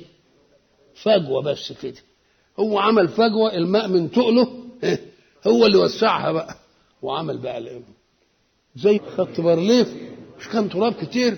وقعدوا إزاي يتخلصوا منه إلى أن هدى الله فكر واحد مهندس جزاه الله كل خير. وقال ما بدل ما نقعد نفحت ونطلع. إحنا نجيب خرطوم مية. ونضربه كده. هو يروح عامل هو فعلا عملية أدهشت كل هندسة الكون. إنهم إزاي يتغلبوا على بتاع الخط ده إزاي؟ بالمية. نعم. والعرم يعني معناه عرمة زي لبن ولبنة. بس اللبن يبقى الطوب الني والعرم يبقى الطوب الايه المتحجر. نعم. فأعرضوا فأرسلنا عليهم سيل العرم وبدلناهم بجنتيهم جنتين. قال لا طب ما دام خد جنتين. ده سماها جنتين تهكم. لأن ما فيهاش إلا شجر ما ينبتش إلا المر. طب إزاي يسموهم جنتين؟ قال لك ده تهكم. زي ما يقول لك الولد إيه آه خد مني بدلتين المتعلقين كانوا جداد خدهم ومش عارف إيه وبتاع. يقول لك يقول لك ما هو جاب لك بقى جبنا لك بدلتين إنما أنت جايب لي بدلتين عبك. وسماها بدلتين. ده اسمها إيه؟ نكاية. وبدلناهم بجنتيهم جنتين. ذواتي أكل خمط. إيه يعني أكل خمط؟ قال لك مر المذاق. وأصل شفتوا الشجر القتل اللي بيبقى في الريف ملوش ملوش ثمرة؟ آه الثمرة بتاعته يسموها إيه هناك؟ إيه بتاع أرض. وبتاع الصمت أرض برضه يعني حاجة ما فيهاش فايدة. آه وأصل وشيء من سدر قليل. السدر هو النبأ. شوف برضه برضه رحيم. ما خلاش الحكاية بقى لهم يعني حاجات تبقي لهم بس إيه؟ تبقي الحياة إبقاء الحياة. نعم. ذلك الذي حدث أننا بدلناهم بجنتيهم جنتين صفاتهم كت وكت ذلك جزيناهم بما كفروا. كفروا إيه؟ الكفر ستر للشيء. ستروا قوله كلوا من رزق ربكم. فظنوا أنهم أكلوا من جهدهم واجتهادهم وملكهم وما إلى اخره وستروا الشكر. ما, ما التفتوش إلى المنعم ولا قالوا له يا رب لك الحمد ولا إلى آخره. ذلك جزيناهم بما كفروا. وهل نجازي إلا الكفور؟ يعني إحنا ما نجازيش إلا من إيه؟ كلمة ما قالش الكافر بس. الكفور يعني اللي مصر على الإيه؟ اللي مصر على الكفر صفة مبالغة. نعم. وهل نجازي إلا الإيه؟ إلا الكفور وجعلنا بينهم وبين القرى التي باركنا فيها قرى ظاهرة وقدرنا فيها السير سيروا فيها ليالي وأياما آمنين. بيعدد النعم بتاعه على سبب فقال جنتين آية وعملوا كده فجبنا لهم سيل العارم شوفوا الحكاية الثانية بتاعتهم دي. وجعلنا بينهم وبين القرى التي باركنا فيها القرى جمع قرية. والقرية اسم لمكان متواضع البناء فيه مقومات الحياة الضرورية. يعني تروح تلاقي فيها قرى يعني تلاقي فيها لقمة تاكلها ولا أي حاجة. أنتوا عارفين الطرق الكبيرة لما المسافات البعيدة دلوقتي بيسموا الحتت اللي فيها الريست. الريست يعني مكان يرتاحوا فيه الايه؟ يرتاحوا فيه الناس. علشان اللي مسافر يجد حتة يقعد يرتاح فيها إن كان كيف قهوه يشرب له قهوة إن كان جعان ياكل له لقمة إن كان عايز بنزين. أهي دي وجعلنا بينهم وبين القرى التي باركنا فيها. والقرى التي بارك الله فيها هي الشام. اللي قايلها في قصة الإيه؟ أعوذ بالله من الشيطان الرجيم. بسم الله الرحمن سبحان الذي أسرى بعبده ليلا من المسجد الحرام إلى المسجد الأقصى الذي باركنا حوله. يبقى القرى التي باركنا فيها اللي هي قرى إيه؟ طب والبركة كانت إيه؟ قال لك بلاد جوها جميل. يعني له أعاصير وله فيه قر وهجير وفيه الثمار المتنوعة. متنوعة الأشكال. ادي قرى باركنا وكانوا هم بقى بيروحوا رحلتين زي بتاع زي ما قال ربنا في قريش. رحلة الشتاء ورحلة الصيف. رحلة الشتاء يروحوا فين؟ في الجنوب اليمن. ورحلة الصيف يروحوا فين؟ الشام. خلاص كويس قوي كده. وجعلنا بينهم وبين القرى التي باركنا فيها قرى ظاهرة. طب وإيه الحكاية دي؟ قرى ظاهرة ليه؟ قال لك عشان نيسر لهم مهمة الرحلات بدون مشقات. لأن معنى القرية يعني شوية مأهولة بالسكان. وفيها مباني للارتاح وفيها أكل وشرب. بدل ما يجي يطلع من هنا وشايل زاد وزواده علشان يروح الشام يبقى ما يشيلش لا زاد ولا زواد ولا ولا القرى فيها الأكل. وحته يأيل فيه وحته يبات إيه؟ وحته يبات فيها. وقرى إيه؟ ظاهرة. ظاهرة لبعضها يعني قريبة من بعض كده القرية دي تشوف القرية دي. ولا قرى ظاهرة يعني على على سابلة الطريق. كل واحد إيه؟ كل واحد يقدر يشوف. ما ينزلش لها كفر كده ينزل لها لا قرى ظاهرة. وقدرنا فيها السير. قال لك آه مثلا بنمشي آه في الصبح قد إيه؟ وعايزين بقى نرتاح ونقيل اعمل قرية. طب وبعدين هنمشي بعد العصر كده ومش عارف إيه وعايزين نبات اعمل قرية. وقدرنا فيها سير. وجعلنا لكل مرحلة سير منطقة راحة. يجد فيها المسافر كل ما يشتهيه. فيأمن إن ما دام قرية وفيها سكان وفيها ناس ويأمن وحوش أو بتاع و... وكمان يأمن إن حد يغار عليه لأنها بلد ما وكمان ما يحملش وياه الزاد والزواد ولا يحتاج إلى رواحل كتيرة قوي علشان إيه؟ يحمل الزواد. يبقى ده بيسهل الرحلة ولا لأ؟ يسهل لهم أمور الايه ارزاقهم وجعلنا بينهم وبين القرى التي باركنا فيها قرى ظاهرة. وقدرنا فيها السير.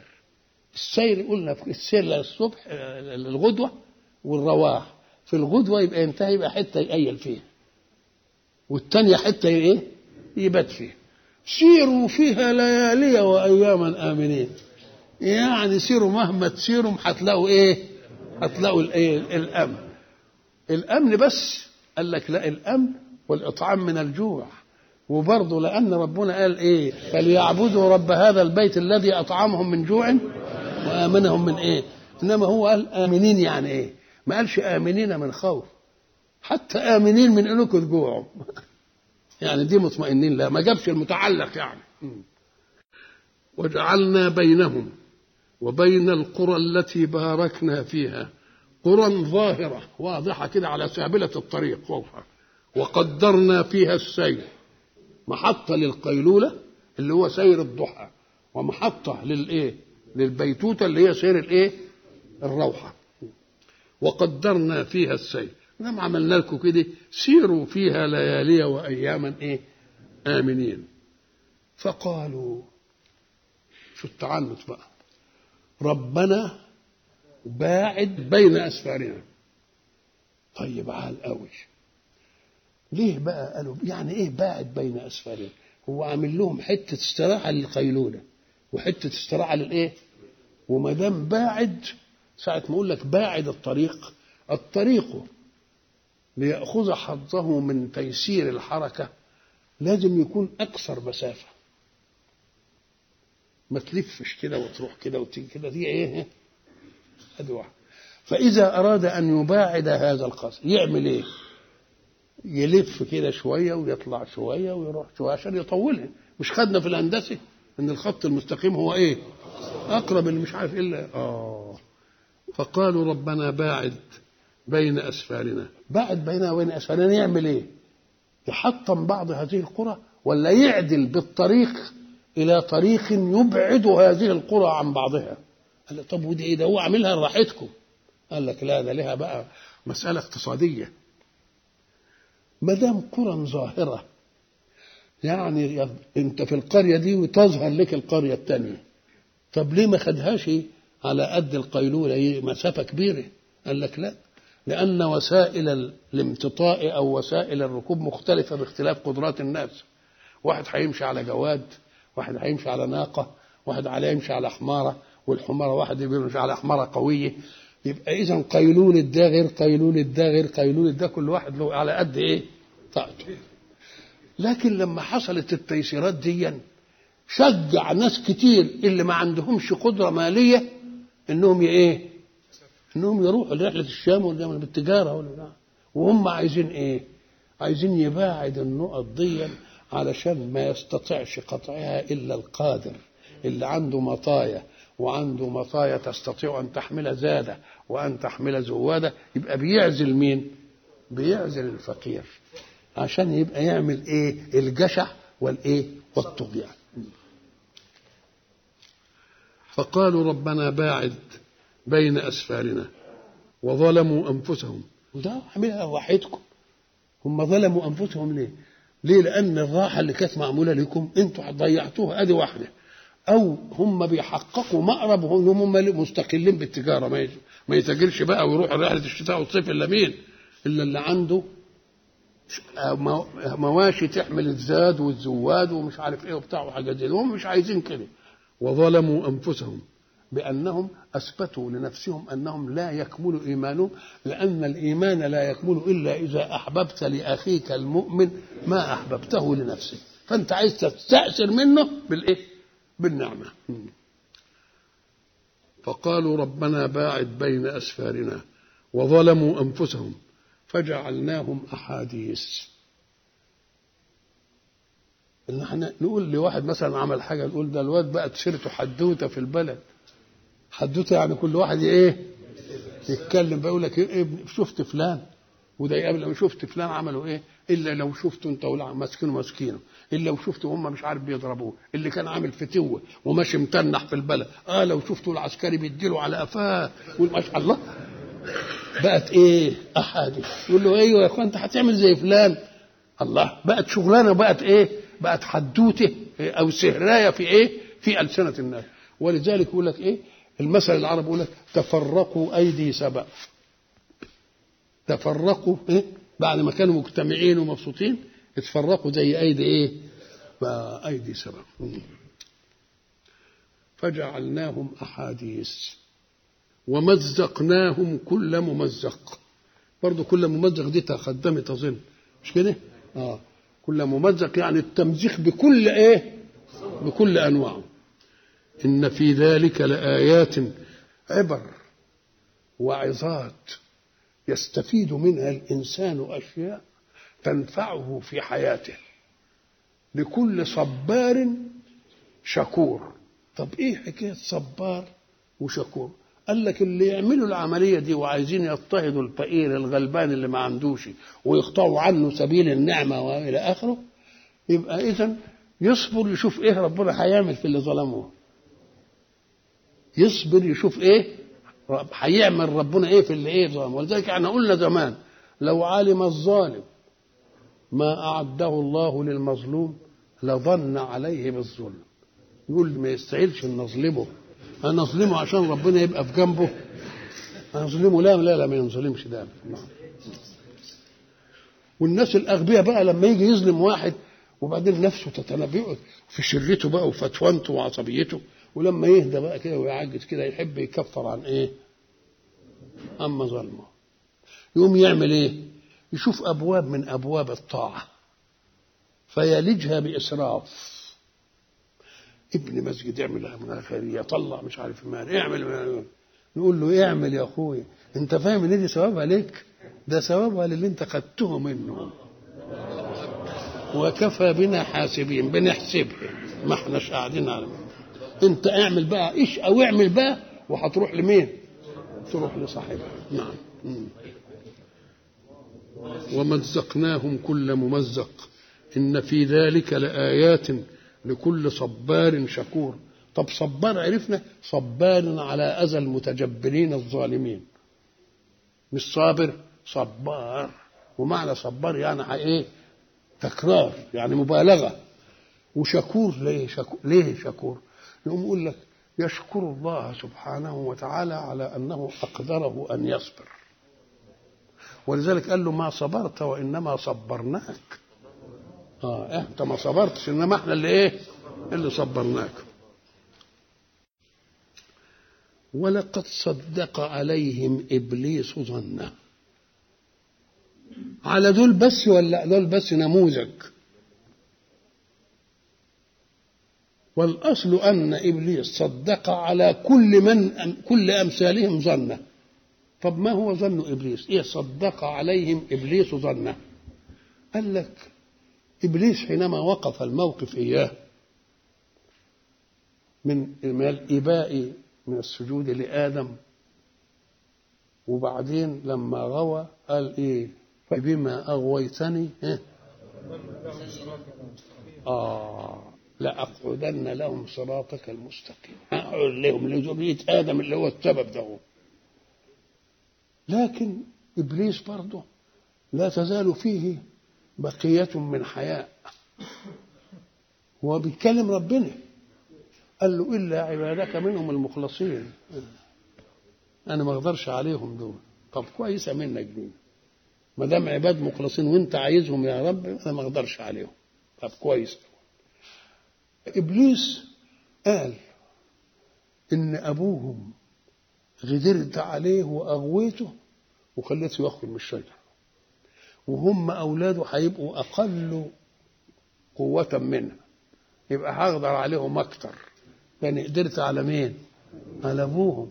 طب وإيه يعني لما قدرت على أبوهم؟ قال لك أبوهم اللي ما كانش على الحجر غيره ولسه كان في حد. وربنا مكلفه مباشرة. ومكلفه تكليف واحد. ما جابلوش شوية تكاليف كتيرة. ده تكليف واحد. كل من كل هذا إلا هذه ما تقربهاش. بس. ومع ذلك قدرت عليه. فيبقوا اولاده اللي هيكلفوا تكليفات متعددة بقى كتيرة وما خطبوش مباشرة. يبقى إذا ظن إبليس إنه يقدر على مين؟ على أولاد ذرية آدم. أقدر يكون أقدر عليهم من قدرتهم على مين؟ على أبيه. وأبوه أغواه يبقى إذا الباقي يقول إيه؟ ظن هذا مش بيعلم غيب. ده عملها قياس. إذا كان آدم وهو المخلوق الأول ومخلوق بيد الله وكرمه وتثبت له الملائكة ولا كلفوش إلا تكليف واحد وتكليف مباشر من الله وبعدين عمل العملية دي يبقى الباقي ولاده البعيدين حي آه يبقى خدها مش مش ولاية يعني مش مش كرامة ده خدها بالإيه؟ ولذلك قال لك ظن. ظن إنه هيقدر عليهم هيضلهم برضه. أم لما حصل الحكاية دي وخدهم بالفعل قال بس ظن دي في محله. ولقد صدق عليهم إبليس ظنه.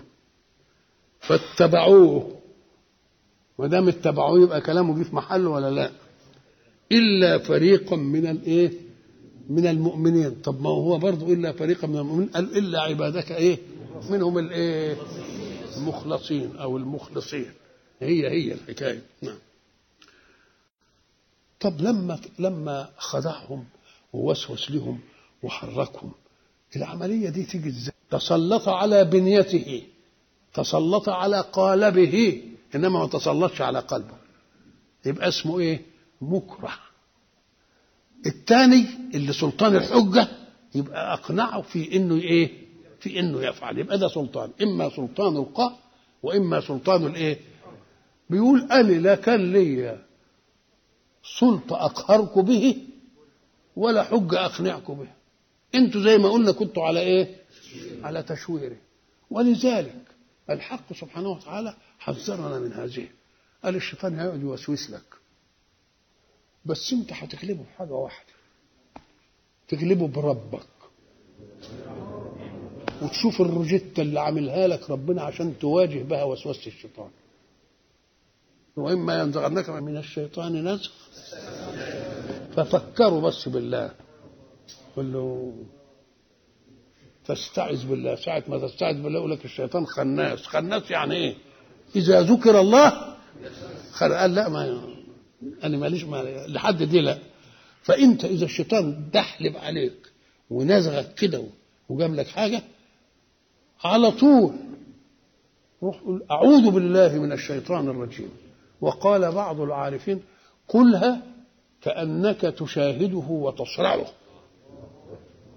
يعني ساعة ما قال لك طيب افرض إنه قال وأنا بقرأ قرآن قال له اقطع قراءة القرآن. وقول أعوذ بالله من الشيطان الرجيم. بأسلوب يغاير أسلوب قراءتك. وبعدين إحنا بقى حاولنا إننا نقرب هذا المعنى إلى أذهان الناشئة. فقلنا ان افرض ان واحد قاعد في البيت بتاعه في البلكونة.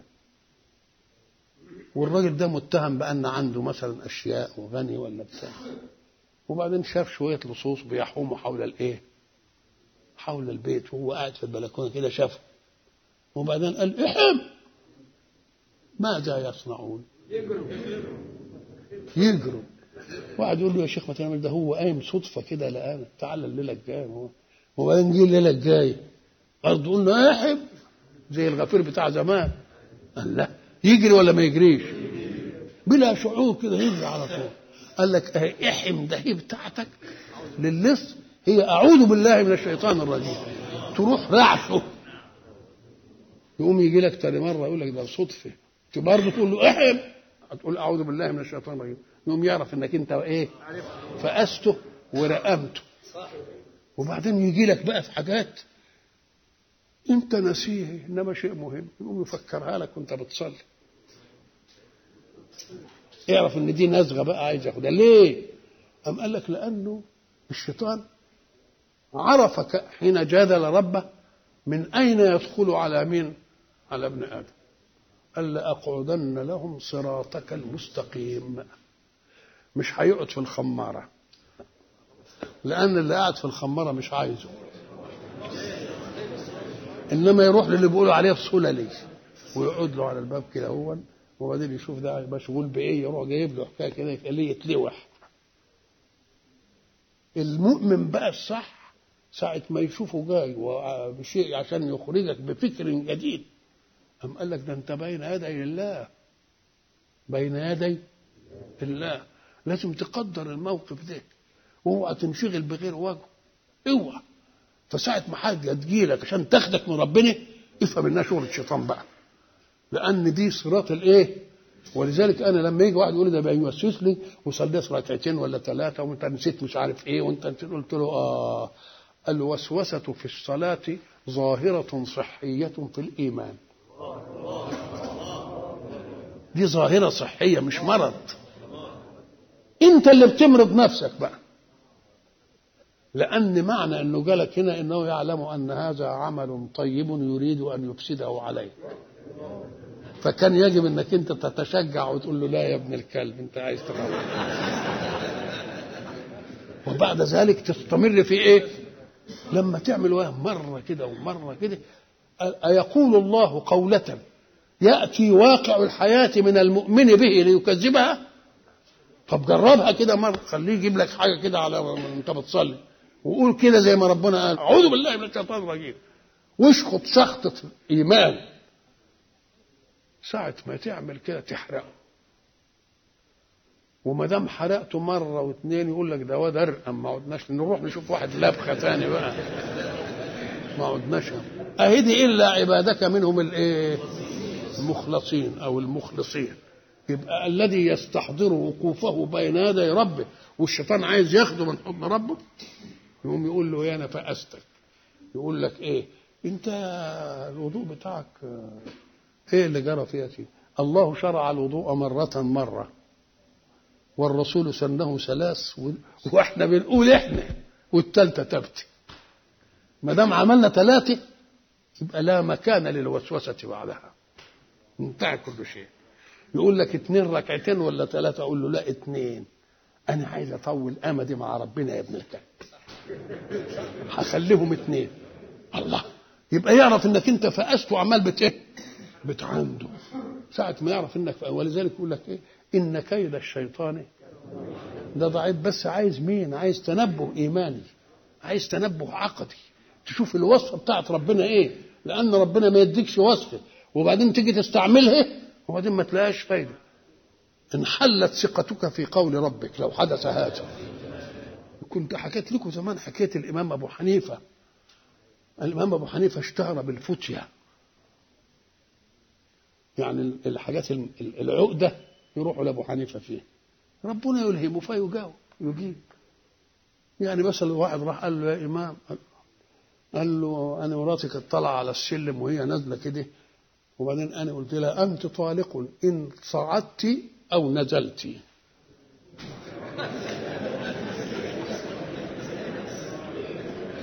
قال له يا هذا اذهب وقل لها ألقي نفسك من على السلم. يعني ده يدل على إيه؟ على على ملكة الفتن. الملكة إيه؟ ملكة قوية. نعم. فالشاهد واحد قاله قال له يا إمام أنا كنت عندي مال وجواهر وبعدين خفت عليها فجيت في الصحراء ودفنتها في التراب. وبعدين جاء سيل كنت معلمها بحجر كده. جاء سيل ضيع الحجر والماء قام ضحك الإمام. قال له يا بني ليس في هذا علم. وأنا أعرف لي إزاي ده؟ اجيبها منين دي؟ ولكني أحتال لك. اذهب بعد ما تصلي العشاء وقوم توضأ وضوء جديد بنية إن ربنا يهديك إلى ضلتك وصلي ركعتين لله. وبعدين تعالى لي بكره شوف إيه اللي حصل. هم في صلاة الفجر التفت الراجل جاي يضحك. قال له ماذا فعل الله بك؟ قال له والله رحت أصلي وبعدين قلت الله يا واد انت أنت كنت أخذت الفلوس وبعدين مشيت عشر خطب تمام. وبعدين أنت قلت بينك وبين الشجرة الباب اللي هناك دي كم خطوه استعليتها ثلاثة طب ما أنا أروح بعد العشرة والثلاثه فراح بين العشرة والثلاثه لقى الإيه؟ فقال له قال له والله لقد علمت أن الشيطان لا يدعك تتم ليلتك مع ربك. وهيجي لك بالحكاية دي عشان يقول لك عليها. فهلا أتممتها؟ شكرا لله. قال أفعل يا إمام. إن شاء الله. وما كان له عليهم من سلطان. أمال إيه؟ ما دام ما فيش سلطان ام قال لك كانوا على تشويره. وما دام كانوا على تشويره يبقى الإمام مش راسخ. يبقى ناسيين حكم من أحكام ربنا. ان أنا قلت لما الشيطان يعمل كده اعملوا له كده قولوا له كده. أنتم طب وإيه؟ قال إيه؟ إلا لنعلم من يؤمن بالآخرة ممن هو منها في شك. الله نعلم. طب ما هو يعلم؟ قال لك لا هو يعلم من أزل بقى. لما حصل منهم ده يعلم. طب ما هو عالم من الأزل؟ قال لك لا. علم وقوع. لأن كان يحتاج. يقول ما أنا عارف إنكم كنتوا هتعملوا. زي ما يجي الولد إيه في الامتحان وبعدين إيه يسقط. يقوم يجي للايه للممتحن يقول له ما أنت اللي بشرتني؟ قلت له مش نافع. قال له يا ابني لكن أنا كنت واقف في الامتحان وحبست إيدك على الحق ومليتك باطل. يقول له لا. طب أنا يبقى معلش ذنب. قال أنت قلت لي هتسقط وتبقى خايب ومش عارف إيه. قال له يا ابني أنا خدتها من المقدمات بتاعتك إنك لا تلتفت إلى درس ولا تسمع ولا بتذاكر ولا أي حاجة. لكن كان من الجائز إن أنت برضه تلعبي بس جه واحد آخر السنة آه، قال لك أنا عرفت أسئلة امتحان خد الأسئلة اهي مش ممكن دي إنما أنا ما أعرفش دي. فتنجح رغم إن أنا قلت لك إنك هتسعد لأن علمي ناقص ولكن علم الله كامل. يبقى علم وقوعا. وعلم الوقوع ألزم للحجة لأنه لما يقول ما هو أنا عارف إنه هيعملوا كده. قال لك لا لو سبتني كنت مش هحصل قال لك لا أنت سبتك وعملت. وربك على كل شيء حفيظ. على الكنوز على الأرزاق على العلم. نزله بخير وإن من شيء إلا عندنا خزائنه. وما ننزله إلا بقدر إيه؟ معلوم. ما دام هو ربنا الحفيظ. يبقى حد يقدر يخل القضية دي ما حدش يقدر إيه يخلها. انتقل إلى قضية عامة.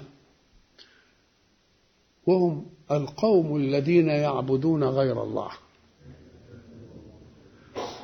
نقول لهم أنتم بتقولوا ما نعبدهم إلا ليقربونا إلى الله زلفى. أنا عايز تفسروا كلمة العبادة. ما هي العبادة؟ بس. العبادة هي إيه؟ نتفق على دي. العبادة أن يطيع العابد معبودا في أوامره ونواهيه. طب أي أمر للصنم وأي نهي له؟ ماذا قال لك الصنم؟ افعل وماذا قال لك الصنم؟ لا تفعل. تبقى أنت بتقول نعبده يبقى كذاب لأن العبادة عايزة أمر وعايزة إيه؟ فماذا قال لك الصنم أو اللي أنت بتدعوهم إنهم آلهة؟ ماذا قالوا؟ الذي عبد الشمس. ماذا قالت له الشمس ليعبدها؟ يبقى كذاب في كلمة نعبد. ما نعبدهم إلا ليقربونا إلى الله. طب وليه اللفة دي؟ ما تعبد ربنا وتنتهي وتسيب دي في مهمته وتنتهي. إيش الحكاية دي؟ طب هب أن الشمس المخلوقة لله مسخرة مسبحة مش عارف ليه وإلى آخره. بالله ترضى عنك حين تعبدها وتصرفها عن ربها. ترضى عنك؟ مش ممكن ترضى. يبقى كلمة العبادة غلط. بتدعوهم آلهة إزاي؟ إله بلا منهج يجي إزاي؟ طب اللي طب اللي ما يعبدش الشمس ماذا أعدت الشمس له؟ قولوا لي كده. طب والذي عبدها ماذا أعدت له؟ يبقى إله بلا منهج. وإله لا عمل له في من يعبده ولا عمل له في من لا يعبده. يبقى هراء ولا مش هراء؟ ولذلك قال قال لك اللي أنتوا بتعبدوهم دول أعبدوا لله منكم. اللي أنتوا بتعبدوهم أعبدوا لله إيه؟ أعبدوا لله منكم. ولذلك الأحجار هتنطق تقول عبدونا ونحن أعبد لله من القائمين في الأسحار. ده إحنا عمالين نسبح بحمد الله وعمالين. والجبال تؤوب ومش عارف إيه بالتسبيح عبدونا ونحن أعبد لله من القائمين في الأسحار. اتخذوا صمتنا علينا دليلا. ما قدرناش نقول لهم أنتوا كذابين. فغدونا لهم وقود النار. إحنا اللي بقينا وقود النار لكم قد تجنوا جهلا. كما قد تجنوه على ابن مريم والحواري. وقالوا ابن الله وما قالوش ابن الله. شوف القضية للمغالي جزاؤه والمغالى فيه تنجيه رحمة الغفار.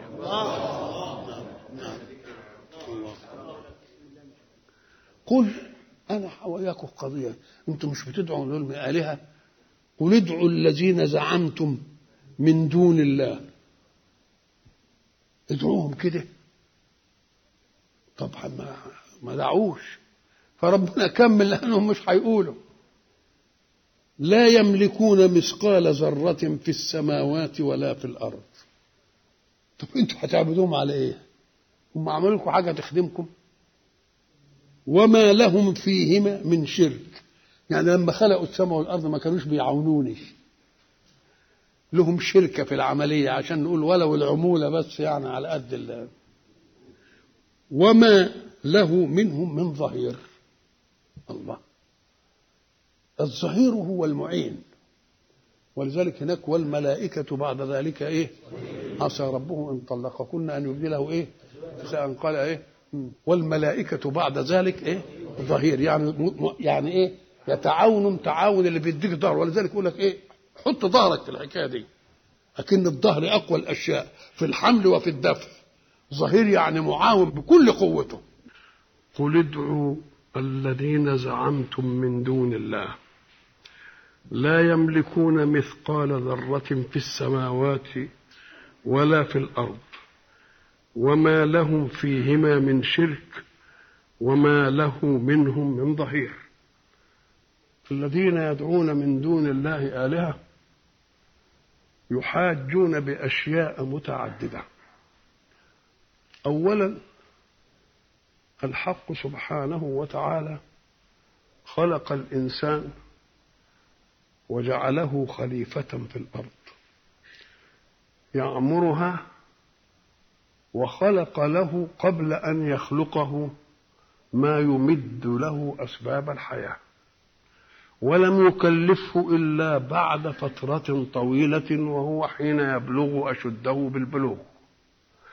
فكأن الله قبل أن يخلقه خلق له ثم تركه بلا تكليف إلى أن ينضج ومعنى النضج أن كل جوارحه أصبحت قادرا على المهمة التي يقوم بها فجهازه العصبي وافي ونموه وافي ولذلك عادة بعد البلوغ ما يحصلش تكوين جديد. وقمة ذلك أن يكون البلوغ دليلا على أن ينجب مثله. ينجب مثله يعني يبقى فيه خاصية أنه إذا التقى بأنثى يجيب النوع. وقلنا زمان إن الثمرة لا تنضج ويحلو طعمها في مذاق الإنسان إلا إذا سوت البذرة التي إذا أخذت منها وزرعت أنتجت مثلها. ومن لطف الله أنه لم يجعل للثمرة لذة إلا بعد أن توجد هذه البذرة. وإلا كنا كلناها وينقطع النوع مرة واحدة. ولذلك لما تيجي تكسر بطيخة قلنا تقوم تلاقي لبها أبيض تلاقيها مش حلو نص لبها أبيض ما تبقاش حلو إمتى تبقى حلوة بقى؟ إذا اللب بتاعها إيه؟ اسود أو أو إحمر إن كان لب أحمر. معناها أنه أصبح قادر. إنك أنت إن أخذته وزرعته يجيب غيره علشان غيرك يأكل. ويشاء الله أن يجعل للتكاثر النسلي في الإنسان تكاثرا نسليا في الخيرات. فكما أن الحبات اللب الواحده تنتج شجرة فيها كذا بطيخة شوف بقى أكتر من اللي هي لما تعمل نسبتها تقوم تجد النسبة بتاعتها أكتر من التكاثر الإنساني. يبقى ربنا عامل احتياطات واسعة قوي قوي قوي عشان يمكن برضه نقزقز شوية لب ما نزرعهمش مثلا. الله. يعني عامل احتياطات إيه؟ واسعة. كذلك الإنسان لا يكلفه الله إلا بعد أن يبلغ رشده. ويبلغ رشده إمتى؟ إذا كان قادر على إنجاب مثله اذا الحق سبحانه وتعالى حينما خلق فيه قلنا زمان إن فيه ميثاق الذر. ميثاق الذر ده أخذه الله من ظهر آدم.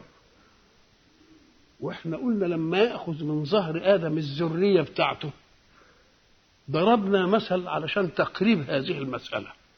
وقلنا لو أنك أخذت سنتيمتر مكعب من المادة حمراء وحطيته في قارورة لتر ورجيت القاروره. السنتيمتر يعمل إيه؟ يذوب في القاروره. يبقى كل قطرة مية فيها من الإيه؟ من ال من ال من السنتيمتر ده. هذا انك خدت القاروره وحطيتها ببرميل. وبعدين رجيت البرميل.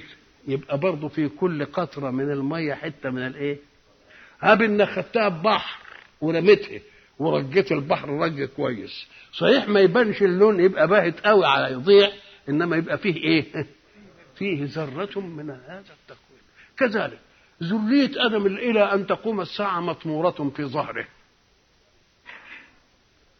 فلما ربنا ياخد من من ظهر آدم الذرية يشهدهم على أنفسهم. قبل أن تتأتى لهم شهوات النفس المعارضة لمنهج الله. ألست بربكم؟ قالوا بلى. قال لهم أنا خدت عليكم العادة هو أنتوا لسه أن تقولوا يوم القيامة إنا كنا عن هذا غافلين. أو تقولوا إنما أشرك آباؤنا من قبل وكنا ذرية من بعدهم. الله يبقى خد عليهم الإيه؟ العهد. العهد ده فطري. معنى فطري إنه في النفس الإنسانية. والأديان إنما جاءت لتنفض عن الفطرة غبار. غبار الشهوات وغبار الغفلة. يبقى الرسل جايين يعملوا إيه؟ ولذلك يقول أنت مذكر مش مؤسس. مذكر بإيه؟ بالعهد الإيه القديم. مذكر بالعهد القديم. قال لك إيه؟ تبقى هي فطره ولذلك الإنسان منا لما يجي مثلا تحصل له أحداث ويلاقي نفسه مش قادر عليها ولاش لاقي حد ينقذه منها الفطرة تقول له ده انت ليك حد قوة خفية تنجدك في الوقت ده. يوم لما ما يلاقيش حد يقول ياهو مش بيقول كده؟ طب يهودي يعني إيه؟ أهي هو يا هو يعني يا هو ما فيش إلا أنت. الله وساعة ما يقول يا هو ده هو دي بيقولوا عليها النحويين ضمير غيبة. أم قال لك هو ضمير غيبة؟ إنما أشد إعلاما من الاسم الظاهر. ليه؟ كأنك إن قلت يا هو لا تنصرف إلا لغائب عن عينك واحد وهو الله. ولذلك قلت في قل قل الله ولا قل هو؟ هو يعني من أكن ما يجيش على البال إلا مين وخصوصا في الشدة. ولذلك في الشدة ما الإنسان يقول يا رب. في الشدة ما يجيش ضل من تدعون إلا إياه. ولذلك لا يكذب الإنسان نفسه. يبقى إذن الإيمان فطري في النفس الإنسانية. وإذا عزت الأسباب يبقى ما فيش إلا هو. يا هو يعني يا هو. انقذني. ما فيش حد. لا أنا غادر ولا اللي حواليا ولا فيش حد حواليا. على الأول. تبقى ما دام الإيمان فطري بالشكل ده إيه اللي بيطمسه في النفس الإنسانية؟ تحرك شهوات النفس اللي عايزة تخالف المنهج وشهوات النفس حين يكبتها الله بالمنهج ما يبقاش بيتعدى على الغرائز وإلا طب ما دام عايز يعمل يعمل تكليف يحدد الغرائز بيخلقها ليه؟ تقول له لا الغرائز لها لها أمور هو عايزها ليه؟ لأنه مثلا الغريزة الجنسية معمولة عشان بقاء النوع إنما لا يريدها شراسة في أعراض الناس الغضب غريزة. طب ما كان ربنا ما يعملش الغضب ده بيعمله وبعدين يقول لك ما تغضبش ومش عارف إيه وابقى حليم وبتاع. ليه؟ قال لك لأن الغضب ده هيبقى له مهمة في وقت من الأوقات. ساعة ما يقول ربنا ولا يجرمنكم شنآن قوم على ألا تعدلوا. ربنا ما حرمش الغضب. إنما قال لك لما تغضب من واحد يغضب لأن دي غريزة. والغريزة دي من استغضب ولم يغضب فهو حمار. خلاص؟ بس ما تستعملهاش بقى في إن اللي تغضب عليه تظلمه. لا يجرمنكم غضبكم على قوم أن إيه؟ إن كنتم تظلموهم. اغضب على من شئت. ولذلك هو سيدنا عمر مش وضع المبدأ؟ لما جه قاتل زيد بن الخطاب قاتل أخوه في المعركة. قاموا قالوا له قاتل زيد أخوك ماشي أهو. قال وماذا أفعل به وقد هداه الله للإسلام؟ أكن الإسلام عمل إيه؟ بر الدم الطار. إزاي؟ قال لك إذا كان الله من كفر به وآمن خلاص اتمسحت المسألة. الايمان يجب ما قبلها يبقى أنا ما يجبش الغضب الإسلام عندي ما يجبش الغضب لا يجبه يجبه الله.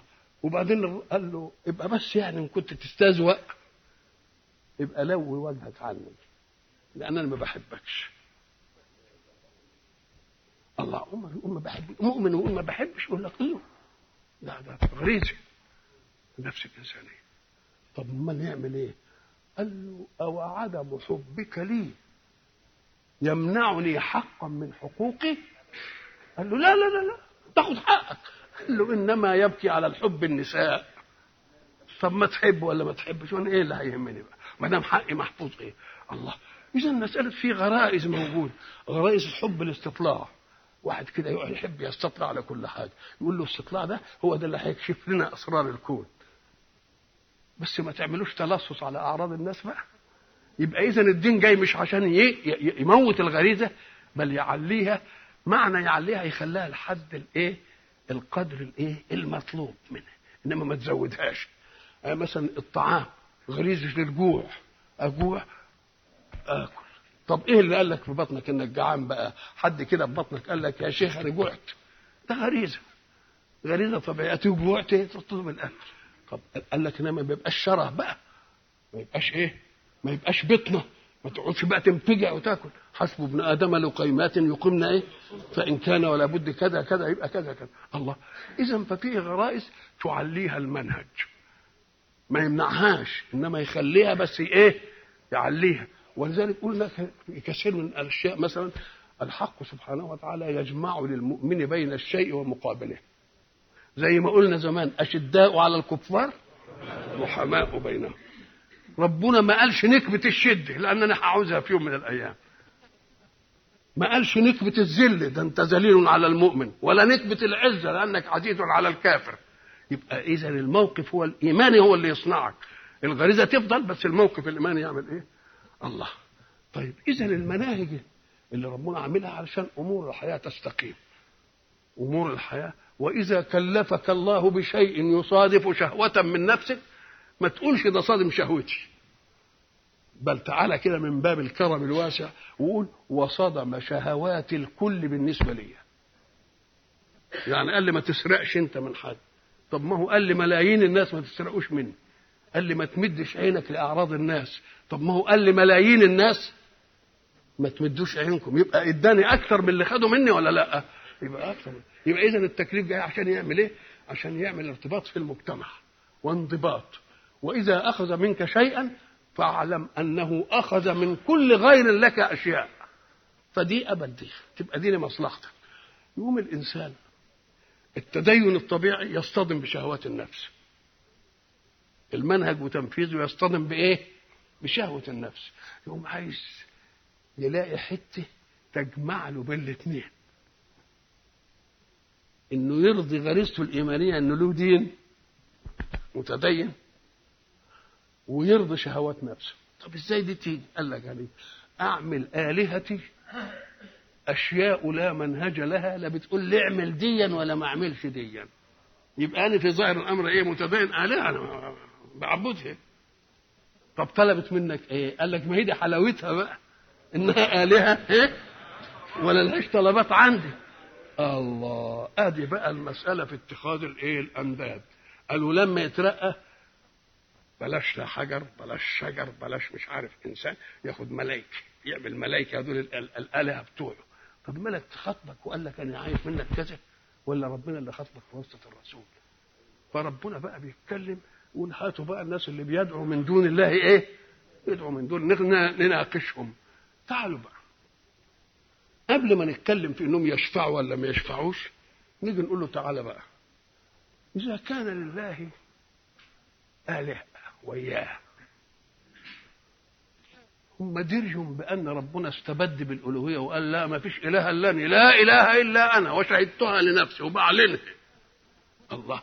طب الاله اللي وياه ده وأن كان في آلهة درجهم ولا ما دريوش اما كانوا ما دريوش يبقوا آلهة نايمة على ودنها ما ينفعوش اله طب ودريهم سكتوه ليه ياخد الحكاية منهم ويستبد بالحكاية الألوهية دي ويسيبهم إيه؟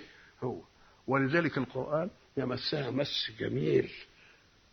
قل ردا عليه.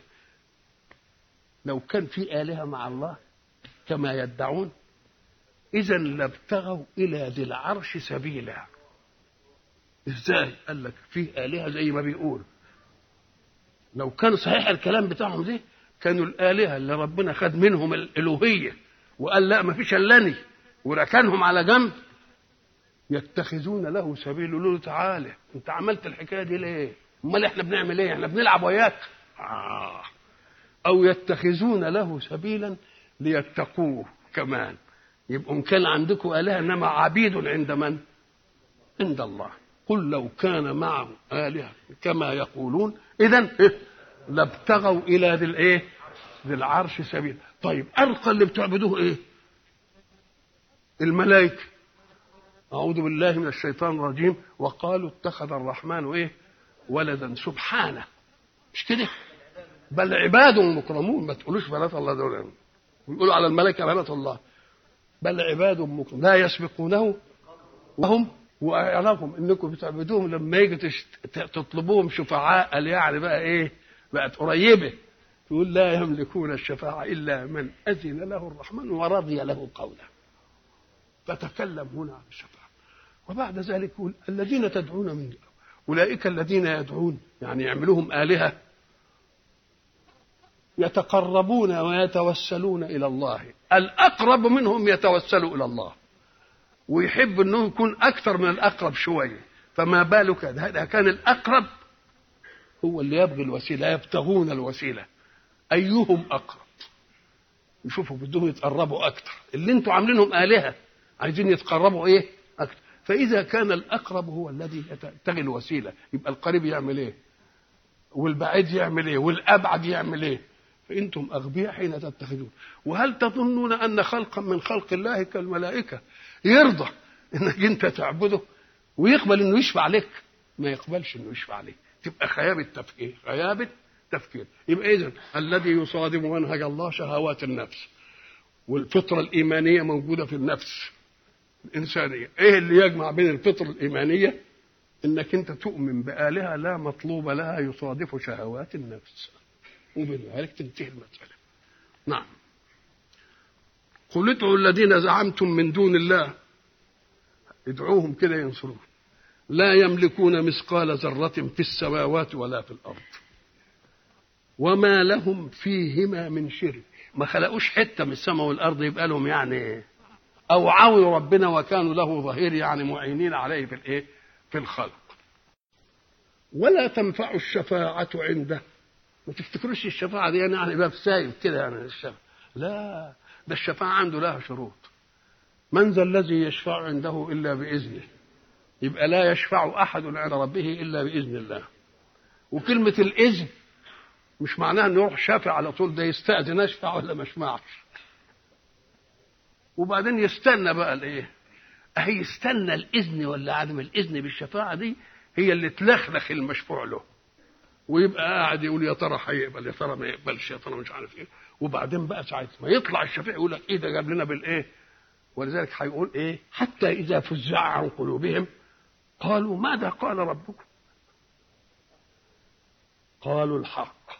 الحق لا نشفع إلا لمن ارتضى. تبقى انتهت المسألة. ما تفتكروش الشفاعة دي يعني كده إنها إيه؟ إنها سهلة. ولا تنفع الشفاعة عنده. طب إيه كلمة تقبل ولا ولا ولا تنفع؟ قال لك يبقى شافع يبقى بيشفع عشان تنفع الشفاعة. تنفع ليه؟ الشفاعة. لكن لما يجي يشفع يقول له لا أنا لم أرتضي للمشفوع له أن تشفع. يبقى النفع هو اللي انتفع. النفع هو ولذلك يجب أن نفهم فيه فرق بين أن توجد الشفاعة وبين أن تنفع الشفاعة. في آيتين في سورة البقرة. أعوذ بالله من الشيطان الرجيم. واتقوا يوما. لا تجزي نفس عن نفس شيئا. طب لا تجزي نفس عن نفس. النفس الأولى اللي هي هي اللي هتشفع والنفس الثانية المشفوع له. خلاص. يبقى لا تجزي نفس شافعة عن نفس مشفوع لها. خلاص. شوف بقى تسجيل الآية. لما يكون واحد عنده ذنوب وعايز حد يشفع له. قال يذهبوا إلى الشافع قبل ما يصفي مسألته كده ويقول له ما تاخد عدل ولا تاخد حاجة وتسيبني. يقوم ما يرضاش. يقوم يجيب بقى شفيع. انت تجيب شفيع في الدنيا إلا الحاجة انت ما قدرتش تنهيها. طب إن كانت حاجة تقدر تنهيها ولو بريشوه تجيب شفيع؟ اذا أنت ما بتجيبش شفاعه إلا إمتى؟ بعد ما تيأس ولذلك بيقول إيه؟ مرة يقول إيه؟ ولا يقبل منها شفاعة ولا يؤخذ منها عدل. انهيه بقى ديا اللي لا يقبل منها شفاعة ولا يؤخذ منها عدل. النفس الشافعة أم النفس المشفوع لها؟ نشوف كده. لو كانت النفس المشفوع لها كان يقول ولا تنفعها. يبقى إذا دي النفس الشافعة. النفس واللي رايح يشفع في حاجة يقول له والله أنا جاي لك شفيع عشان المسألة بتاعت فلان دي تنهيها. الأول تقول له لا مش ممكن يقول له طب إن كان عليه حاجة أنا يبقى يعرض الشفاعة فإن لم تقبل يؤخذ العدل. فقال واتقوا يوما لا تجزي نفس عن نفس شيئا ولا يقبل منها شفاعة ولا يؤخذ منها عدل تبقى دي النفس هي بقى. إيه الشافعة. مش كده؟ طب هات هات النفس بقى الثانية المشفوع له. واتقوا يوما لا تجزي نفس عن نفس شيئا. الأول ما يؤخذش من عدل يقول له ما تشوف أنا أنا محولك في قد إيه وادفعه لك. ما يرضاش. يقوم يجيب واحد يشفع له بقى. آه يبقى اذا ولذلك المستشرقين لما يجوا عند الآيات دي مثلا يقول لك يا إخوان القرآن مره يؤخذ ومره يقبل وده نقول له أصلك أنت جهلت صدر الآية. ولذلك ده اللي خلاك تخرف ليه؟ قال لك لأن صدر الآية واتقوا يوما لا تجزي نفس عن نفس يبقى فيه كام نفس؟ اثنين وبعدين إيه؟ لا تجزي نفس عن نفس شيئا فيه شيء فيه شافع وفيه مشفوع له الشافع له موقف مع الله والمشفوع له له موقف قبل ذلك لأنه لم يأتي باستشفاع إلا لأنه ما قدرش إيه يسدد. يبقى اذا الضمير مرة يعود على الشافع للنفس الأولى ومرة يعود على الإيه؟ على المشفوع له يبقى الشفاعة مش هي كده المسألة كده. ده, ده ده نفس أخذ الإذن بالشفاعة وانتظار القبول من الله بأن يشفع. دي تعمل يعني لبكه فكرية عند المشفوع له. استنى بقى يشوف هيعملوا إيه. وبعدين بقى يفزعوا عنه بانهم يشوف الشافع يجي يقول له بقى الإيه الحكاية. بس ساعة ما يقول له قبلت يبقى يستبشر. ومن قبلش يبقى ينكر ولا تنفع الشفاعة عنده إلا لمن أذن له حتى إذا فزع عن قلوبهم قبل ما يقول الإذن يقولوا يا ترى هيحصل إيه؟ يا ترى هيقبل مش كده اللي بيحصل؟ أنت خدت واحد لرئيس العمل علشان يشفع لك عنده وهو جوه بقى بيآخذ الرد ومش عارف إيه يبقى قاعد أنت إيه؟ قعدتك شكلها إيه؟ الهم كله يا ترى هيقبل يا ترى هيقبلش وبعدين بقى يشوفوا طالع كده وبعدين يشوفوا من أساريره ومش عارف إيه اسمه فزع عن قلوبهم يعني انتهى الفزع انتهى الإيه؟ وبعدين يقول له ماذا قال ربكم يقول قال لك إيه؟ آه قال الحق. الحق إيه؟ إنه لا يشفع إلا لمن مين؟ إلا لمن ارتضى. اتضحت المسألة بقى. ولا تنفع الشفاعة عنده. اسمها شفاعة ليه شفاعة؟ أم قال لك لأن الشفع ضد الوتر وصاحب الحاجات واحد.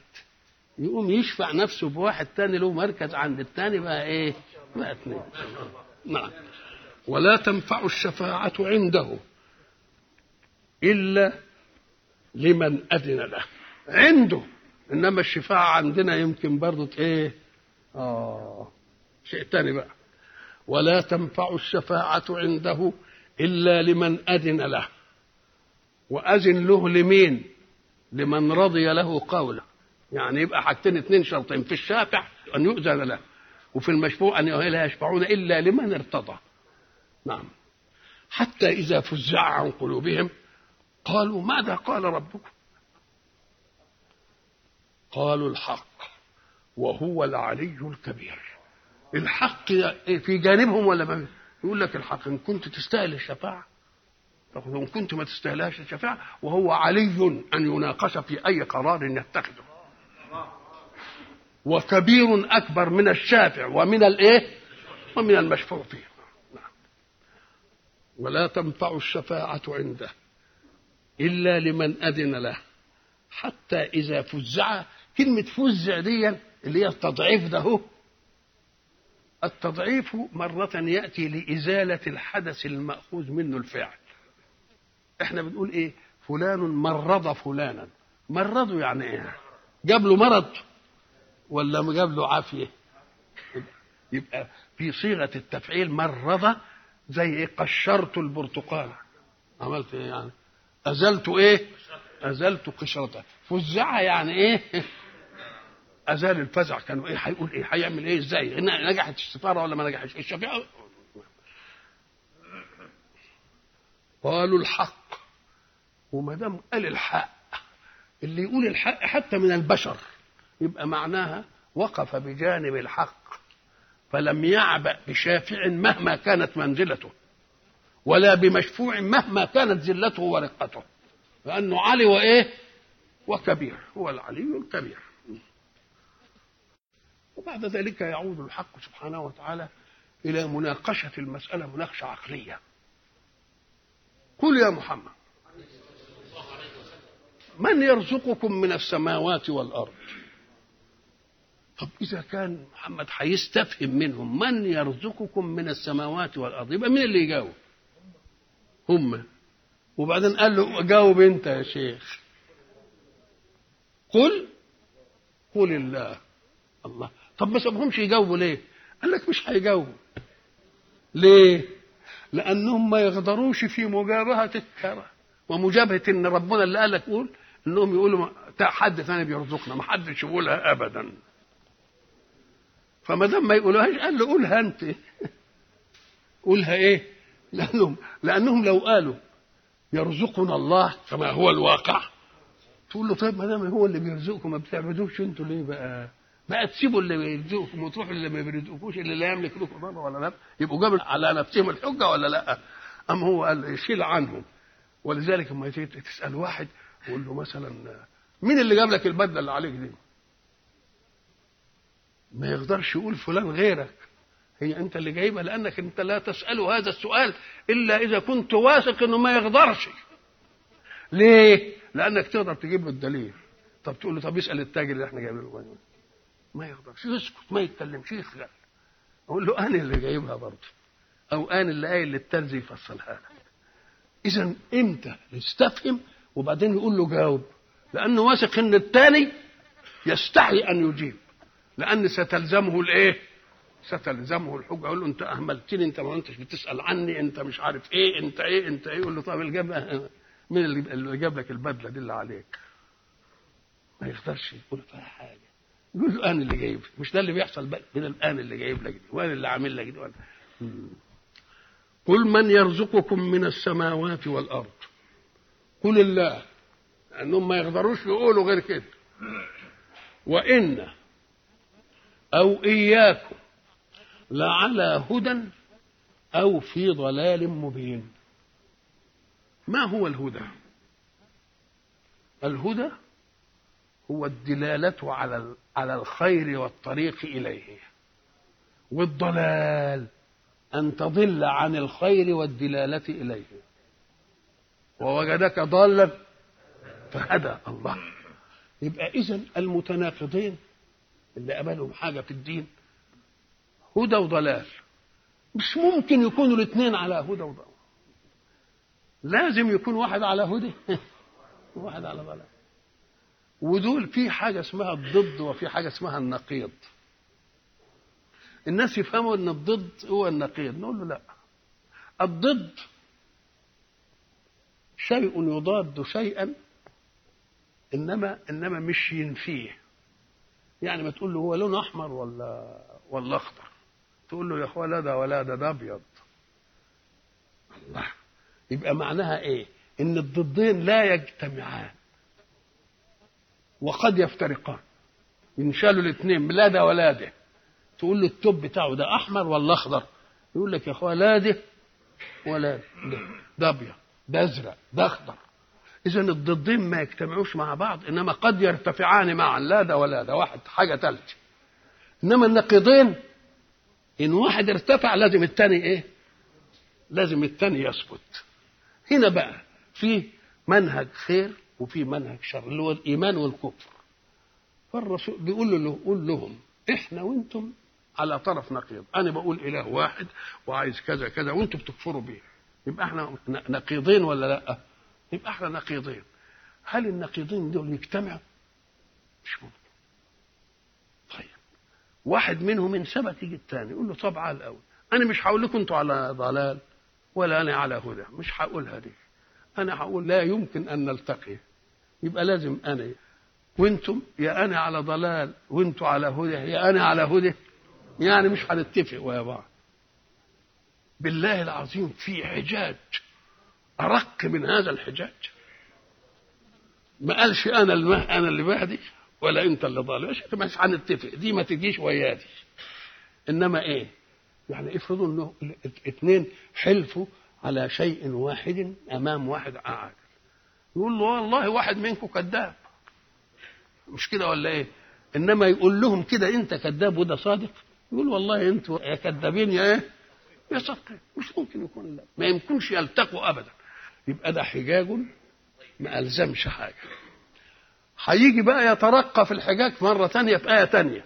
بس نبحث بقى في الآية. وإن أو إياكم لعلى هدى أو في ضلال مبين. يعني إحنا مهديين وأنتم ضالين ولا إحنا والعياذ بالله ضالين وأنتم مهديين. ما يمكنش إذا الموضوع لا يلتقي. كلمة بقى لعلى هدى. على على. وفي ضلال. شوف دي بعلى ودي بإيه؟ ودي بفيه العلا دي تفيد الاستعلاء. كأن الهدى لا يستعلي عليك وإنما أنت اللي بتستعلي عليه عشان يوصلك للخير المطلوب. أنت أكنك راكب الهدى مش الهدى جاي عشان يركبك لا. أنت اللي راكب الهدى عشان يوصلك إلى إيه؟ إلى الخير وإلى الطريق المستقيم. ساعة ما تشوف على دي اعرف إن فيه عالي وفيه دون. ولذلك وإن ربك لذو مغفرة إيه؟ للناس على ظلمهم. الله. المغفرة علت على الظلم. قال لك آه. لأن الظلم يقتضي أن تعاقب. ولكن مغفرة الله علت على هذا الظلم. يا سلام. ادي معنى علم يجي المفسرين يقول لك وإن ربك لذو مغفرة للناس على ظلمهم أي مع ظلمهم. قلت قول المعية ما تنفعش ويا بعض لأن المعية يبقى سواء. طب إيه اللي يخلي المغفرة تغلب بقى؟ إلا إذا كانت المغفرة على الظلم. هات آية ثانية مثلا. الحمد لله الذي وهب لي على الكبر إسماعيل وإسحاق. على الكبر. الله. أكن الكبر كان يمنع أنك تخلف. لكن الله خالف هذه القاعدة وخلاك تخلف مع الكبر. يبقى إذا على أمر الله وقدره في كن على مين؟ على الكبر. مع أن الكبر ده كما قلنا سابقا يبقى أقوى أقوى أحداث الإنسان الكبر. لذلك جينا في قلنا زمان وإحنا بنقول في مسألة سيدنا زكريا وقد بلغت من الكبر إيه؟ عتية قلنا عتية دي مأخوذة من العتو. والعتو دي الجبروت والقوة. الله والكبر ضعف.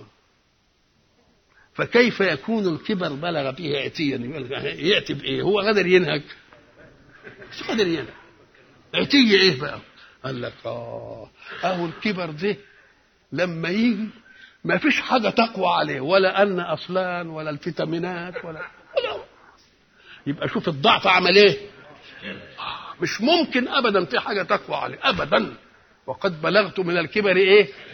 يقول له عتيا دي يعني معناها جبروت وقوة ومش عارف إيه وإزاي الكبر والكبر ضعف يقول لك أهو الضعف ده هو ما فيش حاجة تقدر عليه أبدا. ولذلك إذا تعددت الداءات في جسد فإن مرجع هذا كله الكبر. ودني بتتعبني وركباية مش عارف إيه قلب قلب آه.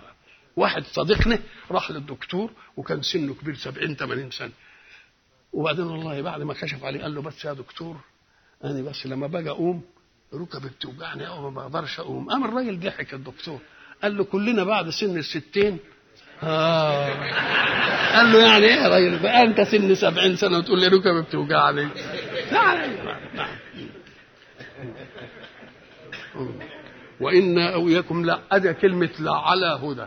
يبقى الهدى ما تفهموش إن مقيد وجاي يسيطر عليك وبيقوى عليك يقول لك لا ما تعملش دي. ده الهدى جاي لك عشان يبقى مطيتك إلى الخير ومطيتك إلى الجنة ومطيتك إلى النعيم. يبقى على طب والضلال بقى؟ اهي الضلال بقى اللي بيتخبط فيه يبقى في الضلال. مش عارف لا يروح على هنا ولا هنا مقفول عليه. ختم الله على إيه؟ على قلوبهم. نعم. ارتقاء في الحجاج الديني. وإنا أو إياكم لعلى هدى أو في ضلال مبين. ارتقاء. ما حكمش بأن هو الإيه؟ المهدي ولا أنتوا الضالين. قال يا واحد منا كده. يا أنتوا اللي كده يا إحنا اللي كده. وشوف أنت بقى بمركز نظرك إيه. قل لا تسألون عما أجرمنا. بقى النبي يقول للكفار لا تسألون عما أجرمنا بقى يقول كده. طب كان هات بقى المقابل بقى لو كان عادل زي وإنا أو إياكم كان يقول إيه؟ لا تسألون عما أجرمنا ولا نسأل عما أجرمتم. مش يبقى الكلام كده؟ برضه ما قالهاش. لا تسألون عما أجرمنا نسب الإجرام عنده. هو ولا نسأل عما تعملون. شوف الأدب العالي. دي؟ يبقى معناها إيه؟ معناها إنه بده يستل الضغن من قلوب الكافرين عشان ربنا يفرح بتوبتهم إليه. فما حبش يعني يقول أجرمتم وأجرم. ودقيقة أخرى وهو أن في قوله لا تسألون عما أجرمنا. جاء الفعل ماضي. يعني كأن الإجرام حدث بالفعل. إنما ولا نسأل عما عملتم. ما قالهاش برضه. تعملون لسه بعدين. الله. شوف كم تلطف. يبقى شوف الآية وإنا أو إياكم لعلى هدى أو في ضلال مبين. لا تسألون عما أجرمنا ولا نسأل عما إيه؟ عما تعملون. ارتقاء. وده إيه؟ ودي أسلوب القوي في الأمر. قوة لا تنزله عنها رقة أساليبه. لأنه قوي في الأمر. ولذلك يقول يا شيخ سلمنا جدل لك طب والحكاية؟ سلمت دي ليه؟ طب يا شيخ مش عارف. الله. يبقى معناها إيه؟ إن قوة الجدل عنده مقتنعة بإن ده الإيه؟ بإن ده هو الإيه؟ الحق. ولذلك ربنا يطرح المسائل أسئلة. يسأل. ليه؟ قال لك عشان يكون الجواب منه هو. عشان يكون الإيه؟ الجواب منه هو. ولما ما يجيبش الجواب يقول لك استحى أن يقول ولو كان حقا لقاله. يبقى يدينا قوة ولا ما يديناش قوة؟ يدينا القوة.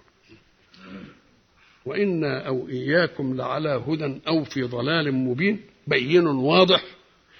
قل لا تسألون عما أجرمنا ولا نسأل عما تعملون. طب قالوا إزاي بس يعني؟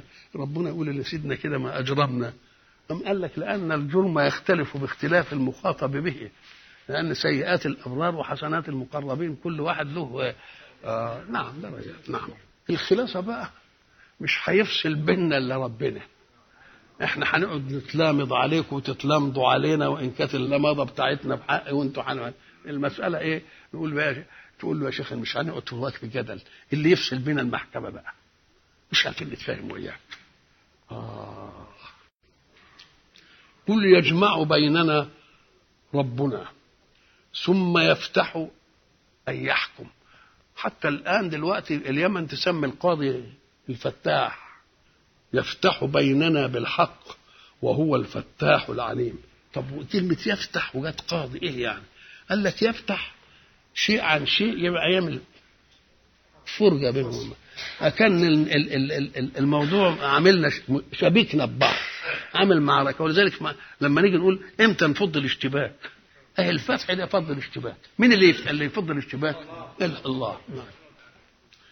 قل يجمع بيننا ربنا. ثم لما تيجي انت تقول تتسع لنا المحكمة. ما انتش قادر أقنعك. يبقى أنت واثق أن الأمر لو عرض على المحكمة هيكون في صالحك. وإلا لو ما كانش في صالحك ما تجيبهاش ما تقولهاش. قل يجمع بيننا ربنا. ثم يفتح بيننا بالحق وهو الفتاح العليم.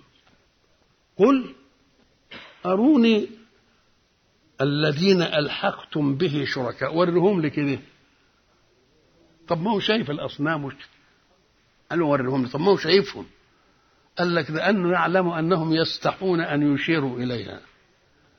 لأن حجر وقع الهوا وقعه امبارح وبعدين جابوا جماعة عشان يعملوا له مسامير ويربطوه بالسلاسل. الإله وقع على وشه. لا إله إلا قل أروني الذين ألحقتم به شركاء. الإلحاق وأن تأتي بشيء جديد تلحقه بشيء ثابت. فكأن ألوهية الله ثابتة والعملية بتاعتكم دي حاجة جديدة بقى. مش أصيلة. وإحنا قلنا الأصالة في الإيمان الفطرة. ودي حاجات جت إيه؟ جاءت طارئة أروني طب ما أنت ما هو شايفهم؟ أم قال لك لأنه يعلم أنه يستحون أن يشيروا إليها. يعني دي كلام ما ينقالش. كلام يبقى ما ينقالش. مين هو اللي قاله الأول؟ وبعدين قال له ده اسمه الحجاج لكن الواقع إن دي ما يصحش كانت تيجي خالص. قل أروني الذي ألحقتم به شركاء. كلا. بل هو الله العزيز الحكيم أي وحده.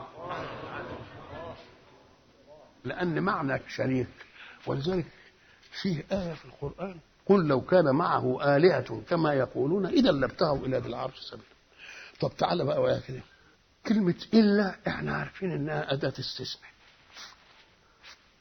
وإحنا عارفين إن أداة الاستثناء دي تيجي للإخراج. تخرج ما بعدها عما قبلها. نجح الطلاب إلا فلان. يبقى فلان دي جت إلا عملته إيه؟ خرجته من إيه؟ يبقى إلا دي استثناء وللاستثناء وللإخراج. طب إذا قلنا بقى لو كان فيهما آلهة إلا الله لفسدتها. هيجي يقول لك طيب لو كان فيهما آلهة خارج منها الله تبقى تفسد. طب لو كان فيه آلهة والله وياهم منطق الآية يقول لك ما يحصلش حاجة. ليه؟ لأن إلا لإيه؟ قال له أنت خدت إلا أنها للإخراج. إنما دي إلا مش حرف. دي إلا هنا اسم. بمعنى غير. لو كان فيهما آلهة غير الله لفسدتا طب وإيه اللي فهمني إلا دي أنا؟ قال لك لأن الاستثناء يبقى منصوب. اللي بعده. واقرا الآية لو كان فيهما آلهة إلا الله ولا إلا الله. آه تبقى إذا الله جاءت مرفوعة لتدلني على أن إلا ليست حرفا وإنما هي اسم بمعنى غير فبيقول لو كان فيهم آلهة غير ربنا ما تنفعش. بل هو الله وبرضه جاب هو. مع أن هو دي ضمير غيبة وضمير الغيبة لا يتأتى إلا إذا سبقه مرجعه. جاءني رجل فأكرمته. يبقى الهيه مرجعها إيه؟ الرجل. يبقى المرجع لازم يسبق الايه إلا مع الله. فانه هو تسبق المرجع. هو أكن زي ما قلنا ما دام تقول هو يبقى لا ينصرف إلا للغائب الموجود الأعلى. قولها هو. هو ولذلك قلنا بتاعت يا هو كلا بل هو الله العزيز الحكيم. وما أرسلناك إلا كافة للناس بشيرا ونذيرا ولكن أكثر الناس لا يعلمون. طبعا أرسلناك يعني جعلناك رسولا. إلا كافة إيه يعني؟ قال لك ده يبين لك منزلة الرسول الخاتم كان زمان الرسل بتيجي لأقوام مخصوصين ورسولا إلى بني إسرائيل أني قد جئتكم بكذا كل ليه؟ قال لك لأن بدأ الإنسان واحدا ومعه زوجه وبعدين تكاثر منهما الناس وبث منهما رجالا كثيرا وإيه؟ ونساء لما يكونوا قليل هيبقوا مجتمعين في مكان واحد ولا لأ؟ وبعدين لما يبصهم ويكتروا يروح ده الناحية دي وده الناحية دي وده الناحية دي وده الناحية دي. آه. طب إذا لما يتبعتر والعالم لا يزال في طفولة فطرته ما عندوش ارتقاءات للقاء. يمكن جماعة يبقوا قاعدين في حتة والتانيين ما إيه ما يدروش بهم إحنا قعدنا لحد ما اكتشفوا أمريكا. مش فيه أمريكا وفيه ومش عارف إيه وما عارف. الله. اذا كان العالم معزول. يبقوا فيه جماعة ولا حدش داري. وما دام جماعة معزولة ولا فيش مواصلات ولا فيش التقاءات ولا في إلى آخره يبقى لكل بيئة أدواؤها. الداءات بتختلف. البيئة دي فيها داءة كذا ولذلك ده يطب في الكيل وده يعمل مش عارف وده يعبد الإيه؟ الأصنام. وده كل واحد يقوم يريد الرسول عشان يعالج إيه؟ بيئة مخصوصة بداء مخصوص. يعني ما فيش التقاء. لكن رسول الله الخاتم علم الله أزلا أنه سيجيء على التقاء مع الدنيا. الدنيا هتتلقى وكل ما يتقدم الزمن الدنيا بنشوف الحاجة ال- ال- إحنا بنشوف الماتش اللي حصل في في أمريكا. دلوقتي بنشوفه والموضة تطلع هناك الصبح تبقى هنا. يمكن الصبح ده دي شوية بنوع ده بالليل يعني يمكن تيجي. الله ده نشأ عن إيه؟ الالتقاء. وما دام العالم التقى وبقى كده زي شبه واحدة يبقى داءات كل مكان هي داءات كل مكان. يبقى لازم يجي رسول واحد ليعالج الداءات كلها. فقال وما أرسلناك إلا كافة. كافة دي كل العلماء قالوا كافة للناس جميعا لأن في آية تانية. قل يا أيها الناس إني رسول آه جميعا جميعا يعني كافة جميعا يعني ما عادش فيه تخصصات مكانية ولا زمانية. كان كل رسول له زمان وله إيه؟ مكان. ليه؟ لأن العالم كان منعزل. وما دام منعزل يبقى كل حتة لها دقات مخصوصة. كل واحد جاي يعالج الداءات المخصوصة. لكن الله علم أن رسوله سيكون الخاتم. الخاتم اللي يعني مشهود له وليس شاهدا لغيره.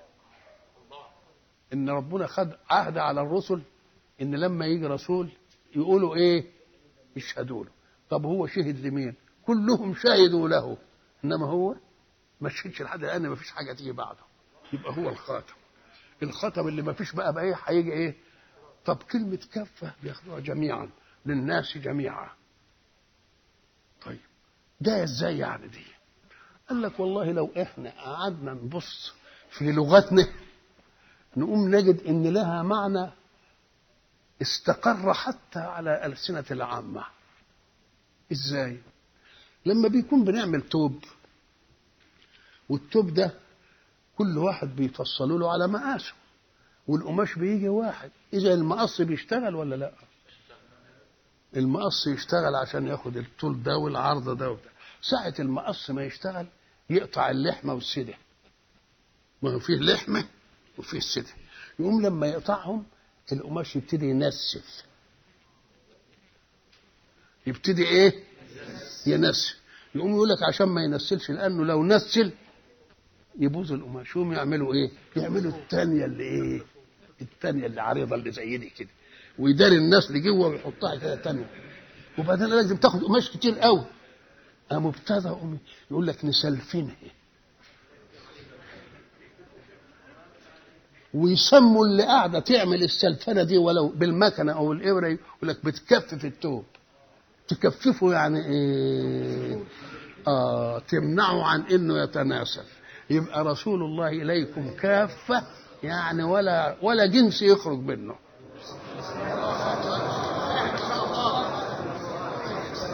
خلاص؟ ولا جنس يخرج منه. زي ما بنكفف الإيه؟ إحنا بنقول كده.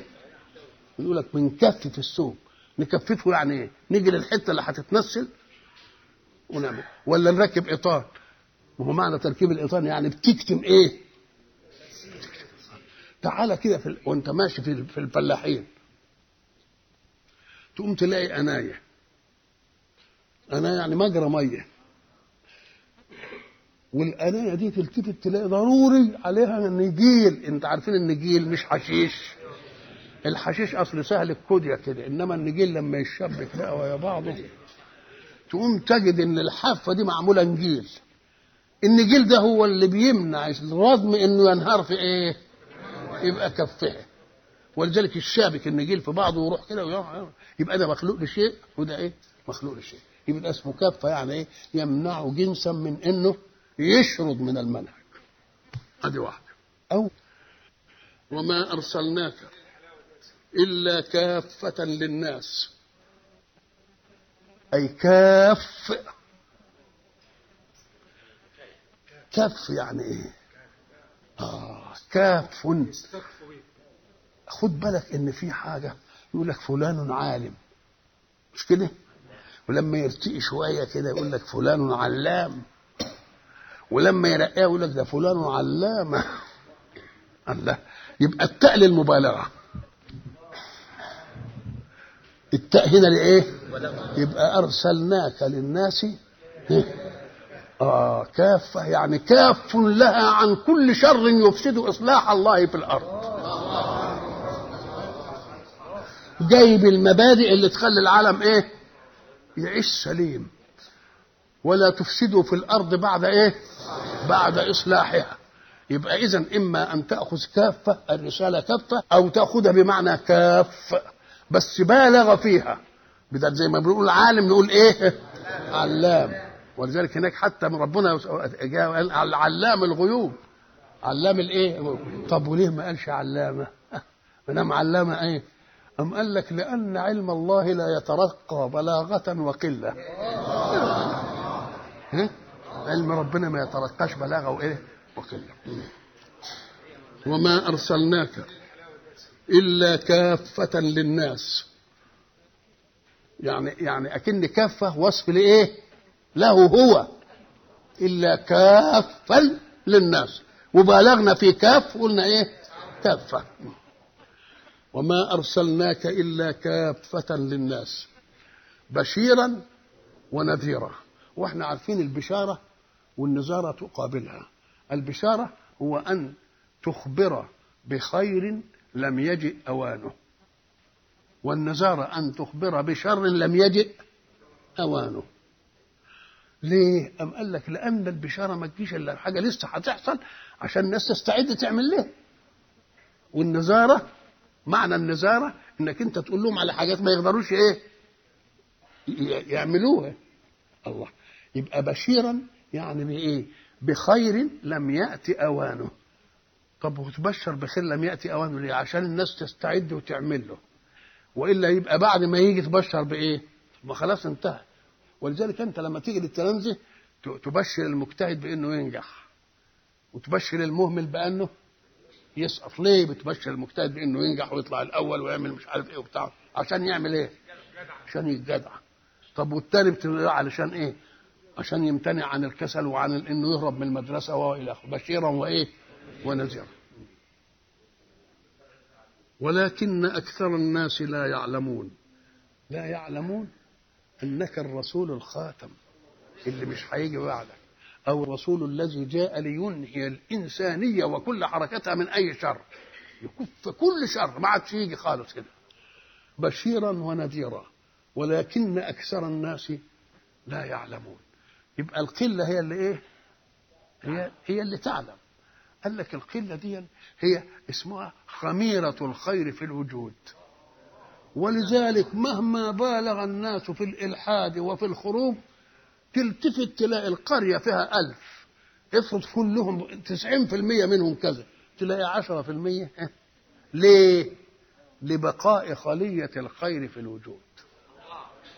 عشان لما تبقى خلية الخير في الوجود ولذلك الرسول يقول الخير في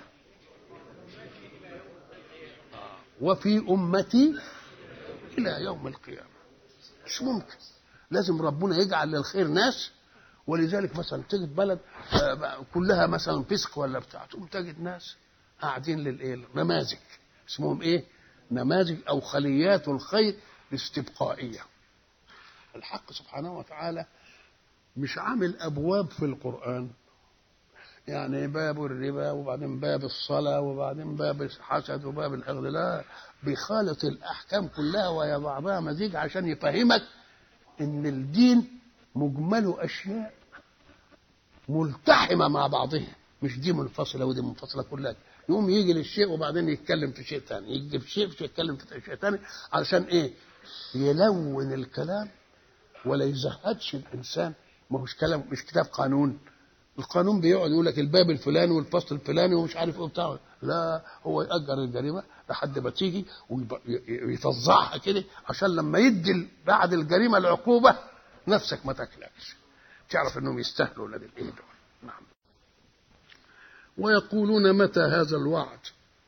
إن كنتم صادقين. متى هذا الوعد بإيه؟ متى هذا الوعد؟ أنتم بتقولوا الوعد. طب ده أنتوا حياتكم حياتكم تقولوا متى هذا الوعيد؟ المتفائلين برضه وسموه وعد لأن الوعد لا يكون إلا بإيه؟ أو أن الله لوى ألسنتهم ليقولوا كلمة الحق. وإن ده وعد. لأن لو كان كده ده هم ده هم وعيد بالنسبة لهم.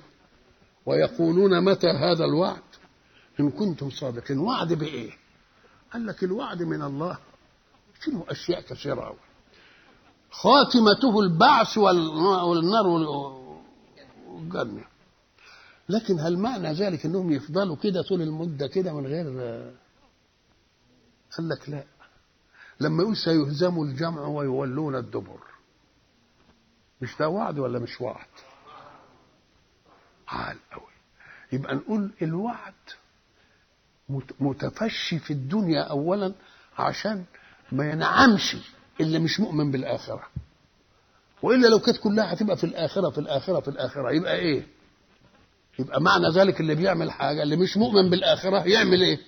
يعمل كل حاجة. قال لك لا لازم يخليها في الدنيا. طب يوم بدر مش جه الوعد؟ طيب. وبعدين هيموتوا. ويموتوا كده وبتاع وكل وكل الأحباء يواروهم في التراب وكأنه لم يكن. حصل ولا ما حصلش؟ كما حصلت المقدمات تمسك المتواليات تقوم تبقى فيه لازم تشوف النهاية بقى. ودي حاجات في الإيه؟ في الدنيا. ولذلك يقول الحق سبحانه وتعالى لرسوله فإما نرينك بعض الذي نعدهم أو نتوفانك فإلينا يبقى إن شفت فيهم يوم يعني يمكن تشوف. إنما يمكن في ناس يموتوا قبل ما يجي اليوم. ساعة ما نزل الآية دي مش كان في ناس مثلا ماتوا؟ ما شافوش لا بدر. ماتوا قبل بدر. ما شافوش مثلا الانتصارات الأخرى اللي جاء الإسلام. ما شافوش الفتوحات. يقوم يقول لك لازم يديلهم حاجة. ويقولون متى هذا الوعد إن كنتم صادقين؟ استبطاء قل لكم ميعاد يوم لا تستأخرون عنه ساعة ولا تستقدمون. ميعاد يوم اللي هو يوم نصر. زي بدر مثلا ميعاد يوم إن يكون بالموت والجبروت بتاعكم ده ينتهي والهي والهيلمان ده يضيع واو إلى آخره تبقوا أو للآخرة يبقى الآية صالحة لدي ولدي ولده. قل لكم ميعاد يوم. ومن الذي ضرب الميعاد؟ القادر على إنفاذه. والعليم بأن الآيات الكونية لا تتخلى عما قال. والحق سبحانه وتعالى يقول لك وعد الله. أنت يمكن لما توعد يمكن نفسك تتغير. والوعد يضيع. ولا توعد بحاجة ما تملكهاش. ولذلك إحنا قلنا عند قوله سبحانه في سورة الكهف ولا تقولن لشيء إني فاعل ذلك غدا. اوعى تقولها دي لازم تردفها بقولك إلا أن يشاء الله. ليه؟ قال لك الله يحب عبده صادق. فلما يقول لك هقابلك بكرة عشان أكلمك في الموضوع الفلاني في الحتة الفلانية والمش نقول له طب تعالى شرحها كده إلى عواملها الأولية زي ما بيقول أضمنت أن توجد غدا؟ آه أدي واحد. أضمنت إن اللي هتقابله بكرة يكون موجود؟ ما أضمنهاش دي. أضمنت أن السبب الذي من أجله تلتقي به باق؟ ما يمكن يتغير. واحد يقول لك أنت وعدته عشان تتكلموا في الموضوع. الفلاني ده؟ اصله نيته كذا ونيته ما تروح. طب هب أنك ما متش وهو ما ماتش والسبب لم يتغير. وبعدين مرضت فلم تستطع أنك أنت تذهب. دي حاجة أنت تملكها. اذا اطرح المسألة على من يملك كل هذه العناصر. وبذلك حماك الله أن تكون مخلف وعد أو كاذبا في وعد. عشان تبقى صادق. ما أنت قلت إلا إيه؟ إن يشاء الله. يبقى والله أنا قلت إلا أن يشاء الله. طبعا خلاص انتهت المسألة. نعم. قل لكم ميعاد يوم لا تستأخرون عنه ساعة ولا تستقدمون استأخر ساعة. يقول له إيه؟ ولا يستقدم ما دام ميعاد مضبوط من قادر على الإنفاذ يبقى لا يتقدم ولا إيه؟ ولا يتأخر. الحق سبحانه وتعالى يريد بذلك أن الإنسان يستقبل كل المعطيات اللي ربنا بينفرها منها دائما في ذهنه. ما أنا ما أعرفش ما دام ميعاد لا نستخدم ولا. إمتى يجي؟ ولذلك إحنا قلنا في الحلقة اللي فاتت الإبهام من عوامل البيان. لأنه أبهم وقت الموت. ليه أبهمه؟ قال عشان يعميه علينا. قال لك لا ده عشان تنتظروا في كل نفس. يبقى لما أبهمه خلاك تفتكره في كل إيه؟ وإياك أن تقول إنه ده مرض. ده مش عارف ده ما فيش منه والموت من دون أسباب هو الإيه؟ هو السبب. نعم. وقال الذين كفروا لن نؤمن بهذا القرآن ولا بالذي بين يديه. لن نؤمن بهذا القرآن. مع إنهم في آيات تانية وقالوا لولا نزل هذا القرآن على رجل من القريتين عظيم فكأن القرآن ما فيش فيه كلام. كلام حلو وكلام وأسفله مغدق ومش عارف وما هو بقول بشر قالوا الكلام ده. طب ده أنت بتقول القرآن ده كويس قوي مش عارف بس يا إيه؟ عيبه إنه جاي على يمين على إيد محمد. بس أدي عيبه يبقى إذا القرآن في ذاته ما فيش فيه إيه؟ ولذلك برضو الغباء بتاعهم يقول لك وقالوا إن نتبع الهدى معك نتخطف من أرضنا. الله إذا اعترفتوا بأنه هدى هو. يبقى غباء منك ولا مش غباء بقى؟ إن نتبع الهدى معك. نتخطف من أرضنا الله. طيب. لا تنفقوا على من عند رسول الله. الله. طب ما أنتوا قارين إنه رسول اهو إيه اللي جرى بقى لكم اللخبطة دي؟ ده دليل على إن التفكير مش إيه؟ التفكير مش سليم. ملوش سيال واحد. ليه؟ لأن الباطل لجلج. لجلج يعني يروح كده ويروح كده ويروح كده أمال هو المحقق الكويس. ليه بيقدر يقفش الكذاب في الكلام بتاعه؟ بيقعد يجيبه من هنا ويوديه هنا ومش عارف إيه وبتاع. الله. لحد ما إيه؟ لحد ما يوقعه. لكن الحق عدل. لأن صاحب الحق أو المتكلم بالحق يحكي شيئا وقع. وما دام شيء وقع يبقى له هيئة واحدة. تجيبه من هنا توديه هنا هو بيقول اللي. اللي حاصل. إنما اللي بيقول باطل ما يقدرش يضبط نفسه. الراجل الكذاب بتاع القرية اللي قاعد يمعر وبعدين بيقول مرة كنت جاي من البندر ليلة العيد الصغير وكانت الدنيا قمر ظهر. وابن الكلب اللي قمر ظهر. ولذلك العربي قال اسمع يا كاذب. إن كنت كذوبا فكن ذكورا افتكر أنت كذبت قلت إيه امبارح. لأن ما دام كذب يبقى مالوش ظل من الواقع. وما دام مالوش ظل من الواقع يبقى هتقول أي كلام. يقوم لك نقفشك بقى من هنا. نعم. وقال الذين كفروا لن نؤمن بهذا القرآن ولا بالذي بين يديه هو قال كده؟ ربنا عايز بقى يفظع الرد على هذه. ولو ترى أي يا محمد. إذ الظالمون موقوفون عند ربهم. ساعة ما تشوفهم كده. واقفين منتظرين الفصل كده بين يدي الله. طب يشوف إيه؟ طب ده لو عايزة جواب. لو عايزة جواب. أي. ولو ترى إذ الظالمون موقوفون عند ربهم. كان يقول له رأيت كذا ولا رأيت كذا وشفت كذا وشفت. ما قالش. أم قال لك ترك الجواب عشان أنت تسرح فيه بكل أنواع الذلة لهم لرأيت أمرا عظيما. واد عامل فتوة في البلد ومكوع البلد زي ما بيقولوا بيبرم شنبات ولابس البتاع اللي مش عارف إيه وبتاعه والعمد والمشايخ البلاد والأعيان بيقضوا له حاجته وهو قاعد على القهوة مبسوط يحرطوا له ويعملوا له مش عارف ما هم خايفين من البندقية بتاعته تعلم الضرب النار. وبعدين بقى وقع وخدوه بقى وانت عارف بقى العساكر لما ياخدوا واحد بقى يودوه يقوم واحد بقى يقول لك آه يا أخويا لو آه لو شفت الواد اللي كان أبو شناب ده هو وهو في الاسم. أي لو طب شوف عمل إيه؟ أي لرأيت هولا عظيما يناقض جبروته الذي كان يفعله. يبقى إذا ما يحدث يبقى معناه إنه بيضخمه ولا لأ؟ يبقى كل واحد ياخدها على إيه؟ على المحمل اللي مخيف مش لأنه لما يحكيها على الواقع هيحكيها على إيه؟ على هيئة واحدة. ولذلك جماعة المستشرقين لما مسكوا بعض آيات القرآن يدعبسوا لنا إحنا أي حاجة. يقول لك يا أخي القرآن ده لما بيصف شجرة الزقوم إن شجرة الزقوم طعام الأثيم مش كده؟ كالمهل يغلي في البطون كغلي الإيه؟ إنها شجرة إلى آخره تنبت في أصل شوف الشجرة اللي بتنبت في نار بقى شكلها إيه؟ الله ده الشجرة مستلزماتها الطراوة والري والمية وال شوف بقى اللي في أصل تبقى عن قوة إيه دي اللي فيها دي؟ إنها شجرة تخرج في أصل الجحيم طلعها كأنه رؤوس الشياطين. يقوم يقول لك المستشرق والشيطان لم يرى.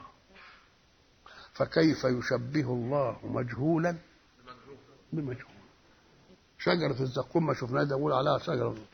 يبقى شجرة الزقوم مجهولة وراس الشيطان يبقى شبهها مجهولا بإيه؟ مجهول. وده مخالف لأن أنت بتشبه واحد حاجة خفية بحاجة جلية. تقول له فلان ما شفتوش أهو شكل فلان. الشيء الفلاني شكل الله. تشبهه مجهولا بإيه؟ بمعلوم. ودول مجهولين الاثنين. ما هو أصله بياخد القرآن مش ملكة.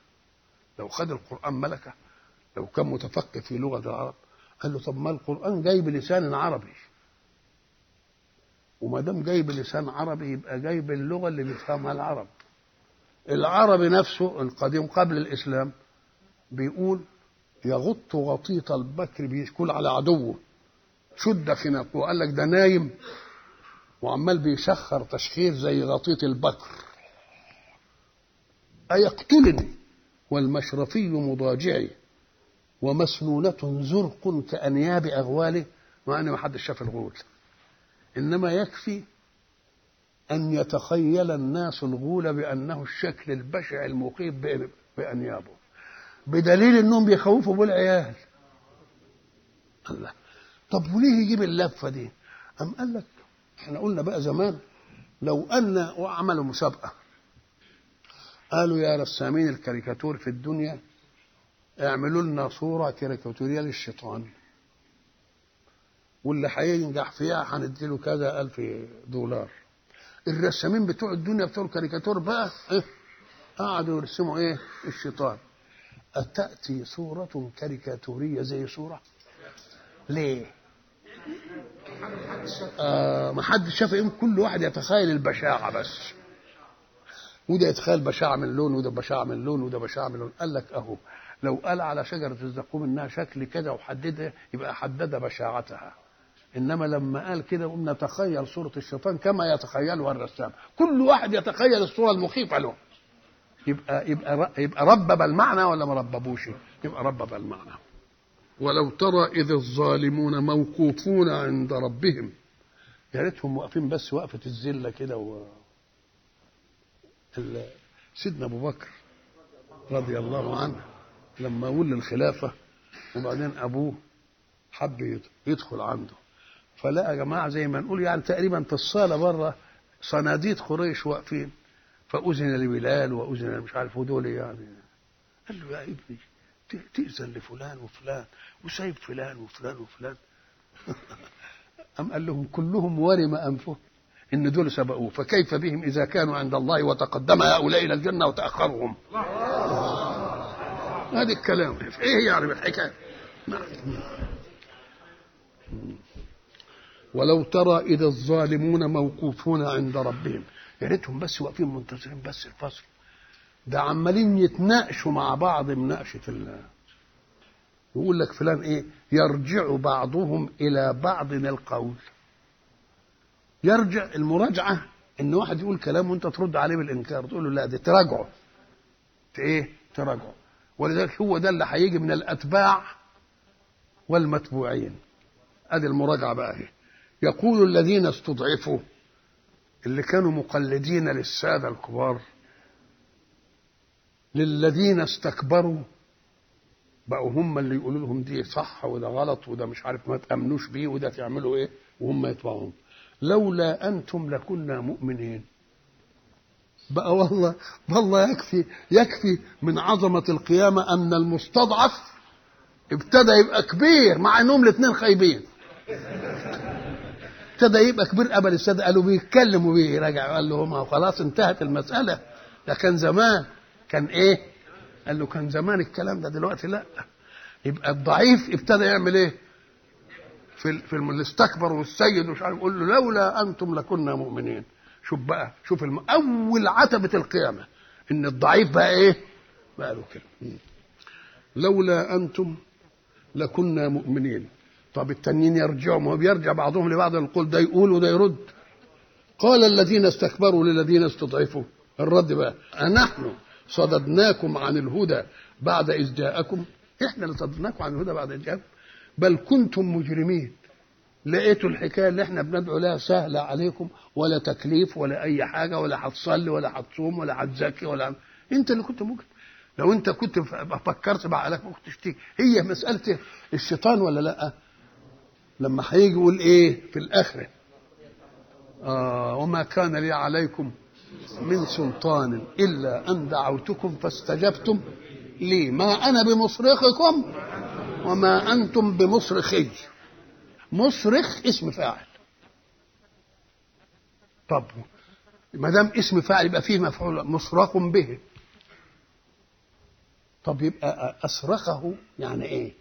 واحد بيصرخ يعني عنده حاجة فوق إيه؟ فوق إمكانياته. فبيصرخ عشان ينقذوه.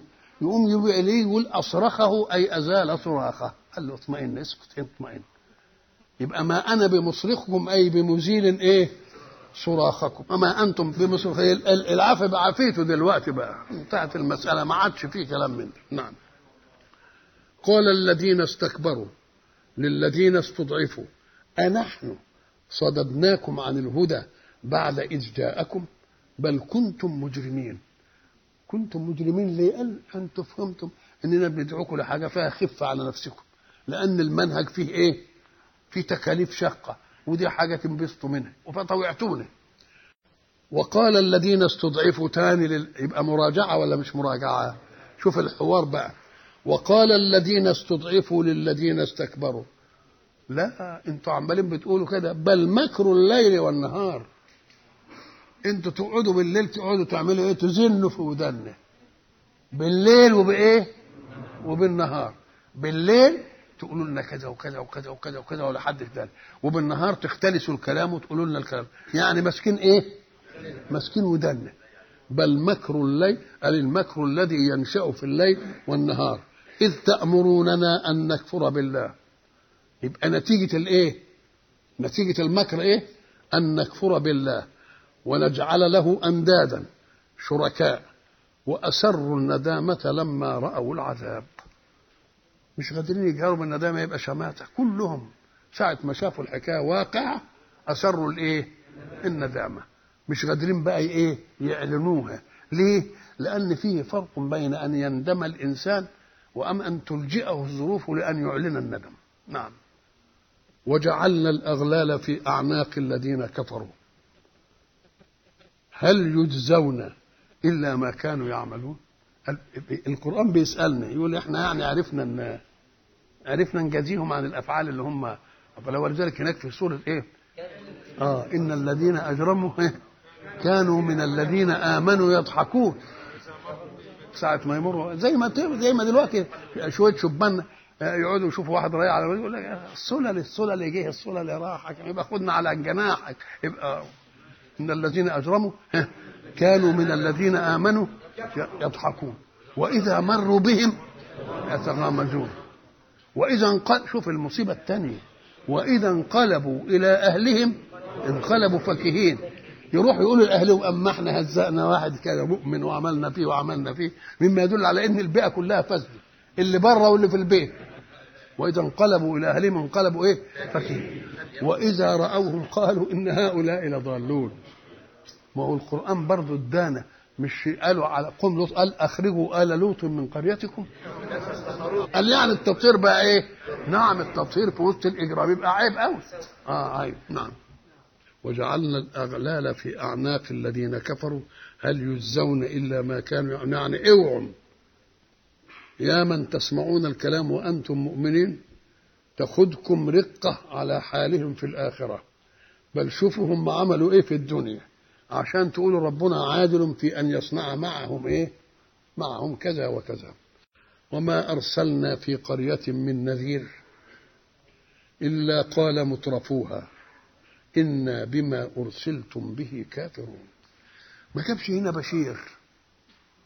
كأن القرية كلها ما فيش لها إلا النزارة. انذار بس لأن كلها إيه فدة وما أرسلنا في قرية من نذير. كلمة وما أرسلنا في قرية القرية هي المكان. يبقى معناها يعني اللي نفهمه وما أرسلنا في أهل قرية لأن القرية نفسها أو أن الله سبحانه وتعالى جاء بالمكان وإن كان يريد المكين. ليه؟ عشان إيه؟ قال لك لأن إحنا إحنا قلنا إن المكان نفسه بيفرح بالمؤمن ويزعل من الكافر. ليه؟ لأنه ما دام المكان الجماد مسبح لله يقوم يبقى إيه؟ يرضى بالمسبح. طب ولما يبقى بالعكس يغضب من الله ولذلك حتى العرب القديم يقول لك إيه؟ فلان نبى به المكان. مش هو اللي كره المكان. لا المكان هو اللي كرهه. المكان هو اللي كرهه. ولذلك الراجل الحكيم آه بيقولوا له انت ما دريتش. مش فلان آه باع الأرض بتاعته وفلان اشتراها. قال لا الأرض باعته. الأرض إيه؟ باعته ما هيجي واحد وواحد وواحد. إلا قال مترفوها. فيه ترف يطرف إذا تنعم وفيه أترف إذا أطغته النعمة. يبقى ربنا ما منعش النعمة يبقى فيها إيه؟ ترف. بس الترف ما يطغيكش. يبقى اطرفته النعمة يعني إيه؟ جعلته يطغى. إنما بيتنعم بنعمة الله ويحمد ربنا عليها ما فيش فيها أي حاجة. يبقى ترفة غير اطرفه ترفة وبرضه واطرفه تدل على أنت نقلت اللذة بالنعمة والسرور به غيرتها أطرفتها أذهبت طرفها بإنك أنت جعلتها طغيان ما بقتش طرف بقى دلوقتي. ما بقاش تنعم ولذلك قد يكون التنعم للمترفين دي عملية الله بيعملوهم يمد لهم في الغيش. ولذلك هناك آية في القرآن أعوذ بالله من الشيطان الرجيم. فلما نسوا ما ذكروا به آه فتحنا عليهم أبواب كل شيء. لو الواحد بقى فاهم الأساليب كويسة كان ساعة يقول فتحنا عليهم يعرف إنها هتجيب لهم نكبة. ولذلك هو قال مش, مش إنا فتحنا عليك. لذلك الناس بتغلط تقول فتح الله عليك. تغلط. إنما هي فتح الله لك. لأن عليك تبقى النعمة هتجيب لك وبال. ما يفتح الله للناس من رحمة. فلما نسوا ما ذكروا به فتحنا عليهم أبواب كل شيء. باركنا لهم في الله. حتى إذا فرحوا بما أوتوا وتعودوا على حاجات بقى طرف كده وبتاع أخذناهم إيه؟ بغته ولذلك كانوا مرة يحكوا عن واحد سياسي كان في واحد خصم له في القاهرة وبعدين فوجئوا بأن أصدر له قرار وهو رئيس وزارة إنه يعمل منصب كبير كده. قاموا الناس اللي حواليه زعلوا. قالوا أنت بتعمل إزاي ده كذا وبيقول كذا وخصمنا كذا. قال له سيبوني خلينا اطلعوا لفوق عشان اهدروا هدرة تبقى لها معنى يعني. نعم ولذلك إحنا قلنا زمان تعليق على هذا ما فيش واحد بيقع من على الحصيرة. وما أرسلنا في قرية من نذير إلا قال مترفوها إنا بما أرسلتم به كافرون. هذا جاء مشهدا من مشاهد هؤلاء الذين كذبوا الرسل في بلاغهم عن الله. جاء بعد أن شرح الله موقفا جزائيا لهؤلاء حين قال ولو ترى إذ الظالمون موقوفون عند ربهم يرجع بعضهم إلى بعض القول أي يرد كل واحد منهم على الآخر الذين استضعفوا والذين استضعفوا. المعركة قامت بينهم في الآخرة. هؤلاء يقولون أنحن صددناكم عن الهدى بعد إذ جاءكم؟ أنتوا كنتوا أحرار. ما كان لنا عليكم من سلطان. وهم يقول لا أنتوا اللي كنتوا بتدنوا على ودنه في مكر الليل ومكر النهار عشان نكفر بالله. يعني مراجعة. هذا مشهد في يوم القيامة. يذكر الله ذلك المشهد الذي أدى إلى هذا المشهد يوم القيامة. ساعات المجرم حين تمضي الجريمة وبعد ذلك يؤخذ بشيء من العنف في العقاب قد يسترق قلوب الذين لم يشهدوا جريمته. ولكن الله أراد أن يقول إحنا عملنا فيهم كده لأنهم عملوا كده ولذلك هل يجزون إلا ما كانوا إيه؟ إلا ما كانوا يعملون. إياكم أن تأخذكم بهم رأفة أو ترحموهم في موقفهم الذليل موقفهم المخزي موقفهم المعذب. بل اذكروا مع عقوبتهم جريمتهم في يوم أن كذبوا الرسل. وما أرسلنا في قرية من نذير. الرسول جاء بشير ونذير. لكن الذي يأتي بعد إلا في الاستثناء متعلق بمين؟ بأهل النزارة مش أهل البشارة. اللي كذبوا واللي, عملوا إيه؟ جرائم مع الرسل. إذا كان الموقف هذا يقول إيه؟ نذير. نذير مش بشير لأن البشير يكون في عموم الرسالة بشير ونذير لكن اللي هيجي دول يا جماعة مين؟ من الذين وقفوا من الرسل موقف العداء والمكابرة وموقف من يريد طمس دعوتهم. وما أرسلنا في قرية من نذير. ويدل على أن النذير إنما يجيء لمن صادم الدعوة بالكفر. يبقى ده موقف النذير مش موقف مين؟ مش موقف البشير. إلا قال مترفوها. مترف من أطرفه وترف من ترف يعني النعمة. فترف يطرف ترفا أي تنعم. ما فيش حد بيقول فيها حاجة دي. إنما الذي تطغيه النعمة يقول أترفته النعمة. يبقى اسمه إيه؟ مشترف. بقى إيه؟ مترف. يبقى ما هو المترف؟ هو الذي أعطاه الله نعمة فترف وتنعم بها ولكن النعمة هذه أغرته على أن يقف من منهج الله موقف العداء. يبقى ده اسمه إيه؟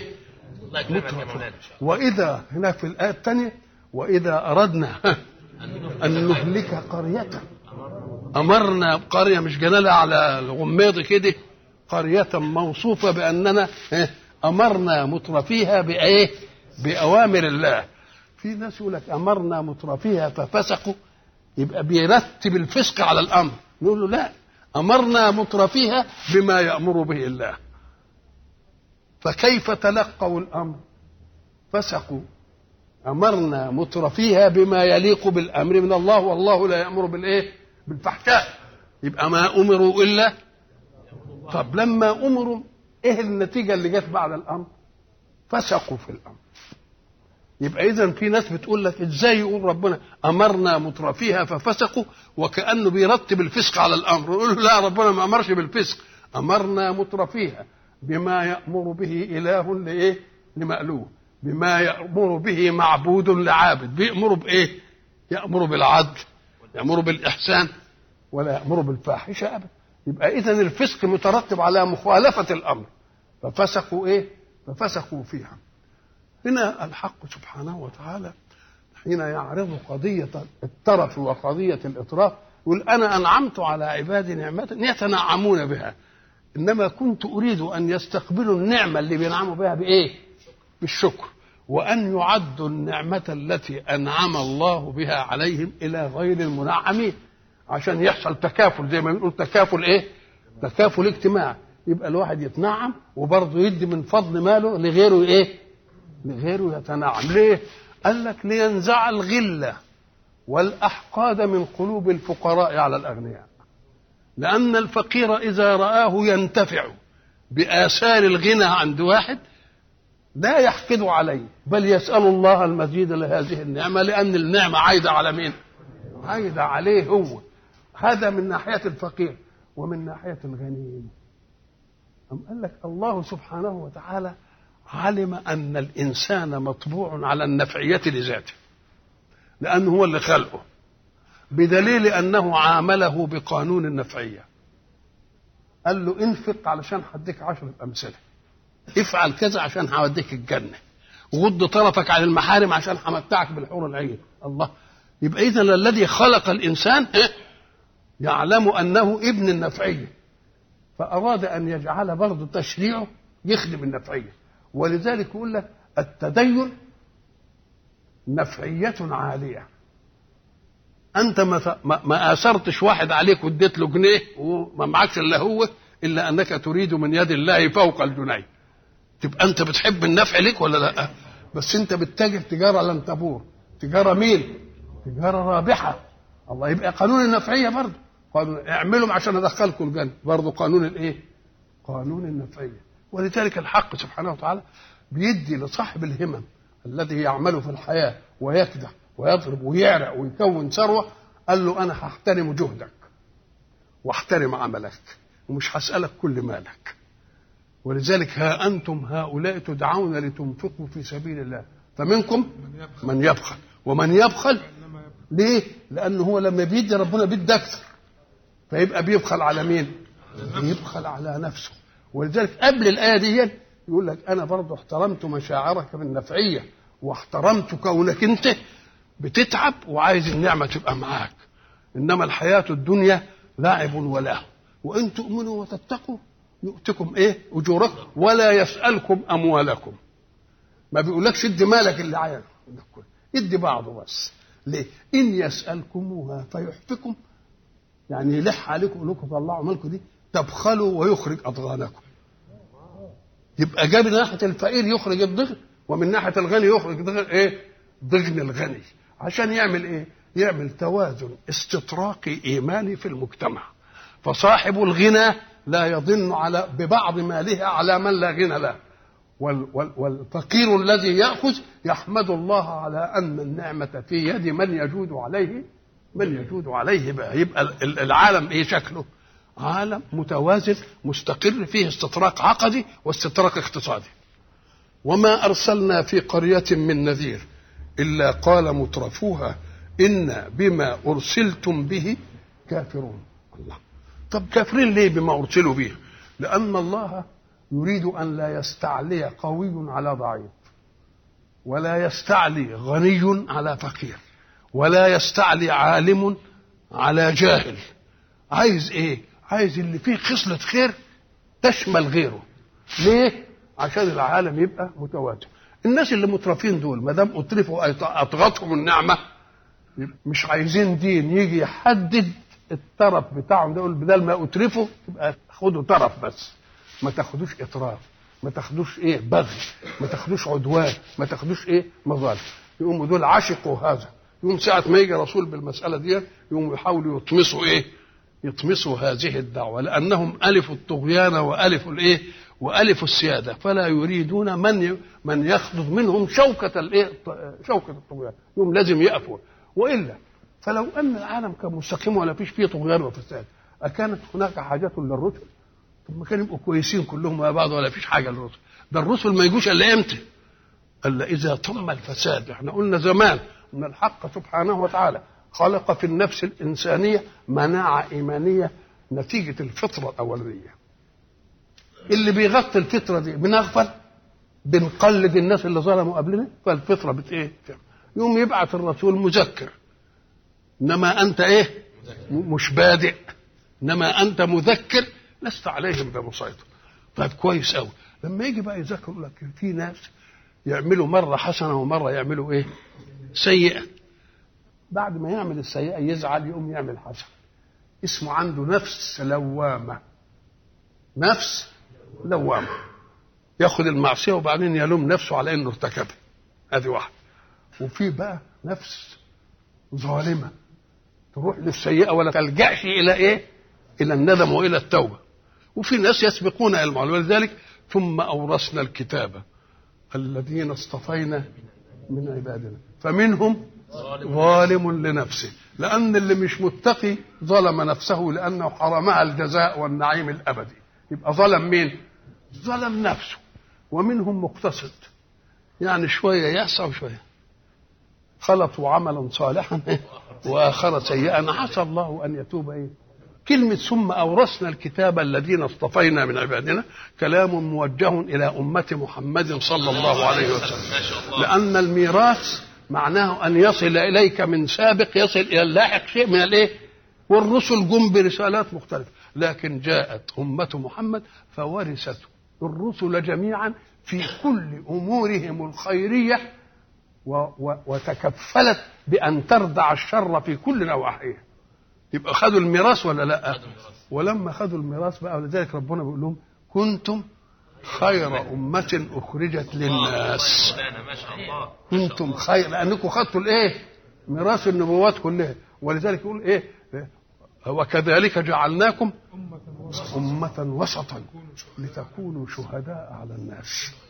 شوف المنزلة اللي خدتها أمة محمد. خدت منزلة الرسالة ويكون الرسول عليكم شهيدا. يعني الرسول يشهد أنه بلغكم ومطلوب منكم أن تشهدوا أنكم بلغتم الناس. رسولكم فوضه الله في أن يشرع وأنتم يا أمته فوضكم الله في أن تؤدبوا من يستطيع أن يخرج عن منهج الله الذي إيه؟ ولذلك انقطعت الإيه؟ الرسالات بعدها. يبقى إذا قطع الرسالات دليل على أن أمة محمد سيظل فيها الخير. لأن لو كانت ما يبقاش فيها الخير كان ربنا يبعث رسول تاني. إنما ما دام ختمها يبقى معناها إيه؟ معناها أنه أمن أمة محمد أن يبلغوا أمر الله لمن إيه؟ لمن يعاصرونه. وما أرسلنا في قرية من نذير إلا قال مترفوها إنا بما أرسلتم به كافرون. طبعا شوف ما أرسلتم به دي إيه؟ أرسلوا بإيه؟ أول حاجة بقضية التوحيد وأنه لا إله إلا الله. هذه واحدة. قضية إن فيه بلاغ عن الله بواسطة الرسل. قضية إن فيه معجزة. قضية إن فيه أحكام تحكم حركة حياته. فكفروا بهذا إيه؟ بهذا كله لأنهم يريدون أن يعيشوا إيه؟ في ترفهم وفي ظلمهم بحيث لا تحد حريتهم في أن يظلموا كما شاءوا وأن يستبدوا كما أرادوا. وما أرسلنا في قرية من نذير. إلا قال مترفوها إنا بما أرسلتم به كافرون.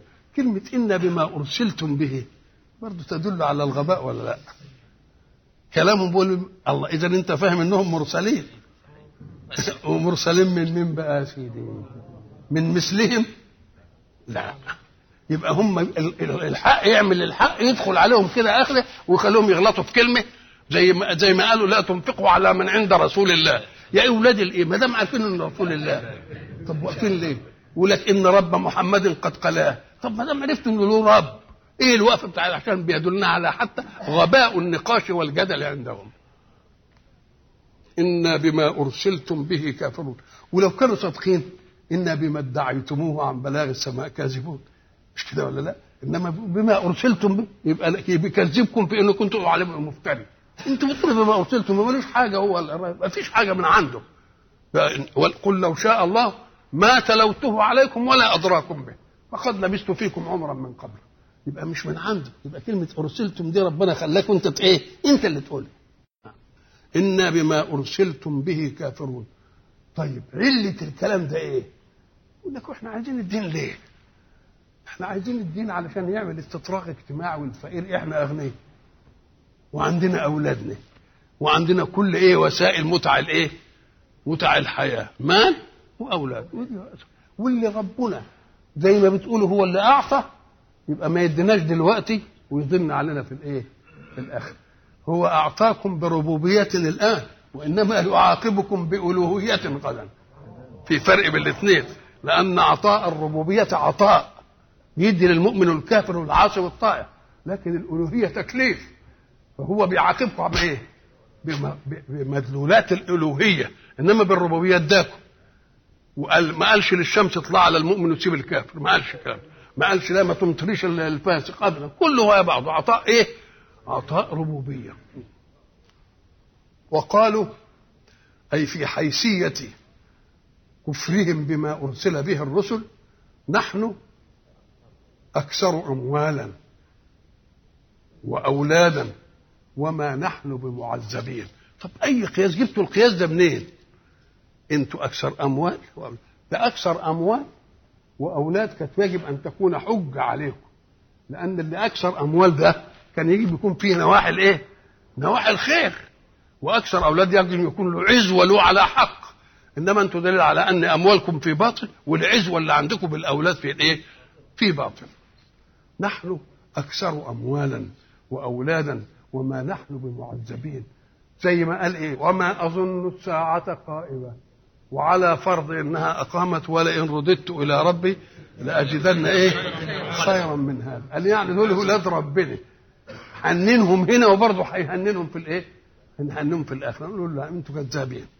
وقالوا نحن أكثر اموالا وأولادا وما نحن بمعذبين. ولذلك يأتي الحق سبحانه وتعالى يقول إن من أزواجكم وأولادكم عدوا لكم فاحذروه وقال من يعني الحمد لله اللي قال من علشان بقى يعني يدي برضه عنصر الخير يفضل. إن من أزواجكم إيه؟ وأولادكم عدوا قل ردا عليهم أكثر أموالا وأولادا. قل إن ربي يبسط الرزق لمن يشاء ويقدر. الرزق ده مش معمول علشان المؤمنين بس. ليه؟ قال لك الرزق دي لازمة للربوبية. الربوبية التي خلقت والربوبية التي استدعت الإنسان إلى الوجود. لا بد أن تضمن له ما يقيم حياته.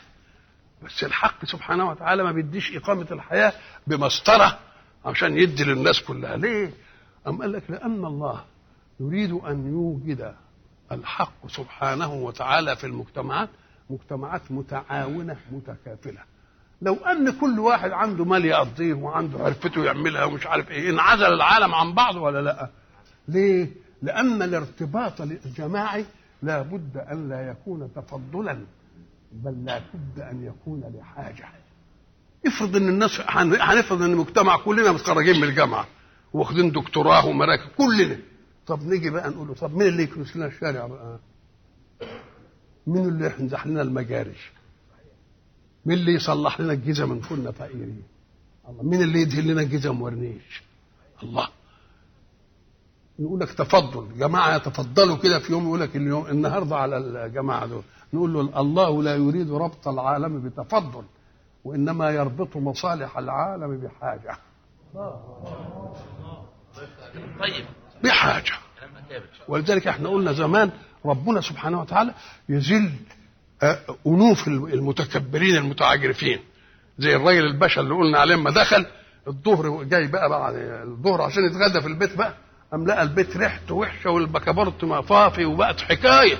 إيه الهيصة دي؟ ما- البكابورت ما جبتوش ليه ال- سباك اللي بيعمل ال قال والله ما لقناش رحنا لقناه مشغول في حتة تانية وقال ما أقدرش أسيب دواجي دي يوم هو يروح له بالعربية لحده ويترجاه. آه، ويقول له تعالى أهو أهو صحيح دي صاحب البكابورت ده أهو. فاضل عن الباشا في هذا الوقت. لأن ربنا اداله حاجة قادر يفعل على نفسه دوكا مش قادر على نفسه. يبقى محتاج له ولا مش محتاج ولذلك الناس للناس من بدو وحاضرة بعض لبعض وإن لم يشعروا قدموا الله الله. بس الم- المسألة جعلت تداول. ما عملش ذرية كلها خادمة وذرية كلها مخدومة. بل تشوف الخادم بقى مخدوم والمخدوم بقى خادم والدنيا عمالة إيه؟ الله. عشان كل واحد يظن أنه ابن أغيار. وما دام ابن أغيار وسيادته في الكون ما هي الذاتية يبقى إيه يخاف لا يو- لا يوصل للأدنى وهو إيه؟ هو الأعلى ويقدرها في نفسه. فإذا رأى الأدنى اياك يقول عليه الأدنى. يقول له أنت ستحتاج إليه في يوم ما في عمل لا تقدر عليه أنت وإنما يقدر عليه هو. يبقى هو في الوقت ده مفضل إيه؟ مفضل عليه ولذلك والله فضل بعضكم على بعض في الإيه؟ في الرزق. الناس فاهمة الرزق بس فلوس. بس. لا الرزق ما به انتفع. وما دام فضل بعضكم على بعض في الرزق تقوم تقول إيه؟ طب أي بعض فضل؟ وأي بعض فضل عليه؟ قول لي أنت بقى مين اللي فضل ومين اللي فضل عليه؟ قال كل واحد مفضل فيما فيه ما هو موهبة ومفضل عليه فيما لا موهبة له فيها. يقوم ده يحتاج ده وده يحتاج ده وده يحتاج يبقى المجتمع يعمل إيه؟ يبقى المجتمع إيه؟ يتكاتف ويرتبط.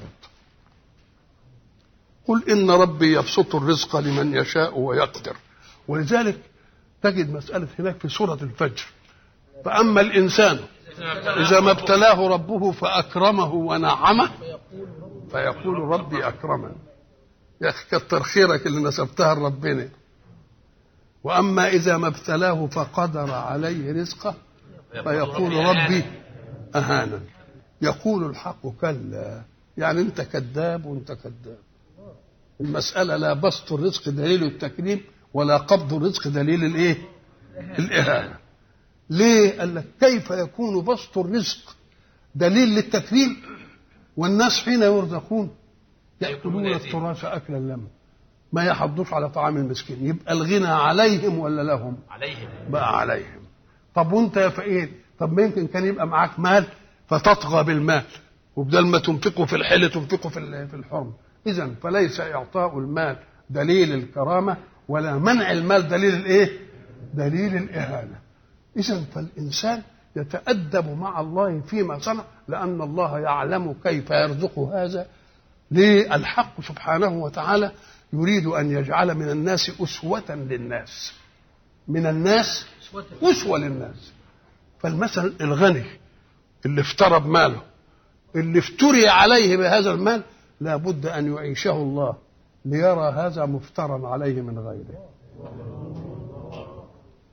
يوم يعرف إن في ألوهية في قيومية من الحق سبحانه وتعالى على الإيه؟ على التصرف. ولما يشوف دي يوم ما يطغاش لأنه فاهم إن دي ما تتأخرش لمين؟ فإما أن نرينك بعض الذي نعدهم أو نتوفانك يبقى لازم تيجي في الإيه؟ تيجي في, الدنيا.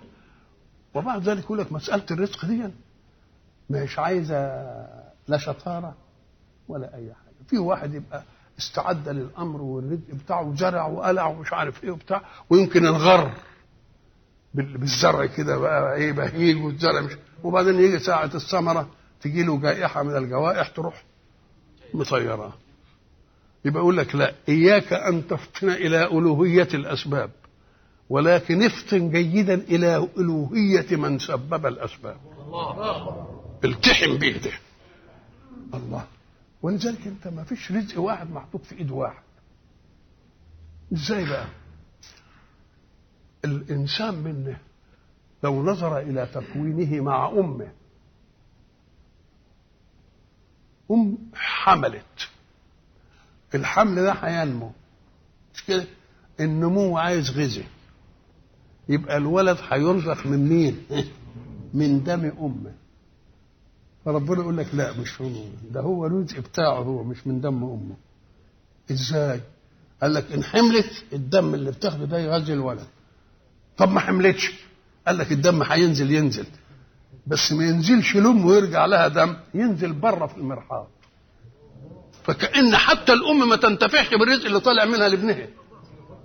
الله مش بتاعها. ده هو رزق جايله. بدليل صدق الله في قوله نحن نرزقه وإياكم وإياكم ما شاء الله. يبقى ده له رزق وده إيه؟ له رزق. فالجنين اللي بيتربى في حضن أمه ما خدش من دم أمه. ده دم هيئ له وأعد له كرزق. خلاص؟ ده على إيه؟ على أن الأم تحمل. يمكن ما تحملش. قال لك ساعة ما تحملش بقى تحيض. تحيض يعني إيه؟ الدم اللي كان هيغذي الطفل ينزل بره. يبقى ربنا مش عايزه عشان يردوا على الأم لا مش بتاعها. ده بتاع ربنا يقوم يطلع في الإيه؟ الله. يطلع في المجال. ما شاء الله يا مولانا. يطلع في المجال. هو مش شيخ. الله. وهاتها قال لك طيب هو الرزق. مش صحيح صح الإنسان. ملك شيئا إنما ليس رزقه. ولذلك قال الرزق مش اللي موجود عندك. الرزق ما تنتفع به. يبقى معاك ويضيع منك. يبقى معاك ويتأمن. يبقى معاك وينسرق. يبقى مش رزقك بقى. ما دام ما انتفعتش بيه يبقاش رزقك طيب قال لك انتفعت بيه وكلته وجبته أكل أهو. ومضغته وبلعته. مش رزقك. تقوم نفسك تغم عليه. تنزله تقوم تلتفت تلاقي حشره من الحشرات؟ جت جري على البتاع وكلته رزقها هي. بس انت عملته شوية في بطنك. اديتها شوية لعاب واديتها مش عارف إيه واديتها خلاص لا انهضم يا سيدي. انهضم وبقى دم. في بقى بعد حاجة في كده؟ يعني تمثل وبقى دم اللي به وقود الحياة. وجري في بالك مش مش رزقك برضه تمشي كده وتروح رجلك مجروحة ويروح نازل لك شوية دم. مش بتوع. الله. يبقى مسألة الرزق دي بقيومية الله رزق المؤمن والكافر. ومفيش حد بياخد رزق إيه؟ محدش بياخد رزق حد كله رزق. حتى الوليد رزقه معمول له. إن ما خدوش غذاء عشان ينمو ولما أمه تولده ينزل في المجاري بره عارف.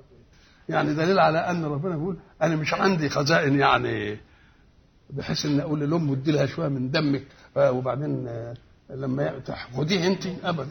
ده مش بتاعك. ويروح نازل في الايه قل. إن ربي يبسط الرزق لمن يشاء.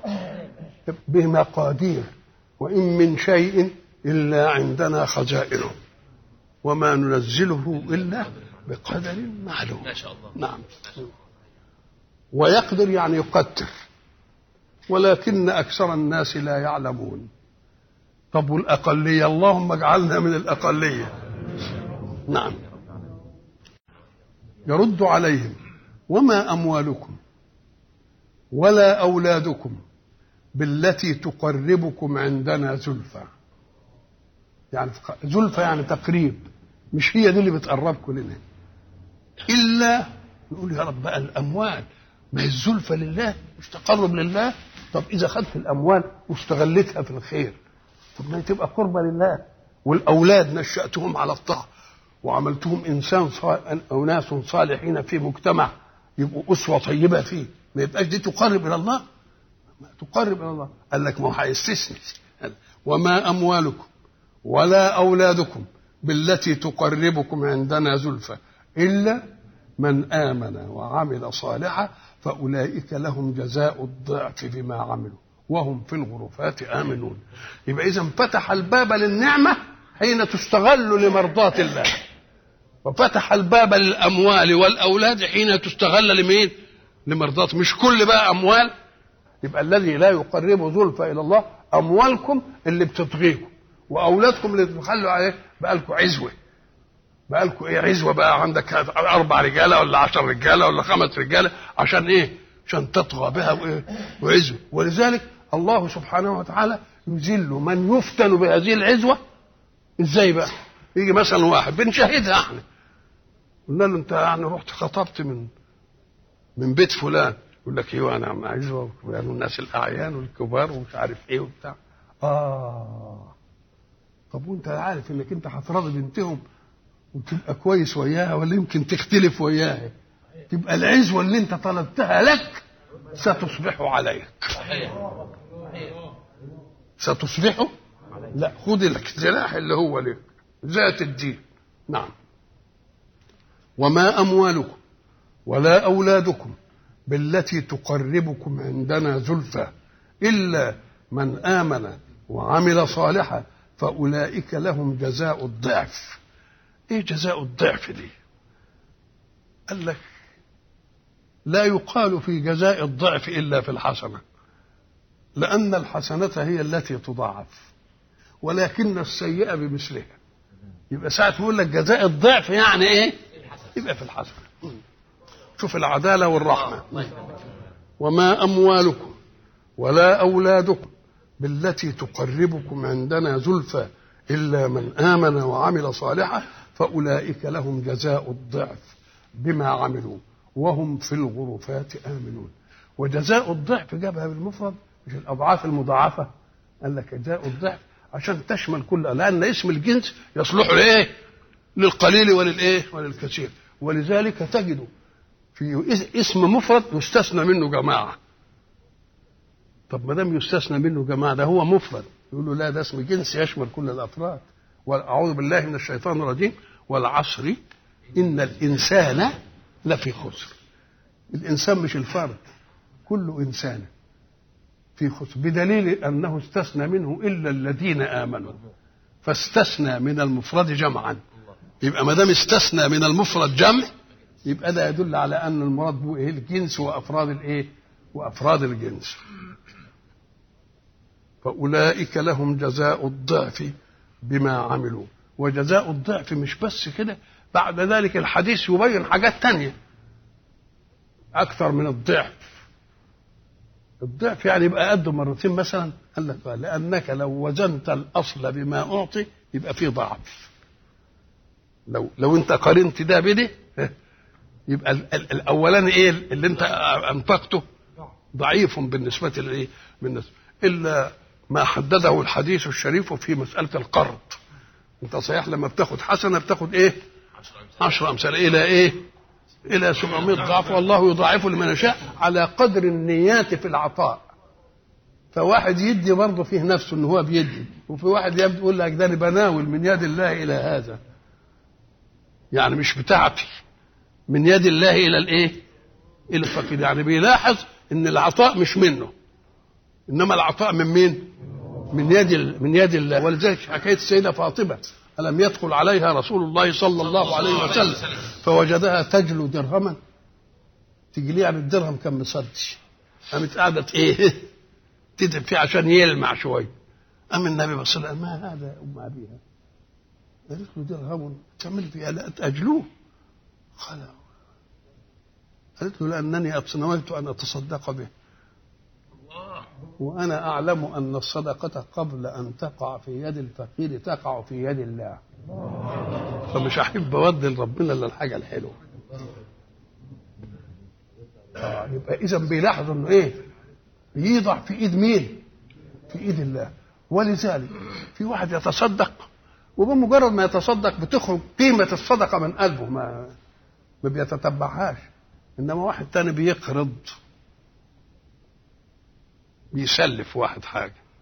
قال لك كل ما تتحرك نفسه للطلب ويصبر له ثواب. كل ما تت... لأن لسه نفسه متعلقة به قرض. نفسه إيه؟ متعلقة بيه. به. إحنا قلنا لكم زمان المسألة اللي أثاروها في أمريكا حول تضارب الحديث مع آيات القرآن. أنتم يمكن نسيتوها؟ اللي هو بيقول فيها إيه؟ إن المكتوب على باب الجنة الحسنة بعشر أمثالها والقرض بثمانية عشر. الله. قال لك القرض يبقى إيه؟ أكتر. 18 قال لك إيه؟ أم قال لك طب ده هو قال من ربنا يضاعف. من ذا الذي يقرض الله إيه؟ فيضاعفه له. يبقى كان الأصول بقى يبقوا 20 لأن الحسنة ب 10 بعشرة. وما دام هتضاعف تبقى كام؟ عشرين. تبقى 20 يبقى الحديث تضارب مع الآية. لأن مش 18 بقى. كان يقول إيه؟ عشرين. القرض ب 20 ربنا يفتح. فقلنا طيب واحد تصدق بدينار. ربنا هيدي له كام؟ احسبه. عشرة. عشرة. هل خدت الدينار بتاعك وربنا اداك عشرة؟ ولا راح الدماغ ولا راح الدينار وانت خدت عشرة يبقى في الواقع خدت كام خدت تسعة. ضاعفها الله الله يا مولانا. الله يا مولانا. الله يا الله. قل إن ربي يبسط الرزق لمن يشاء ويقدر ولكن أكثر الناس لا يعلمون. وما أموالكم ولا أولادكم بالتي تقربكم عندنا زلفى إلا من آمن وعمل صالحا. كلمة آمن وعمل صالحا معناه إن لازم في حاجتين اتنين. عمل صالح ناتج عن إيمان. إنما قد يوجد عمل صالح إنما مش ناتج عن إيمان. ما نشوفش كفار خيرين بنشوف كفار إيه؟ قال لك لا ده أعطوا بقى لجاه الدنيا. وليقال المحسن الكبير وليعملوا له تمثال. ما ربنا مش في باله. ربنا مش في إيه؟ يبقى, يبقى لازم يكون صادر عن إيه؟ صادر عن إيمان. إلا من آمن وعمل صالحا فأولئك لهم جزاء الضعف بما عملوا وهم في الغرفات آمنون. الغرفة هي المكان الذي يبنى في أعلى سطح البيت. ودي عادة يسموها الاستقرار الذاتي. الاستقرار الإيه؟ ولذلك حتى دلوقتي لما يبنوا فيلا ولا حاجة يقوم يعمل الدور الأول إيه؟ عام. عام كده عشان الناس تيجي تقعد ومش عارف وياكلوا. وبعدين لما يحب يستريح بقى فين يطلع فين؟ في الغرفة بتاعته. يبقى في الغرفات يأمنون دي اسمها استقلالية السيادة. والناس صحيح. لما تيجي تشوف تلاقي الاستقلالية هتيجي فيهم ليه؟ في عمومية وفيه إيه؟ استقلالية. إحنا قلنا زمان الإنسان حينما يكون في بيته ما يقدرش يخرج الصالة بملابس النوم بل برضه بيتهيأ ليه يلبس تاني لبس عشان الناس اللي في البيت ما يشوفوش. لما يدخل الأوضة بتاعته يقلع ويقعد بقى يقعد عريان يقعد بنص لبس يقعد بشورت يقعد لا هو حر ولا مش حر؟ طيب عايز يخرج بره البيت.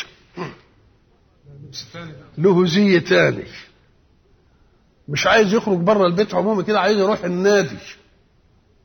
اللي بيقعدوا فيه ده لبس آخر. الله. اذا الإنسان له زي كل مقام زي ما فيش زي طب ده الإنسان لما يجي لما يجي مثلا آه، عيل كده يطلع في الصالة كده من غير آه، عيب يا واد عيب ويرجعوه مش كده ولا لا؟ طيب. وبعدين يجي مثلا يخرج يقول له هتخرج بالبيجامه ما تخرجش بالبيجامه آه، هيروح مثلا حفلة أو نادي يقول لك يا أخي إلبس الحاجة اللي تناسبك. اذا النادي أو اجتماع ندي القوم عايز له إيه؟ اللبس الخاص عايز له سمت خاص. السمت الخاص دي عشان الذاتية عشان الاسم الهندام أو السمت أو ال- البتزه يبقى كل واحد له في كل مقام إيه؟ في كل مقام إيه؟ في كل مقام تعامل. يبقى الحق سبحانه وتعالى يعطي لكل إنسان قدره في قدره. يعني مع إنه هو في بيت واحد أهو. ال ال ال لما يكون بيت مثلا واسع قوي يقوم يعمل للبنات أوضة. وللصبيان أوضة. واسع شوية يعمل للواد ده أوضة. وللواد ده أوضة. وده يبقى له لبس وده يبقى له لبس. إن ولد خد جدد جدد أخوه يعمل برضه الله. يعني هو عايز إيه؟ في في التخصصات عايز حيز ضيق. وفي العموميات عايز حيز واسع. في الزراعة عايز له عزبة. إنما في البيت عايز له أوضة. وأخوه في وياه في أوضة يبقى له سرير وده سرير. وده له لبس وده له إيه؟ إذا التميز الذاتي يبقى لتعارفوا أي التعارف ده هو اللي بيجي على السمتيات إيه؟ السمتيات تختلف. الله. يرجع بقى بعد ما قال بقى الحيثية أنهم تراجعوا أمام الله في إن ال- الم- الأتباع بيردوا على المتبوعين والمتبوعين يردوا على الأتباع وكل واحد يرمي الذنب على مين؟ على الثاني. قال اذكروا مع هذا أنني ما ظلمتهمش. هل يجزون إلا ما كانوا يعملون؟ لأنهم عملوا كذا في الرسل وعادوا يعملوا كذا وكذا وكذا. ثم يرجعوا ثانيا إلى قول الحق سبحانه والذين يسعون في آياتنا معاجزين أولئك في العذاب محضرون. يسعون في آياتنا قلنا فلان سعى بفلان عند السلطان. سعى بفلان تبقى لازم وشاية. سعى بفلان عند إيه؟ يبقى لازم بالإفساد. يبقى السعي في بين الاثنين لازم يكون بإيه؟ بإفساد. والذين يسعون في آياتنا معاجزين. قلنا معاجزين المفرد بتاعها إيه؟ معاجز. المعاجز مفاعلة. واحد بيعاجز الثاني يعني بيسابقه. ده عايز يسبق وده عايز إيه يسبق. ومعاجز يعني أنا عايزه يعجز وهو عايزني إيه؟ وهو عايز. طب هيعجزوا مين بقى؟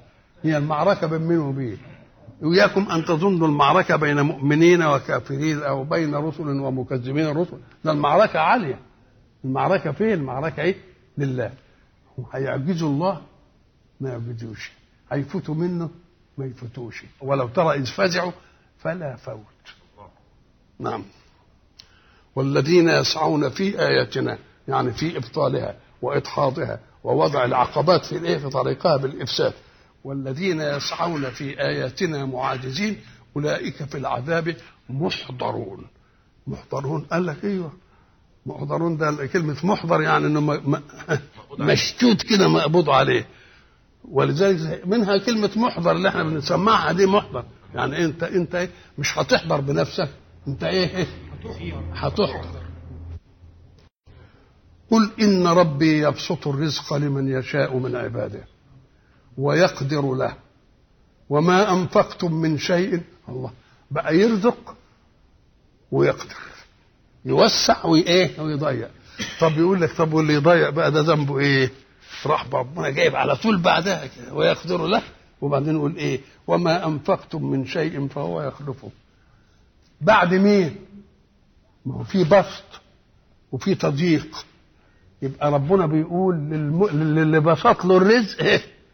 وسع على الايه آه. يبقى هو أنا مش غرض أذله بإنه مقبوض ده أنا عايز أعمل عملية تكافل حتى البشر يحب بعض.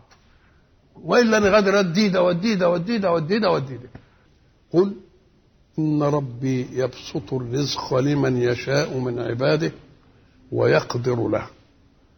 وما أنفقتم من شيء فهو يخلفه وهو خير الرازقين. الآية دي تعطينا اقتصاد العالم كله. لأن معنى الاقتصاد موازنة المصرف بالمورد. الله. هذا الاقتصاد كله. والمصرف لمصروف الله والمورد لوارد عليه.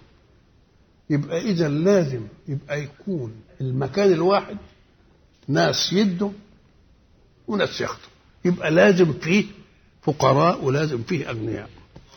الحق سبحانه وتعالى لم يترك بسطة الغنى حرة ولم يترك تقتير الفقير حرة بل جعل لهذا مبذلا ولهذا مصدرا.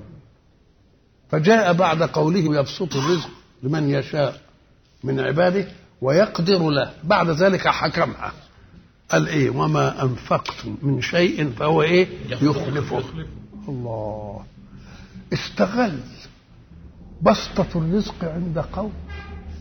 هيحبوا المال. وما دام يحبوا المال يقول له إذا أحلت على غني فاتبع. يعني إيه واحد مدين لواحد؟ وبعدين قال له والله أنا ما قدرتش فلان إيه؟ يديك فلان ده غني. قال لك إذا تقبل إنك أنت تطلع من فقير وتروح عند غني ولا ما تقبلش؟ تقبل إنك تروح عند غني. إنما ده فقير ما يعرفش ربنا هيوسع عليه إمتى. إنما يقول لي لا خد من ده أو فلان ده هيضمني خلاص. يبقى ما دام الله هو الذي يخلف يبقى طمأن الأغنياء على بسطة رزقهم بأنه مش هينقص. ما دام بيحبوا الفلوس. يستغلوها من من حيث النفعية اللي هم عايشين فيه. ولذلك الرسول صلى الله عليه وسلم يحكي لنا يقول ليس لك من مالك. إلا ما إيه؟ لبست فابليت أو أكلت فافنيت مش كده؟ أو تصدقت. فأبقيت. ولذلك النبي قال للسيدة عائشة إيه؟ اما قال لا فيه شاي أهديت لرسول الله وسيدتنا عائشة تعلم أن رسول الله كان يحب لحم الكتف فتصدقت بالشاي وصابت حتة من إيه؟ من الكتف. فقال ماذا صنعت يا عائشة؟ قالت ذهب كلها إلا كتفها. قال لا قولي بقي كلها إلا كتفها. الله صلى الله عليه وسلم بقي كلها إلا كتفها. هي وده لأن دي خلاص انتهى إنما ده يبقى الغني اللي حن- يطلب منه ربنا يطلع يقول له انت لما تطلع بتحال إلى غني وهو الله. والله هو الذي يخلفك ما أنفقت. وأنت تعرف إخلاف الله على أن الله حيي في فقيره بتحية. لازم يؤديها بأحسن منها. ويديك أكثر من إيه؟ أكثر منها الله. ولذلك هناك بيقول لك فيضاعفه له. يبقى أكنه بيطمن الغني على إنك أنت ما نقصتش. ولذلك قلنا لل ال- ال- الرجل لما يكون عنده دب غلة في البيت وعايز يزرع فدان غلة تاني. يقوم يقول للست طلع لنا كام كيلة عشان ها من المخزن عشان نعمل إيه؟ تقاوي تقول له ده هتعرض اللي مش عارف إيه وحاجة. لا ما هو علشان الارداب بقى يجيب لنا عشرة. آه يبقى اذا ما دام أعرف إن اللي هنفقه هيخلف ربنا مين اللي هيخلفه؟ ربنا. يقول لك قسها بقى. الأرض التي تعطيها بذرة تعطيك كم سنين الله في كل سنبلة كام؟ تبقى الحبة جابت كام؟ 700 إذا كانت الأرض وهي مخلوقة لله تعطي بالحبة 700 حبة. يبقى خالق الأرض يعمل إيه؟ الله يكرمك. كلمة فهو يخلفه بده يطمني على إنك أنت يا صاحب البصر إياك أن تظن أني أنقص ما عندك. إنما أنا هزودك. من الحتة اللي بتحبها الفلوس. وأنت يا فقير مش هتركك. ليه؟ لأنني تعرضت للاقتراض من أجلك. ولذلك بيقول من ذا الذي يقرض الله؟ الله ربنا بيخبئ طب إيه ما كان يدي ده وخلاص. قال لك لا لأنه يريد أن يتعايش الناس بوداد المعونة. خلقه يبقى وداد الإيه؟ المعونة ويبقوا كويسين مع بعض يطلع الحقد من قلب الفقير على مين؟ على الغني ويسخي الغني بيقول له انت ما تفتكرش انك هتنقص ده انت هت إيه؟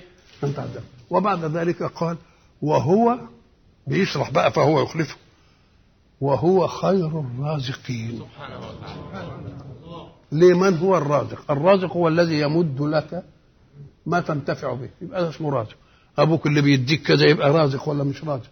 حين ترى جمعا ويدخل الله نفسه في الجمع فاعلم أن الجهة منفكة. لأن معنى خير الرازقين يبقى فيه رازقين وياه. نقول له أيوه بس هو خيرهم. هو إيه؟ هو خيرهم. ليه؟ حيثية الخيرية ليه؟ أم قال لك لأن اللي بيرزقني كأبي أو يعولني بيديني. هو صحيح بيديني رزق إنما تسأله ومن أعطاك الرزق. الله. يبقى إذا اللي بيرزقك من البشر بيديك رزق. إنما ما بيخلقش هو الرزق. ربنا خير لأن هو بيخلق به وخالق لك اللي أبوك. خالق لك كمان اللي إيه؟ اللي بيمد إيده اللي بيبقى بتاعت من كل إيه. ولذلك لما يجي يقول لك إيه؟ فتبارك الله أحسن الخالقين حتى يحكم الله وهو خير الإيه؟ حاكمين الله الله الله. يبقى دي كلها. ما يجي جمع ويدخل فيه ربنا اعرف إن الجهة إيه؟ من الجهه منفكه أحسن الخالقين يقول لك ما معنى خالق؟ الخالق هو الذي يوجد من عدم. شيء معدوم يوجده ما ظن الله على عباده حين يصنعون صنعة أن يسموه خالقين. أوجدوا شيئا من عدم. أوجدوا كوبا من شوية رمل مثلا أوجدوا من حتة خام نحاس كده أوجدوا منها حلة. مثلا الله أوجدوا من شوية رمل آه، كريستال. أوجد من عدم ولا ما؟ آه. بس لما أوجد من عدم. الله أوجد من عدم عن غير موجود. وأنت أوجدت عن عدم موجود. الله. هذا الفرق بين الاثنين. خدتها منين دي؟ جبتها منين؟ ثانيا الله أحسن الخالقين. ليه؟ لأن الخلق من عدم. البشر حين يخلقون صنعة أو أي حاجة يجمدونها على ما خلقوه من اجلها عمل كوب زي ما قلنا زمان. يفضل كوب. ما عملش كوب صغير كده وبعدين يديله حياة يكبر ويبقى كبير كده لا. يجمد على الايه؟ إذا ما بيديش الحياة ولا النمو. لكن ربك بقى يخلق ويدي له نمو وحياة. يبقى أحسن الخالقين ولا لا؟ سبحانه وتعالى. يبقى أحسن إيه؟ أحسن الخالقين. وهو خير الرازقين. حتى بقى تانية أنه في خيرية الله في الرزق. نشأ من أربع صور. الصورة الأولى أنه لا ينتظر برزقه إلى وقت الحاجة إليه. بل خلق لك قبل أن يخلقك. مش استنى لما تبقى تنخلق ده خلق لك قبل قبل ما يخلقك ولا يؤخرها عن وقت الحاجة. إنما اللي بيرزقني من البشر يمكن إيه؟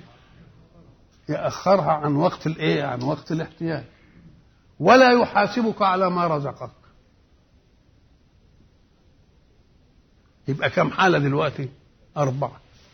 لا يؤجلها إلى وقت الحاجة إليها. فيخلق لك قبل أن يخلقك. دي. ولا ينقص عن حاجتك. ولا يحاسبك على إيه؟ ولا يطلب منك ثوابا على ما وهب. سبحانه وتعالى. ولا يطلب منك ثوابا عليه. ده فرعون لما ربى موسى سيدنا موسى في البتاع بيمتن عليه يقول له لم نربك فينا وليدا. يعني كان الأصول إنك أنت إيه؟ يعني تصهين هنا شوية وتجاملنا ده إحنا ربناك يبقى اذا أشياء ثلاثة في خيرية رزق الله على عباده. الأولى لا يؤخرها عن وقت الحاجة. لا يحاسب عليها لا يطلب ثوابا منك على هذه النعمة. الله يكرمك وهو خير الرازقين. ويوم يحشرهم جميعا. يعني اذكر يوم دي الظرف. اذكر يوم يحشرهم جميعا. طب ويذكروا ليه دي عشان يعرف إن ربنا ما سابوش واللي عملوا فيه عمل من السوء حي... النبي هيشوف ربنا عمل فيهم إيه ويجازيهم ولذلك إحنا قلنا هناك في قوله سبحانه إن الذين إيه أجرموا